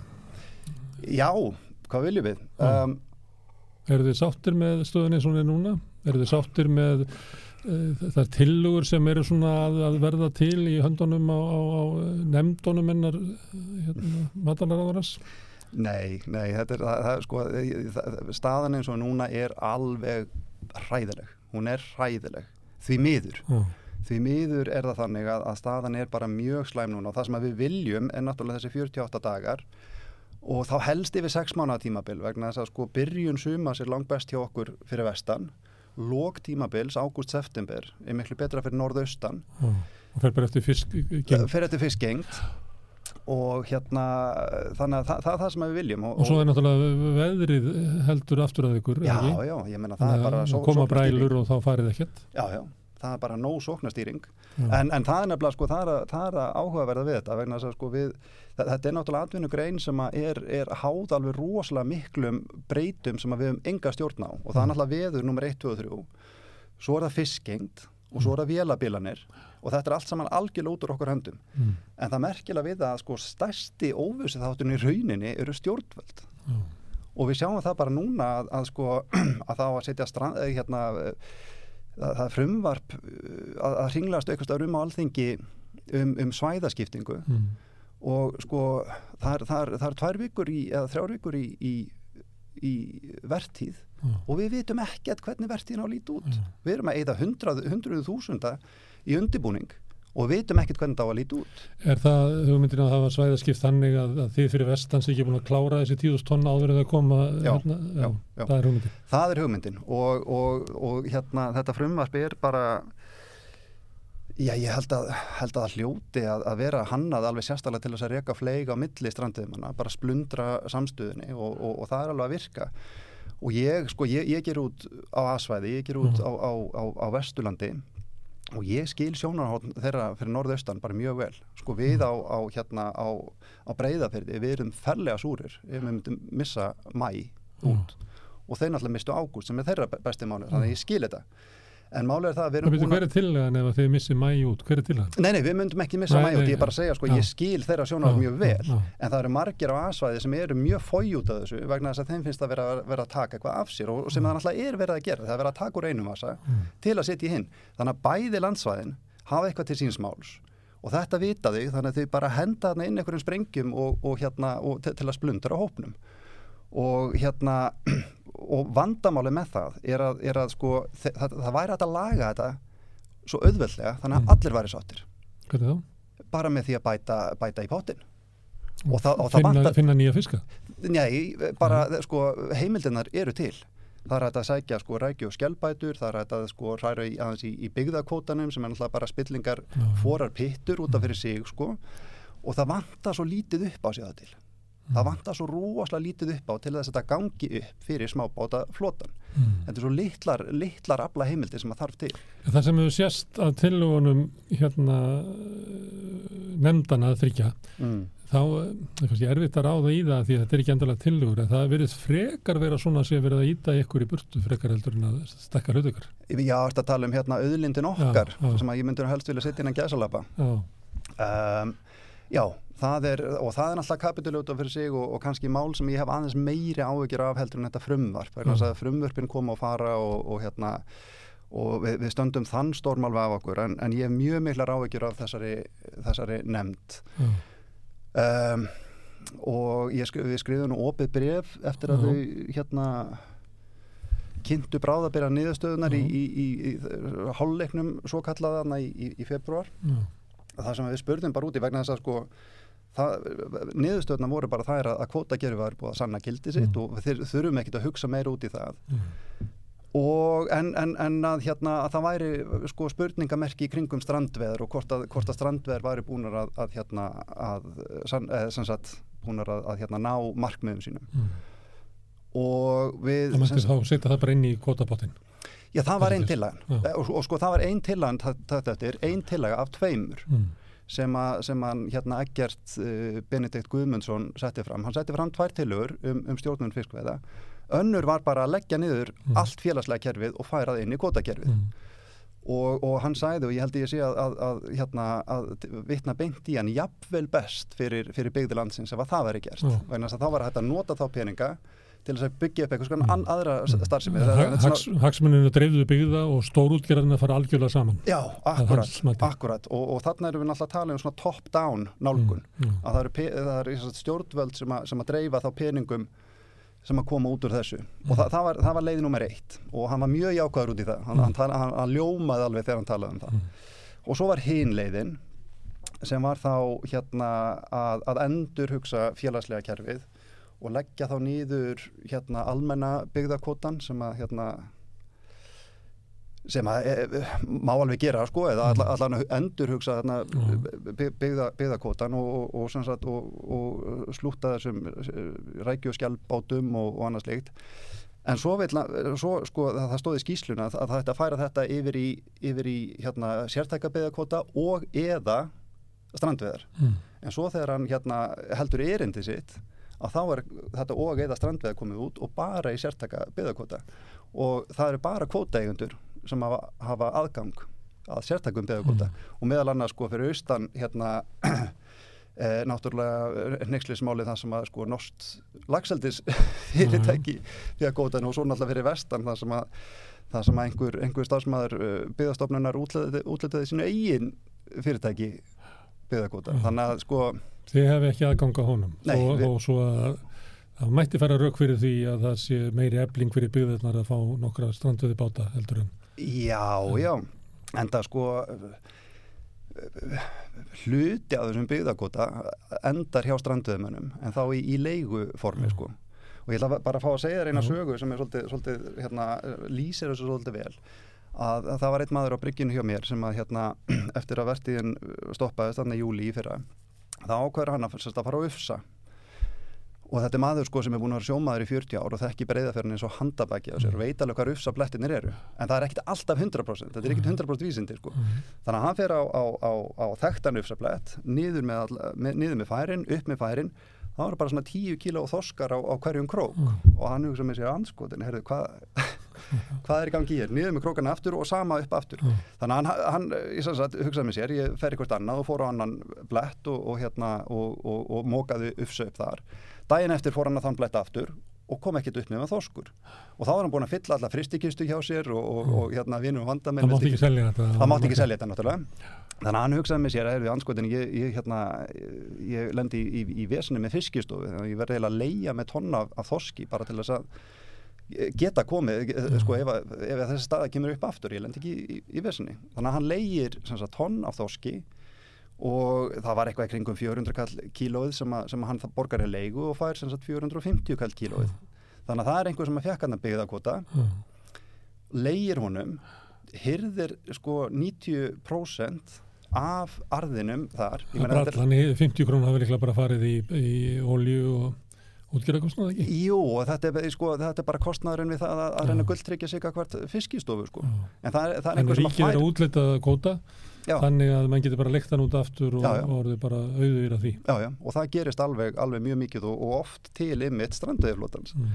þannig að af hverju ekki bara láta strandauðflótan fá hann beint Herðu þið skrifuðu að þú skrifaður Já. fyrstu svar Já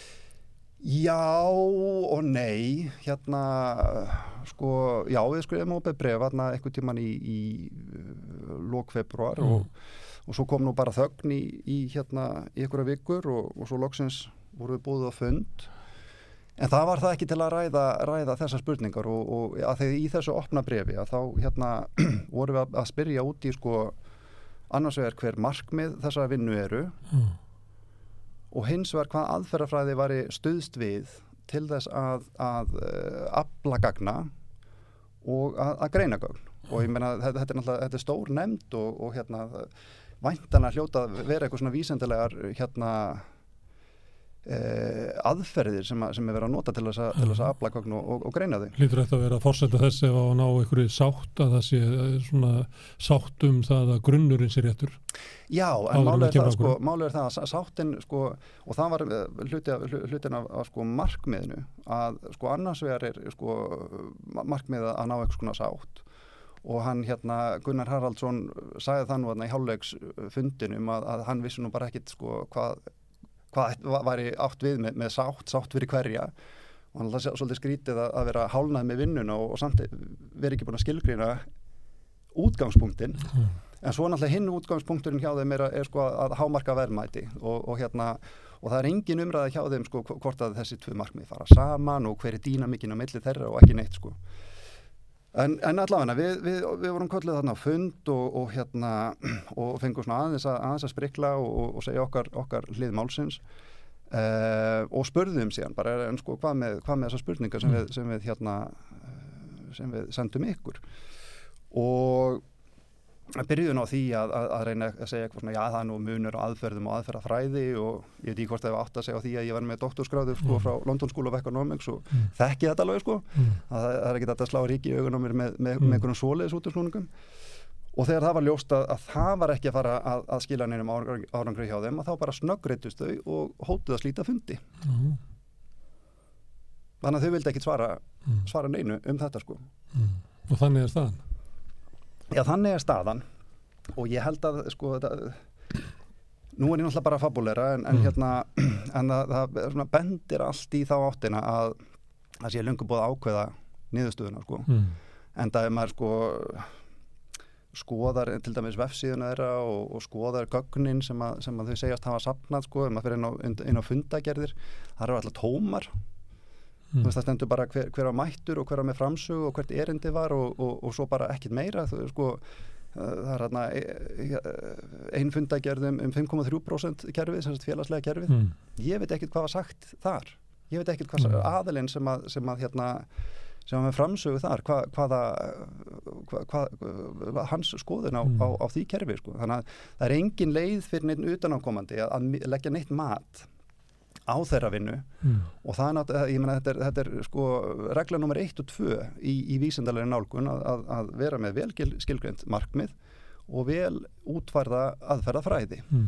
eða Það aðferða hvorugt fræðala þarna. nálgun Hvorugt þarna ég sé korugt sko ég sé korugt Þú sagðir á hann að, að stjórnvöld var mest óvissan og drillu sjómunum mm. meir en veðrið og fiskjengt og, og vilabilanir.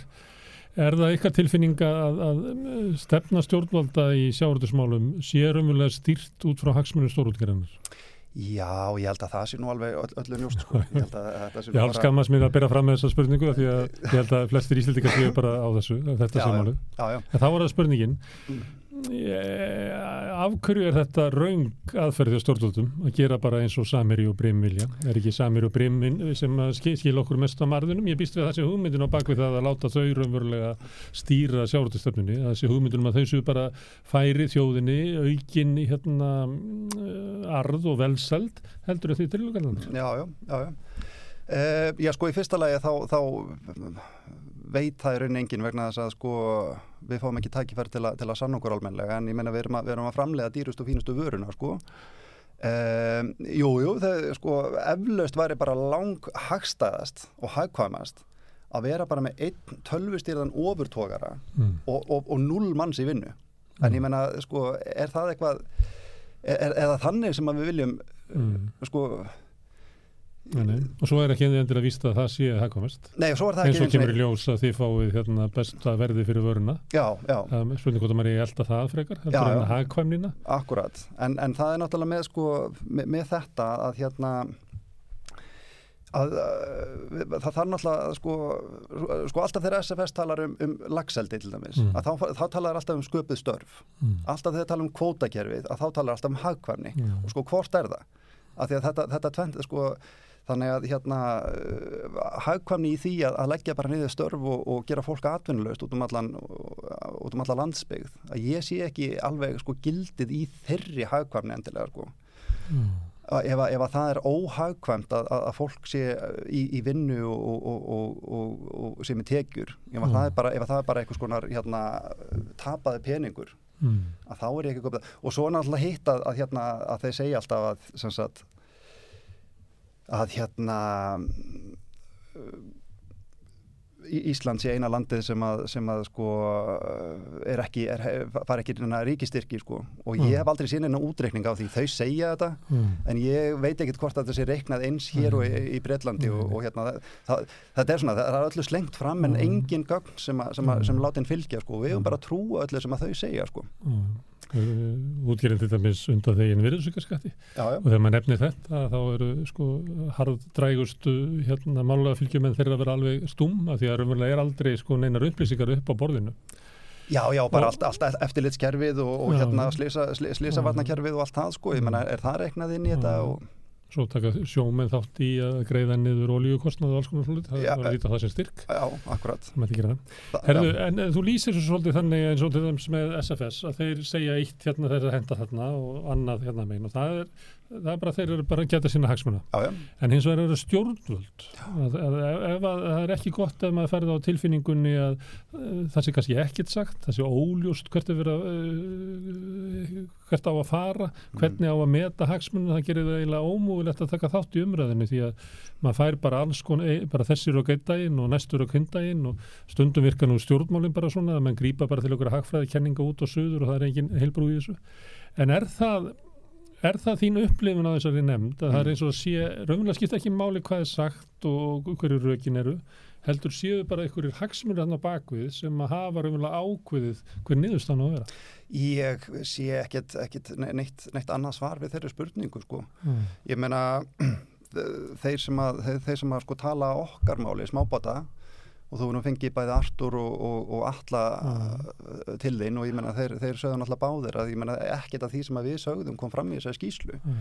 þannig að það er náttúrulega það er spurningamerki þar og svo er það náttúrulega sko að, að hérna að ef maður skoðar að viðmælenda hópin þá er náttúrulega þrýr, þrýr hérna fulltrúar smábáta eigenda sjö bara frá breym Mm. Og, og, og, og, og týjir frá stórútgjörni þannig, að- Mm. að ójafnaðið er náttúrulega alveg, alveg gríðalegt Mm. sérstaklega í ljósi þess að, skýslan leggur náttúrulega til langmestu breytingarnar á smábáta Mm. ekki á, á stórútgjörna Mm. þannig að sko ef að það er, ef að það er stefnan að fara að, fara krukka eitthvað í, í 5,3% gerfinu af hverju þarf þá að, að, að tala við sjö aðila frá breym Mm.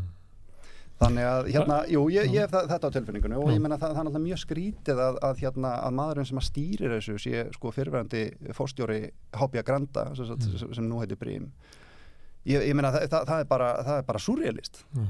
það er algjörlega út úr kú að hann skuli vera að stýra þessu. Mm. En talandu breym að þá saði Guðmundur yktum að nýlega Kristinsson uh, aðalegandi, hann saði yktum að uh, það yrði aldrei sátt um sjávarðu það er bara þannig þannig að tala um að vera eitthvað svona sátt uh, er bara og, og en þá er maður að velta fyrir sér sko að því að það kemur oft fram í svona könnunum og svona það er yfirgnefandi meirluti almennings er á móti kvotakjörinu og sem SFS segir það að séu bara rángar upplýsingar almenningu sé það bara vittlus en, en maður samt upplifum að það kannski að almenningu þekki alveg þetta kerfi Hva, hver er þín tilfinningu fyrir því Eh, þekkir almenningur sjávaröndu á Íslandi eða er eh, hugmyndir almennings um sjávaröndu rángar? Nei, sko, hérna, ég meina það, það sjá náttúrulega allir uh, spillinguna sem að, sem að Mm. viðgengst í, í, í sjárótuðinum og, og hérna það, það þarf ekkit, þú þarft ekkit að kunna uh, þekkja munin á, á ólíkum veiðafærum eða, eða á byggða, sértakum byggðakóta og almennum byggðakóta til að sjá að kerfið er algjörlega rótið Mm. og hérna ég meina það, það, það er alltaf bara augljóst og ég meina auðvitað sér fólk það Mm. og, og hérna og svo sér Þannig að til þess að búið til sátt og það að breyta kerfinu Já, eða allavega einhvern veginn að, að hérna að hleypa einhvern veginn öðrum að og það er náttúrulega það sem að sko strandveið kerfið er náttúrulega eina kerfið sem að, sem að hleypir einhverjum að það er áengi neitt í strandveið kerfinu það eru bara allir jafnir og, og það er opið öllum og, og hérna áengin engin neitt nema, nema, nema sinna. Og þetta er eina, eina leiðin fyrir fólk svona eins og mig, ég, ég, meina, ég, ég ólst upp hjá, með, með afa mínum á, á grásleppu þegar ég var unglingur alltaf langa til að verða trillugall. En það var bara ekkit í bóði fyrir en bara nýlega sko. Mm. þannig að það, hérna, þetta er svona eina leiðin fyrir, fyrir, fyrir fólk eins og mig að, að, að komast inn í kerfið. Og ég held að fólk sjáu alveg, alveg hérna óréttlætið í því að það, að það séu bara örfáar fjölskyldur sem að sitja á þessum gríðalegu auðafum bara eins og, eins og ormar á gulli og hleypi engum öðrum að. En að því að þeir talað um að þetta ég vera sátt um sjávartustofnu en svo kemur þessi áfangaskísla eða hálfleikur eða hvað að kalla og þá er það eiginlega sagt að, að sko að, að kótakerfið sé gott. Já. þannig að það er að búa til sátt um eitthvað sem að 70 pluss prósent af landsmönnum er mjög ósattu við. Já, já, og þá vorum að velta þessi, þessi ummæli guðmundar um að auðvitað verður alltaf sátt. Þess að þessi undirbúið svo það að það mun ekki koma inn sátt út úr það er ekki hægt að selja já. en þeir er alltaf samleikir það. Já, já, já, já, já, já. Þeir ætla að, að hanga, hanga í þessu endalust sko. Mm. Um, já, og svo, svo er það náttúrulega, ég meina hann hefur svona rétt fyrir að, að ákveðinleita hann guðmundur að, hérna, að þegar það er sko svona takmörkuð auðlind af gríðalögum fjármunum að það verður aldrei, aldrei neins sérstök sátt um Nei. það en, það en það þýðir ekki það að, að það sé ekki að búa til eitthvað svona réttlæti í Já. kringum, í kringum aðgengið sko. Svipað þú varst að segja um, um holvaskiptin að leið og það kemur upp að þá verður ólíkir hagsmunir Já. og þá verður engin sátt. Engin sátt. En það er náttúrulega hlutur stjórnvald að búa til kerfi þar sem að er er svona er réttlátt. Já, já, já, já, og nú er þetta kvotakerfi ekki réttlátt að mati þjóðarinnar ekki sem er af þjóðarinnar.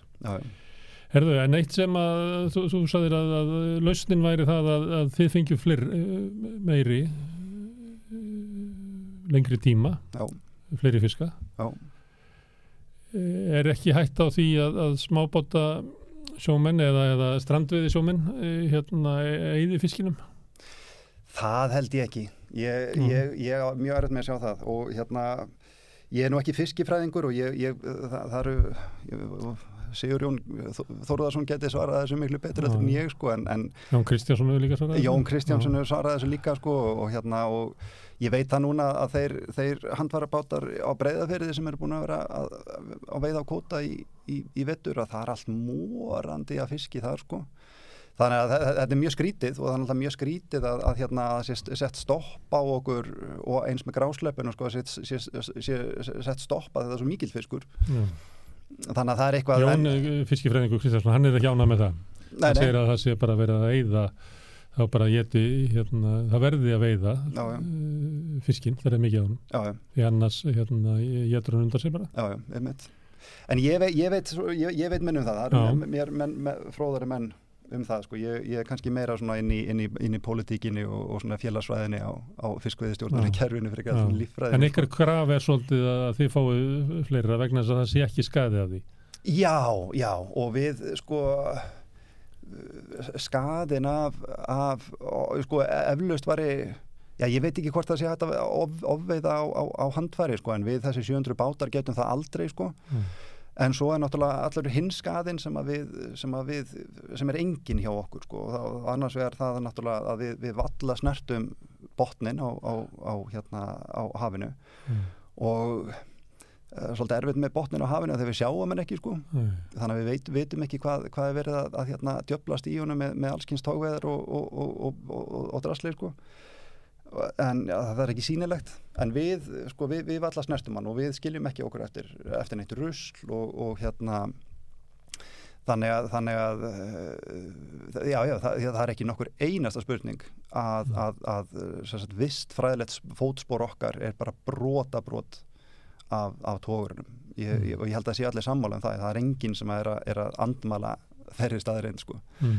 og þess vegna í rauninni finnst mér alveg, alveg og sérstaklega það sem að það er náttúrulega vinstri græn sitja í ráðurastól akkurat núna, það finnst mér rosalega skrítið og, og þau hafa náttúrulega lofað sko, ég talaði um þetta 5 5,3% kerfi Mm. það var lofað fyrir seinustu kostningar að, og bara e- eitt af, eitt af svona grundvallar loforunum var að stækka það í áfengum upp í 8 til 10% Mm. og nú er náttúrulega komið eitt og halvt ár og, og bólar ekkit á því og, og við erum bara be, beðin um að býða eftir þessar nefnd og hérna beðin um að býða eftir hinn og þessu það má samt setja frumvörp sem að varpar sprengju inn, inn, inn, Mm. inn í hópin sko, en, en það má ekkit, ekkit skoða þetta fyrir nefndinu búin að skila sínu og, þannig að maður bara uh, botnar ekki í því vegna, uh, hvers vegna það er að, að hérna vistvænustu veiðarnar sem að er að skila arði og, og, og hérna og bera sig fjárhagslega af hverju er ekki sko gert aðeins, okkur hlift aðeins meira þannig að að bara lifa á þessu sko Mm. En þið eru að klastu svona ofreflega einhver leiti. Hvernig hérna, hvernig ætlaði að sig- sigra þetta stríð? Já, sko, já, já, þetta er Davíð og Góliat það, Mm. er ekki, það, er, það er uh, ekki nokkur einasta spurning. En allir við allir með, sko, við uh, ég, veit ekki hvort að vætum að sko, uppljóstra strategíum hérna, en, en það, það er svo sem ekki lindamál að, að, sko, að sko, SFS og stórútgerðin að þau hafa náttúrulega peningana sko, en þau hafa ekkit annað. Þau hafa engi, enga rauksöndafæslu þau hafa ekkit, ekkit eh, sko, þau, hafa ekkit annað en, en bara peninga og, Nei, og, enga vini nema þá sem er múta og kaupa.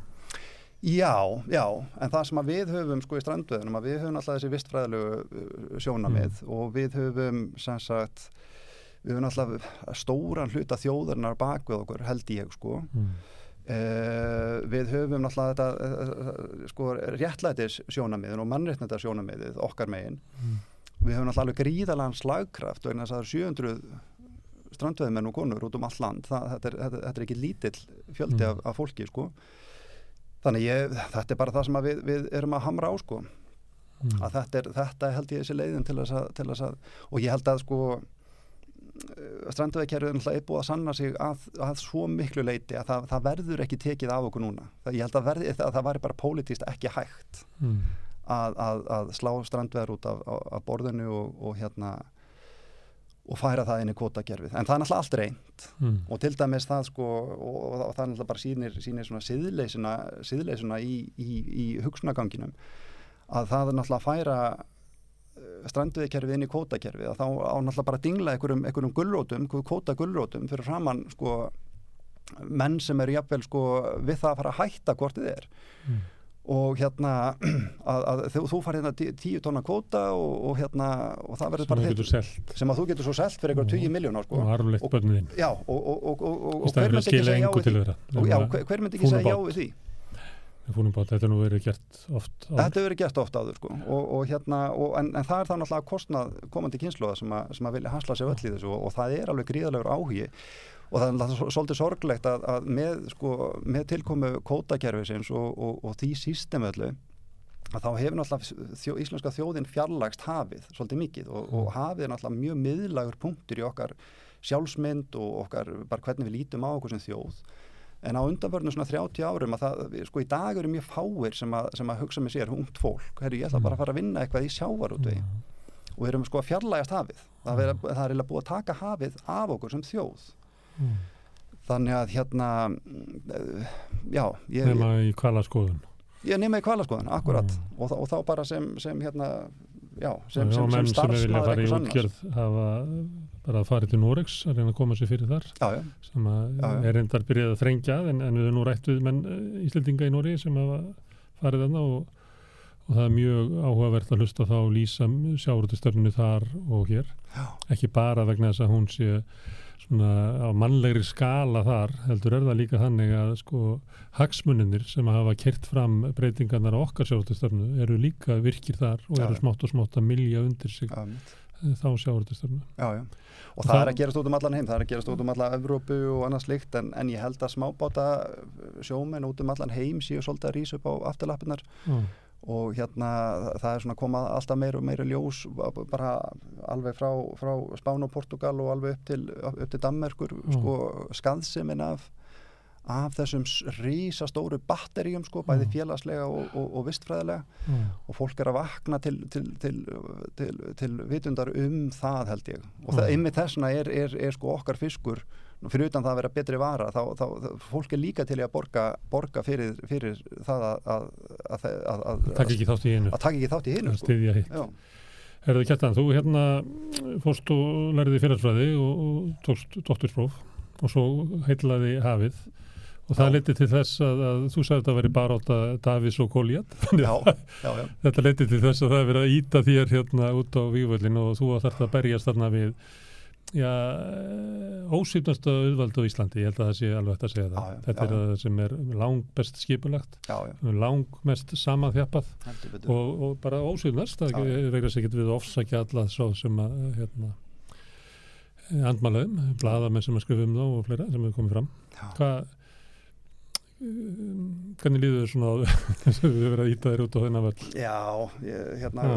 kona mín var nú svolítið farin að hugsa sér til þess að um hvert þetta væri góð hugmynd Já, að hérna að fara að fara þetta væri það sem eitthvað vantaði eitthvað líf Já, ég myndi Já. að fara að kasta steinum í þann rísa sko. En reyndar verði ég, verði ég að segja eitt. Ég verði eiginlega að fá skjóta því enni með, með, sko, með, með kvota eigendur að það er ekkit allir á þeim stað sko. nei, það eru til fullt af, fullt af fyrirtækjum út um all land sem að eru hérna sem að eru sko bara virkilega umhugað um, um sína heimabegð og, og vilja bara búa til atvinnu sko. já, en að- það er oft uh, háð kynsluðaskiptum það er hálf, já, þú ert nú á nesinu og Já, þú þekkir það að, að Snæfellsnesinu var þetta sagt árum saman. Já, já, að, að þau hefðu betri útgerðamenn en aðri sem að væru ennþá hvað við segja, svona höfðingjar meðal manna eins og útgerðamenn voru oft í gamla þar sem þeir voru háðir sko þorpinu. Og, og, og þess vegna erum við með þess að eins og Einar Guðfinnsson og eitthvað fleira og það voru svona leifar af þessum, þessum hugsunum hjá Já. útgerðamennum á Snæfellsnesi og trú á íbúanum að þeir myndu gæta þorpinu sínu. Það sem gerðist við kvótakerfið er að útgerðamadurinn hérna, var eiginlega frjáls frá þorpinu. Hann gætt bara flutt hérna, auð, auðin sinn í burtu, Mhm. hann gætt bara búið eitthvað annar staðar, börnin hans byggu eitthvað annar staðar og hann var ekki sko, höfðingi meðal manna, heldur Mhm. var hann bara höfðingi já, Og síðan, eh, þetta eru sumir, þá þetta kerfin sér breytt, að þá eru menn ennþá með sömu hugmyndinar, útgerðamenn. En svo náttúrulega bara hérna verða kynsluðaskipti og, og eins og kerfið er núna, þá er óhjákvæmilegt annað en að allir þessir sem að þú ert að vísa sem er svona góð, góður að útgerðamenn, menn, menn líka menn fyrir austan og víða, sem að hérna eru með þessa svona ábyrða tilfinningu gagvart hérna, sínum, hérna, sínum byggðarlögum á endanum mun náttúrulega bara uh, stór fjármagnir bara svo þetta til sín. Það Já. er óhjákvæmilegt. Já, já, já, já. alveg eins og þú varst að lýsa með litlu bátana þar sem að er óhjákvæmilegt ef manninu er búið það að, að halda áfram að vera í, í sóknar eða strandveðunum eða fá útlutaðum tíu tonna kóta sem getur sel það er næstu því ómannlegt að ætla honum að gera það ekki. Já, og, og, og þetta, er, þetta er alveg hár rétt og, en, en þess vegna segi það sko að ég vil ekki, sko það, það er Já. spillingar og róttuna sko og þess vegna vil ég ekki sko persónu gera sko kvóta eigendur of mikið sem, sem íllmenni sko og, og, og hérna og það, er náttúrulega eflaust einhver milli. stórútgerinn þegar hún kemur saman hún, hún er, er miskunanlus hún er miskunnalaus Já. og hún er alveg rú og sko þetta er náttúrulega stærsta og, og, og, og miskunnalausasta mafja Íslands, það er ekki nokkur einasta Mm. spurning og ég held að, að, að Svandi Svavastóttir hafi bara hreinlega ekki átt að segja á því og ég hef svona ákveðna samúð með henni vegna þess að ég held að hún hafi bara ekkert átt að segja á því hvað hún væri að fara að eiga við ég myndi ekki vilja vera með SFS andandi ofan í hálsmálaða mér alltaf þegar ég lappa inn á, minna, inn á minn vinnustaf sko. Mm. þannig að ég hef svona ákveðna uh, sa samúð þar sko og svo er náttúrulega, er, er, er náttúrulega búið að planta hérna embatismönnum hægri vinstri sko hli, hliðhóllum uh, Já. stórútgjörni sko þannig að hérna jafnvel sko að því að hún alltaf veit ekki um eða vissi ekki um sjáarútveg þegar hún fór í Mm. embatið Uh, eflaust sko stóla svolítið á sína, sína embatismenn og ég veit ekki hversu, sko, hversu hlutlausir þeir Nei, eru sko Nei, nei. Það er náttúrulega þegar kerfið hefur aðlega sig að hagsmurðu finna stóru Já. í svona langa tíma já, já. þá er engin sko, ekki eins og skrifstofstjórin í sjáðursrándur nema þjón í því kerfi. Þannig er það bara. Það er engin sem er að skrifa um sjávarútveg í, í 200 mílur í mokkanum nema bara þjón í því kerfi. Og smátt og smátt á bara bankarnir og út, þeir sem er að lána og smátt og smátt á er bara allt kerfið er að þjóna þessum hagsmunum. Já. Já. Já, já, þannig að til að svara spurningunni þinni, jú, jú, ég hef alveg ágjörð því að vera, vera að kasta steinum í þannig að risa, sko, en, hérna, en samt, ég, ég, ég held að ég sé þá freka bara eitthvað svona steinvala í skónum frekar heldur en eitthvað, ógn, þannig að sé, sko. En Þið ætlaði að ná árangri Við ætlum að ná, já, já, við ætlum að ná árangri, við ætlum Já. að gera það, það er Kannski. ekki, og það skiptir máli fyrir ykkur en það skiptir líka máli bara fyrir hérna almenning. í, fyrir almenning og, fyrir komandi kynnslóðir og, bara fyrir, fyrir svona uh, sjálfsmynd Íslendinga myndi ég segja að, að, að, að, að vera ekki að, að þetta rofa milli, milli þjóðar og hafs verði ekki endanlegt og varanlegt og, og þetta er svo stór hluti af því hver við erum sem þjóð Já. Og það sem fáum í staði er ekki þess virði að fórna þessu. Nei, nei, nei, nei og, og hérna og, og, það að, að, að, hver sjávar byggðin að, fætur annari legg, leggist af og, og berjist í bökkum að það er bara ekkit réttlætanlegt og, og sérstaklega ekki það sem að sko þetta kerfi, strandveðkerfi, að það gæti sko, það er engin töfralausn en það gæti sko skipt alveg gríðalega miklu máli fyrir, fyrir brotata byggðir. Og munur náttúrulega á því og, því sem að þarna auðlindin okkar er að, er að hérna er að bóða, þetta top-down sko, það, það er sko að, að, að strandveðar eru algjörlega sjálfsprottin grasrótar laust á byggðavandanum. Þar er það bara fólkið í, í landinu sem að ræður því hva, hvaðan það er að róa. Og enginn getur sagt er neitt annað sko. Og það er náttúrulega sko, það er náttúrulega ákveðin mannréttindi falin í því en það, kemur kerfið út frá, út frá því. Mm. að, að velja sér búsetu og velja sér atvinnu, atvinnufrelsi og búsetufrelsi Mm. Það eru kjartan. Gangi ykkur vel í barðunni Já, þakkaði fyrir og, og hlust, ég þakka kjartan í kjallað fyrir og öðrum gestur sem hafa verið hérna hjá okkur í kvöld og hlustundu fyrir að staldra við og hlýða okkur hérna við Rauðaborðið. Rauðaborðið verður næst á dagskrá á morgun klukkan átta. Takk fyrir í kvöld.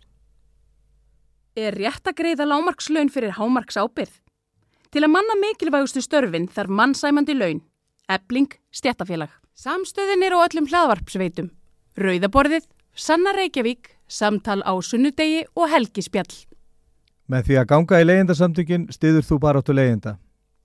Leyendasamtökin eru fyrir alla þá sem vilja berjast fyrir réttlátu húsnæðiskerfi. Leyendasamtökin.is Samstöðin er í eigu hlustenda, áhorfenda og lesenda. Þú getur átt samstöðina á samt öðrum félögum í Alþýðufélaginu. Þú getur gengið í Alþýðufélagið á samstöðin.is. Þar er nappur sem segir skráning.